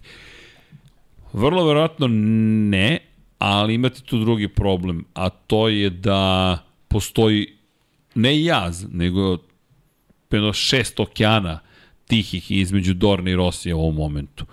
I to niko ne govori, ali Valentino Rossi i Dorna su na potpuno drugim nekim planetama. Mislim da on uopšte nije zainteresovan za, Tako za, za tu vrstu svog angažmana. Jer to, to zahteva stvarno od, izdvajanje ozbiljne količine vremena, on je čovjek koji ima neka svoja interesovanja koje su potpuno nevezane za, za te neke organizacione priče, ja mislim. Ne, ne vidi, jednostavno ne vidim, da. ga, ne vidim ga u toj ulozi uopšte. Da je, da. je maksimalno posvećen tome. Da, evo Toni Soni kaže, dosta si hvalio 93-ku, njegova priča je završena, to što Honda nije imao dobro, to je boljeg od 93, ne znači da je, da je još najbolji. Vidjet ćemo. Teške reči za 93. Teške, tako je. Ja, ja se ne slažem. Ja verujem da on i ima u sebi da neki kaže. drugi materijal. Da, da, da. Ja, ja sam siguran da on, da, da, da ćete prisustvovati ukoliko se naravno ne povredi, ali to da, podrazumevam, ajmo da pričamo o nekom normalnom pogledu u kojem se ne povređuju vozači, ne želim to da, raz, ne želim da pomislim na tako nešto, ali ja sam siguran da ćete, da ćete zapravo Dorna Nije trebalo za sledeću godinu da uvede sprint trke, vrlo jednostavno zašto. Volao bih u klasičnoj sezoni da vidim povratak Marka Markeza, jer mislim da ćemo prisustovati nečem istorijskom. Ovo što Deki kaže, to, to je moj utisak. Jer gledajući ga kako se ponaša od jednog čoveka koji deluje, neću reći rezignirano, nego kao da se pomirio sa svojom sudbinom u Kataru i nekoga ko na Red Bull ringu je vrlo nasmejan i, i, i i raspoložen, mislim da, da ćete gledati nešto nevratno. Vidjet ćemo. E, koliko vidim, Stoner, koliko vidimo, statistici nije vezao više od tri pobede u Moto Grand Prix. Da, ne mogu da se, mislim da 2007. Moguće da grešim, ali moguće da su tri pobede bile najviše što je ikada vezao. Sad ćemo vam reći, ali ukoliko gledamo, gledamo 2007. godinu. Mislim da je u jednom periodu vezao više, ali sad pričam na pamet. Da vidimo, da, upravo ste, te godine je najviše vezao tri pobjede za red, upravo ste. Imao je ukupno zapravo veliki broj pobjeda, ukupno 10 pobjeda te sezone, ali nije vezao više od tri. Hvala, tako da eto, Peko Banja je bio otišao dalje, čak i od Casey Stonera, što dosta zvuči tako, neverovatno, ali, ali činjenica da je, da je takva situacija. Hvala za tu informaciju. Da, imao je taj čuveni niz od tri pobjede pre nego što je otišao u Ameriku, pa Laguna Seka se desila. Ali da, najviše što je imao tri pobjede za redom. Eto odgovora, apropo, moja greška. Dakle, hvala na korekciji. Dakle, ako pričamo o tome i zašto onda je ono što je Rossi uradio i ono što je Marquez uradio sa 10 pobjeda na početku sezone toliko neverovatno. 10 pobjeda. Otvoriš sezonu sa 10 pobjeda. To stvarno je, je nezapamćeno, pogotovo u savremenoj eri Moto Grand Prix. Hvala. E, publika se vraća na motor. E, dobro, povratak u smislu pobedom. Ljudi, zamislite zdravog Markeza, Fabio Banjaju, Eneu, Martina i sve njih da najabram ceo grid, realno ko ne bi volio u tome? Naravno. Da Crki, da li si vidio izjevo Binota? Ne znam. Ne znam ko je, bilo ih je mnogo i sve su problematične manje više. Ali, ali, ali da, eto, samo spomenite ko je. Da li će opet padati kiša, vreme spa, pa za sada što se tiče spa nemamo informaciju neku pouzdaniju, ko može da kaže uopšte za spa u petak, subotu i nedelju. Poslednja vest je da će biti kišice u petak, ali vikend generalno će proći bez padavina. To, je, to, to su informacije kojima za sada raspolažemo, pa eto, vidjet ćemo da li će se nešto promeniti. Uh, broj jedan publike je uvek bio i bit će veče kada se neko novi istakne, ako se vrati i tako da. Pa da, Predak Simić kaže da je napravo naj, publika najviše dolazi za Rosija, kada se neko novi istakne, na kom je putu Fabio Quartararo, ako se vrati MM93, pa dobijemo rivalstvo nalik onom u FM, vratit će se publika interesovanja. Pa mislim da je to dosta dobra analiza. Ljudi, E, prisustujemo smeni generacije. To se uvek desi kada se desi smena generacija. Neka generacija ljudi koja je gledala Valentina Rosija i sada manje zainteresovana, neka nova generacija odrasla uz Marka Markeza. Inače, po, pozdrav, e da, neverovatna scena, to moram zaista da istaknem. Ekipa koja je u majicama i kačketu Lab 76 stala na tribinama, poslala nam fotografiju, bilo jače od mene, potpuno nestvarena scena da nešto što je nama bila samo ideja, neki san, ili neki san, jedan vrlo ozbiljan san, povlačim to neki san, san, odjednom deli sa vama grupa ljudi tu strast i pojavljuje se u Lab 76 majicama i wow, baš je bilo divno. Mene, mene baš, baš ganulo. I stojim na tribinama i još nekoliko ljudi majicama Lab 76 rekao, to ljudi, to je ta ekipa, da družite se, to je, to je naj, naj, najvažnija stvar u, u svemu, a pritom, apropo toga popularnosti, svo četvoro, pitam, pritom sve za mene ekstremno mladi ljudi, ako imaju 19-20 godina, i ja nešto spomenjem i, i spomenem Markeza i svi poskočiše, rekao, za koga navijate? S, svi za Marka Markeza, svo četvoro. Rekao, ok, to je ta smena generacije, tako da znate, to je, to je prosto, to je normalna stvar, ja ne vidim nikakav problem, dešavaju se stvari, pa eto, vidjet ćemo. Uh, da, Dorn, evo Zorić Matija, Dorna ima show, nego ne zna kako da iskoristi. Ne reklamiraju kako treba, F1 po tom pitanju institucije. Pa to je ono što smo Dekija pričali, ni, ni, mi ne zastupamo od stanovišta da treba praviš cirkus, nego samo treba da istakneš ono što već imaš. Srki Boomer, taj sam. pa čujte, ako idem u neku grupu, pretpostavljam da će me tamo staviti, ali ja nisam za ta grupisanja. Ko zna šta sve mi razmišljamo, svako od nas je pojedinac. Ali dobro. Dekio ćemo lagano da se pozdravljamo i odjavljujemo. Ljudi, nadam se da ste uživali, nadam se da smo uradili dovoljno dobar posao, tri i po sata skoro. Koleginica iz prodaje je vrlo srećna što je baš zapao ovaj, ove, ove nedelje vanja na odboru kada imamo da pričamo i pričamo i pričamo. Ej da, Deki, moram nešto ti kažem. Da li znaš da su nam Luka i Kuzma zajedno sa Slobodanom Šarencem oborili rekord studija? U visini, o čemu? Ne, ne, ne, u trajanju podcasta. 12 minuta su duže trajali od našeg najdužeg podcasta. I to je To je Šarenac. zbog Šarenca. Da. Tako je, Šarenac je insistirao da obore rekord. Znao sam. A, er, Ništa moram ga zovem sutra. te, vidi, Nisam znao. Da, da, da. E, insistirao je, pitao je koji je rekord i, ne znam, 5.24, na primjer, i oni su za 12 minuta oborili. Tako da, ne samo što moramo Guinnessovu knjigu rekorda, nego interni rekord sada moramo da povratimo. Uopšte nije u redu. Znači Slobodan Šarenac. Dobro, Slobodan da Šarenac. znam. Ovde da stavimo sliku Slobodana? Šarenca. Jeste, jeste. Na zidčam. Jeste, potpisao se. Poslao sam mu kratku poruku, ali on je više bio oduševljen svojim domaćinima, tako. Tako, inače Ognjen kaže, ja sam insistirao. Ognjene i Šaren je insistirao, nije Šarenac, kaže, eto. Šta je sa podcastom plus sklapanjem McLarena? Eto, ideje. Ali znate ka, možemo jedan Lego podcast. Krenemo sa McLarenom, pa se prebacimo na Apollo. Ne, ajmo da sklopimo Apollo. Znaš ko, ko voli Apollo 11 program? Gledam ga, ali da li ti Ivane znaš ko još voli Apollo 11 program? Galeb. Galeb. Galeb ima u svom studiju isto komandni modul. Tako da, tehnički to je jedan podcast iako iz dva dela. Pa da, bilo je malo tehničkih problema. Ali, Miloš Petrović kaže laku noć. I Šarenog u 99 yardi voli San Francisco i Atlantu. Kako može da voli dve ekipe? Neozbiljan čovjek. ne, a McLaren, Duka, ne, Ducati kad smo sklapali, pa nije trajao preko pet... Uuu, mada, koliko je trajao? Četiri nešto. Nije, nije, nismo toliko trajali. Ali dobro, ljudi, vreme je da se polako i sigurno odjavljamo i pozdravljamo. I u tom duhu ćemo naravno pustiti muziku. O, koleginica je brža od mene najavljuje ono što se sprema kada, uvek kada završamo podcast, a to je naravno zahvalnost svima koji ste sa nama i kada je reč o Patreonu, o YouTube-u. Ovako, mala molba, posetite naš shop, vidite šta se sve tamo nudi, monografija Valentina Rosija, Kimijeva jedina autorizovana knjiga, dva remek dela, crveno i crno Šumahir, Dejana Potkonjaka i Ayrton Sena, put ka savršenstvu, možete ih vidjeti ovde, pa majice, krčketi, još neke stvari se tu pripremaju. Svakom slučaju već imate dosta toga što možete da kupite. Pozdravio bih i našeg sponzora je ponudu naravno u celoj priči. Inače, pozivam vas i da se pridružite nama 17. septembra na Trgu Republike u 13 časova kada stigne RB7 Red Bull Racinga, bolid Formula 1 iz 2011. i vozi od Studentskog trga do Moskve. Biće glasno, biće zabavno, biće, ja se nadam, spektakularno. Ko želi da ima i posebno mesto na tribinama, ulaznice su na tickets.rs, ubacit ćemo i u link, to jest u link, ubacit ćemo u opis link, ne možemo link u opis, nego, molim? Stoji već. O, stoji već, tako da znate.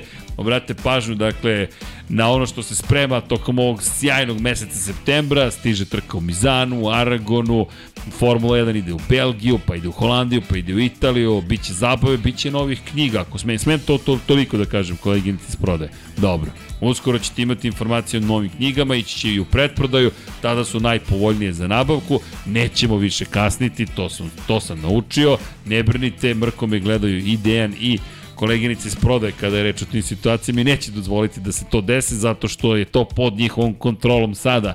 Tako da ja ću dobiti informaciju kada će izaći knjiga, kada mi oni budu rekli, tako da bez brige, sada će biti pouzdano i kada bude nešto za novu godinu, bit će za novu godinu.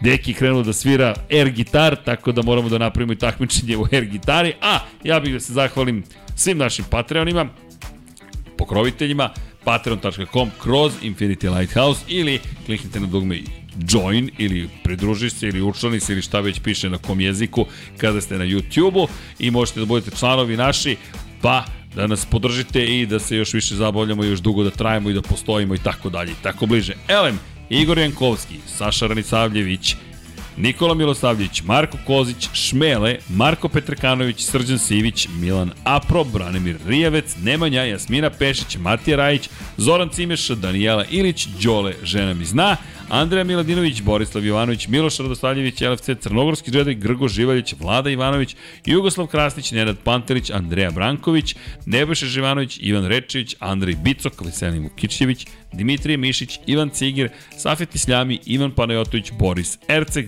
Džigi Bau, Branislav Kovačić, Depressed Cody Gardon Fan, Aleksandar Jurić, Vladimir Filipović, Vladimir Petković, Đorđe Đukić, Pavle Nj, Miloš Todorov, Emir Mešić, Andrija Todorović, Erton Prelić, Alen Bojan Markov, Bahtjer Abdurmanov, Darko Trajković, Predrag Pižurica, Dejan Đokić, Ferenc Laslov i Branko Bisački, Zarko, Žarko Milić, Aleksandar M, Igor Gašparević, Vukašin Jekić, Branislav Marković, Igor Vučković, Aca Vizla, Dejan Vujović, Nemanja Zagorac, Aleksandar Antonović, Novak Tomić, Boris Kujundžić, Tijena Vidanović, Aleksa Jelić, da žena ne sazna, Dušan Petrović, Lazar Pejević, Stefan Nedeljković, Nemanja Jeremić, Zoran Majdov, Mihovil Stamičar, Nikola Stojanović, Jasenko Samarđić, Bojan Majstorović, Antonio Novak, Stefan Milošević, Miroslav Cvetić, Đole Bronkos, Ognjen Marinković, Vukašin Vučenović, Nemanja Miloradović, Marina Mihajlović, Dušan Ristić, Miloš Vuletić, Luka Manitašević, Zorana Vidić, Marko Hork, Boris Golubar, Mirina Živković, Josip Kovačić, Andrej Božo, Boris Gvozden, Nenad Simić, Petar Relić, Bojan Mijatović, Milan Nešković,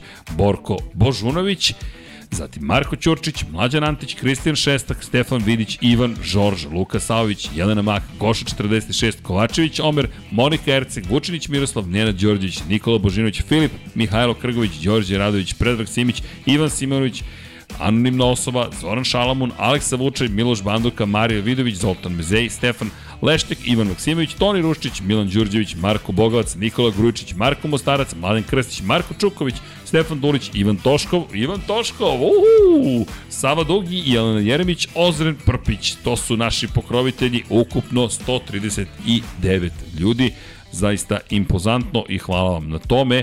Kada govorimo o članovima na YouTube-u, evo da pročitamo i vaša imena svih vas, ukupno 60, Acke, Marko Bogavac, Voča Pero, Marko Stojilković, Dejan Ilijev, Mortal Kombat, Nikor 24, Vladan Đurić, korespondent, korespondent Kosta Berić, Marakos, Igor Ilić, Zlatko Marić, Milan Knežević, Aleks Vulović, Vuk, Nemanja Cimbaljić, Bojan Pejković, Koja 7, Almir Vuk, Resničanin, Petar Bjelić, Kro Robi 0-0, Pavle Lukić, Nikola Božović, Milorad Reljić, Andreja David, Nenad Lukić, Saša Stevanović, Toni Soni 76, Nikola Niksi, Branko Rašević, Nemanja Bračko, Nikola Grđan, Miloš Stanimirović, Vukašin Felbo, Bakadu, Bojan Gitarić, Ivan Magdalenić, Ivan Vojsinović, Tatjana Lemajić, Veselin Vukićić, Branislav Dević, Vukašin Vučenović, Almedin Ahmetović, Nemanja Labić, Miloš Zed, LFC, Nikola Kojić, Nemanja Miloradić, Zvonimir Papić, Marina Vlada Ivanović, Oliver Nikolić, Andrija Todorović, Jelena Jeremić, Aleksandar Nikolić, Luka Skok, Nemanja Bojan Markov i Danilo Petrović i mi vam kažemo hvala, želimo vam laku noć, zaista bez vas ne postojimo ni mi, tako da još jednom, jedno ogromno, ogromno hvala svima koji nas podržavate. Udrite like, subscribe, budite vredni, dobri, mazite se pazite se, vozite računa jedni u drugima, napišite neki komentar, dajte predlog, svratite kod nas, ne znam, Svetogorska 46, tu vam je takođe prodavnica, ukoliko želite da vidite kako to sve izgleda i šta se sve to tu prodaje, koleginici iz prodaje će vas rado dočekati sa aparatom koji kaže primamo i kartice. Ali šalu na stranu, najvažnije je da primamo dobre emocije i pozitivne ljudi, svratite kod nas, a što se tiče novca, rado ćemo ga potrošiti i jer tome novac i služi. U svakom slučaju, dok se Deki ovde frapira mojim komentarima, izjavama, ali makar sam, trudim se da budem iskren, i polako sigurno crveni, da vam poželimo jednu lepu, veselu i laku noć. Šaljamo vam mnogo ljubavi iz studija na kraju univerzuma, ekipa Infinity Lighthouse-a uz potpis Roberta Kubice koji ste nam doneli vi iz Mađarske, eto skupljamo potpise, pa jednom da nas vrati Robert ovde da popričamo sa njima o njegovoj karijeri, to će biti dobro, želim vam laku noć i naravno Ćao svima.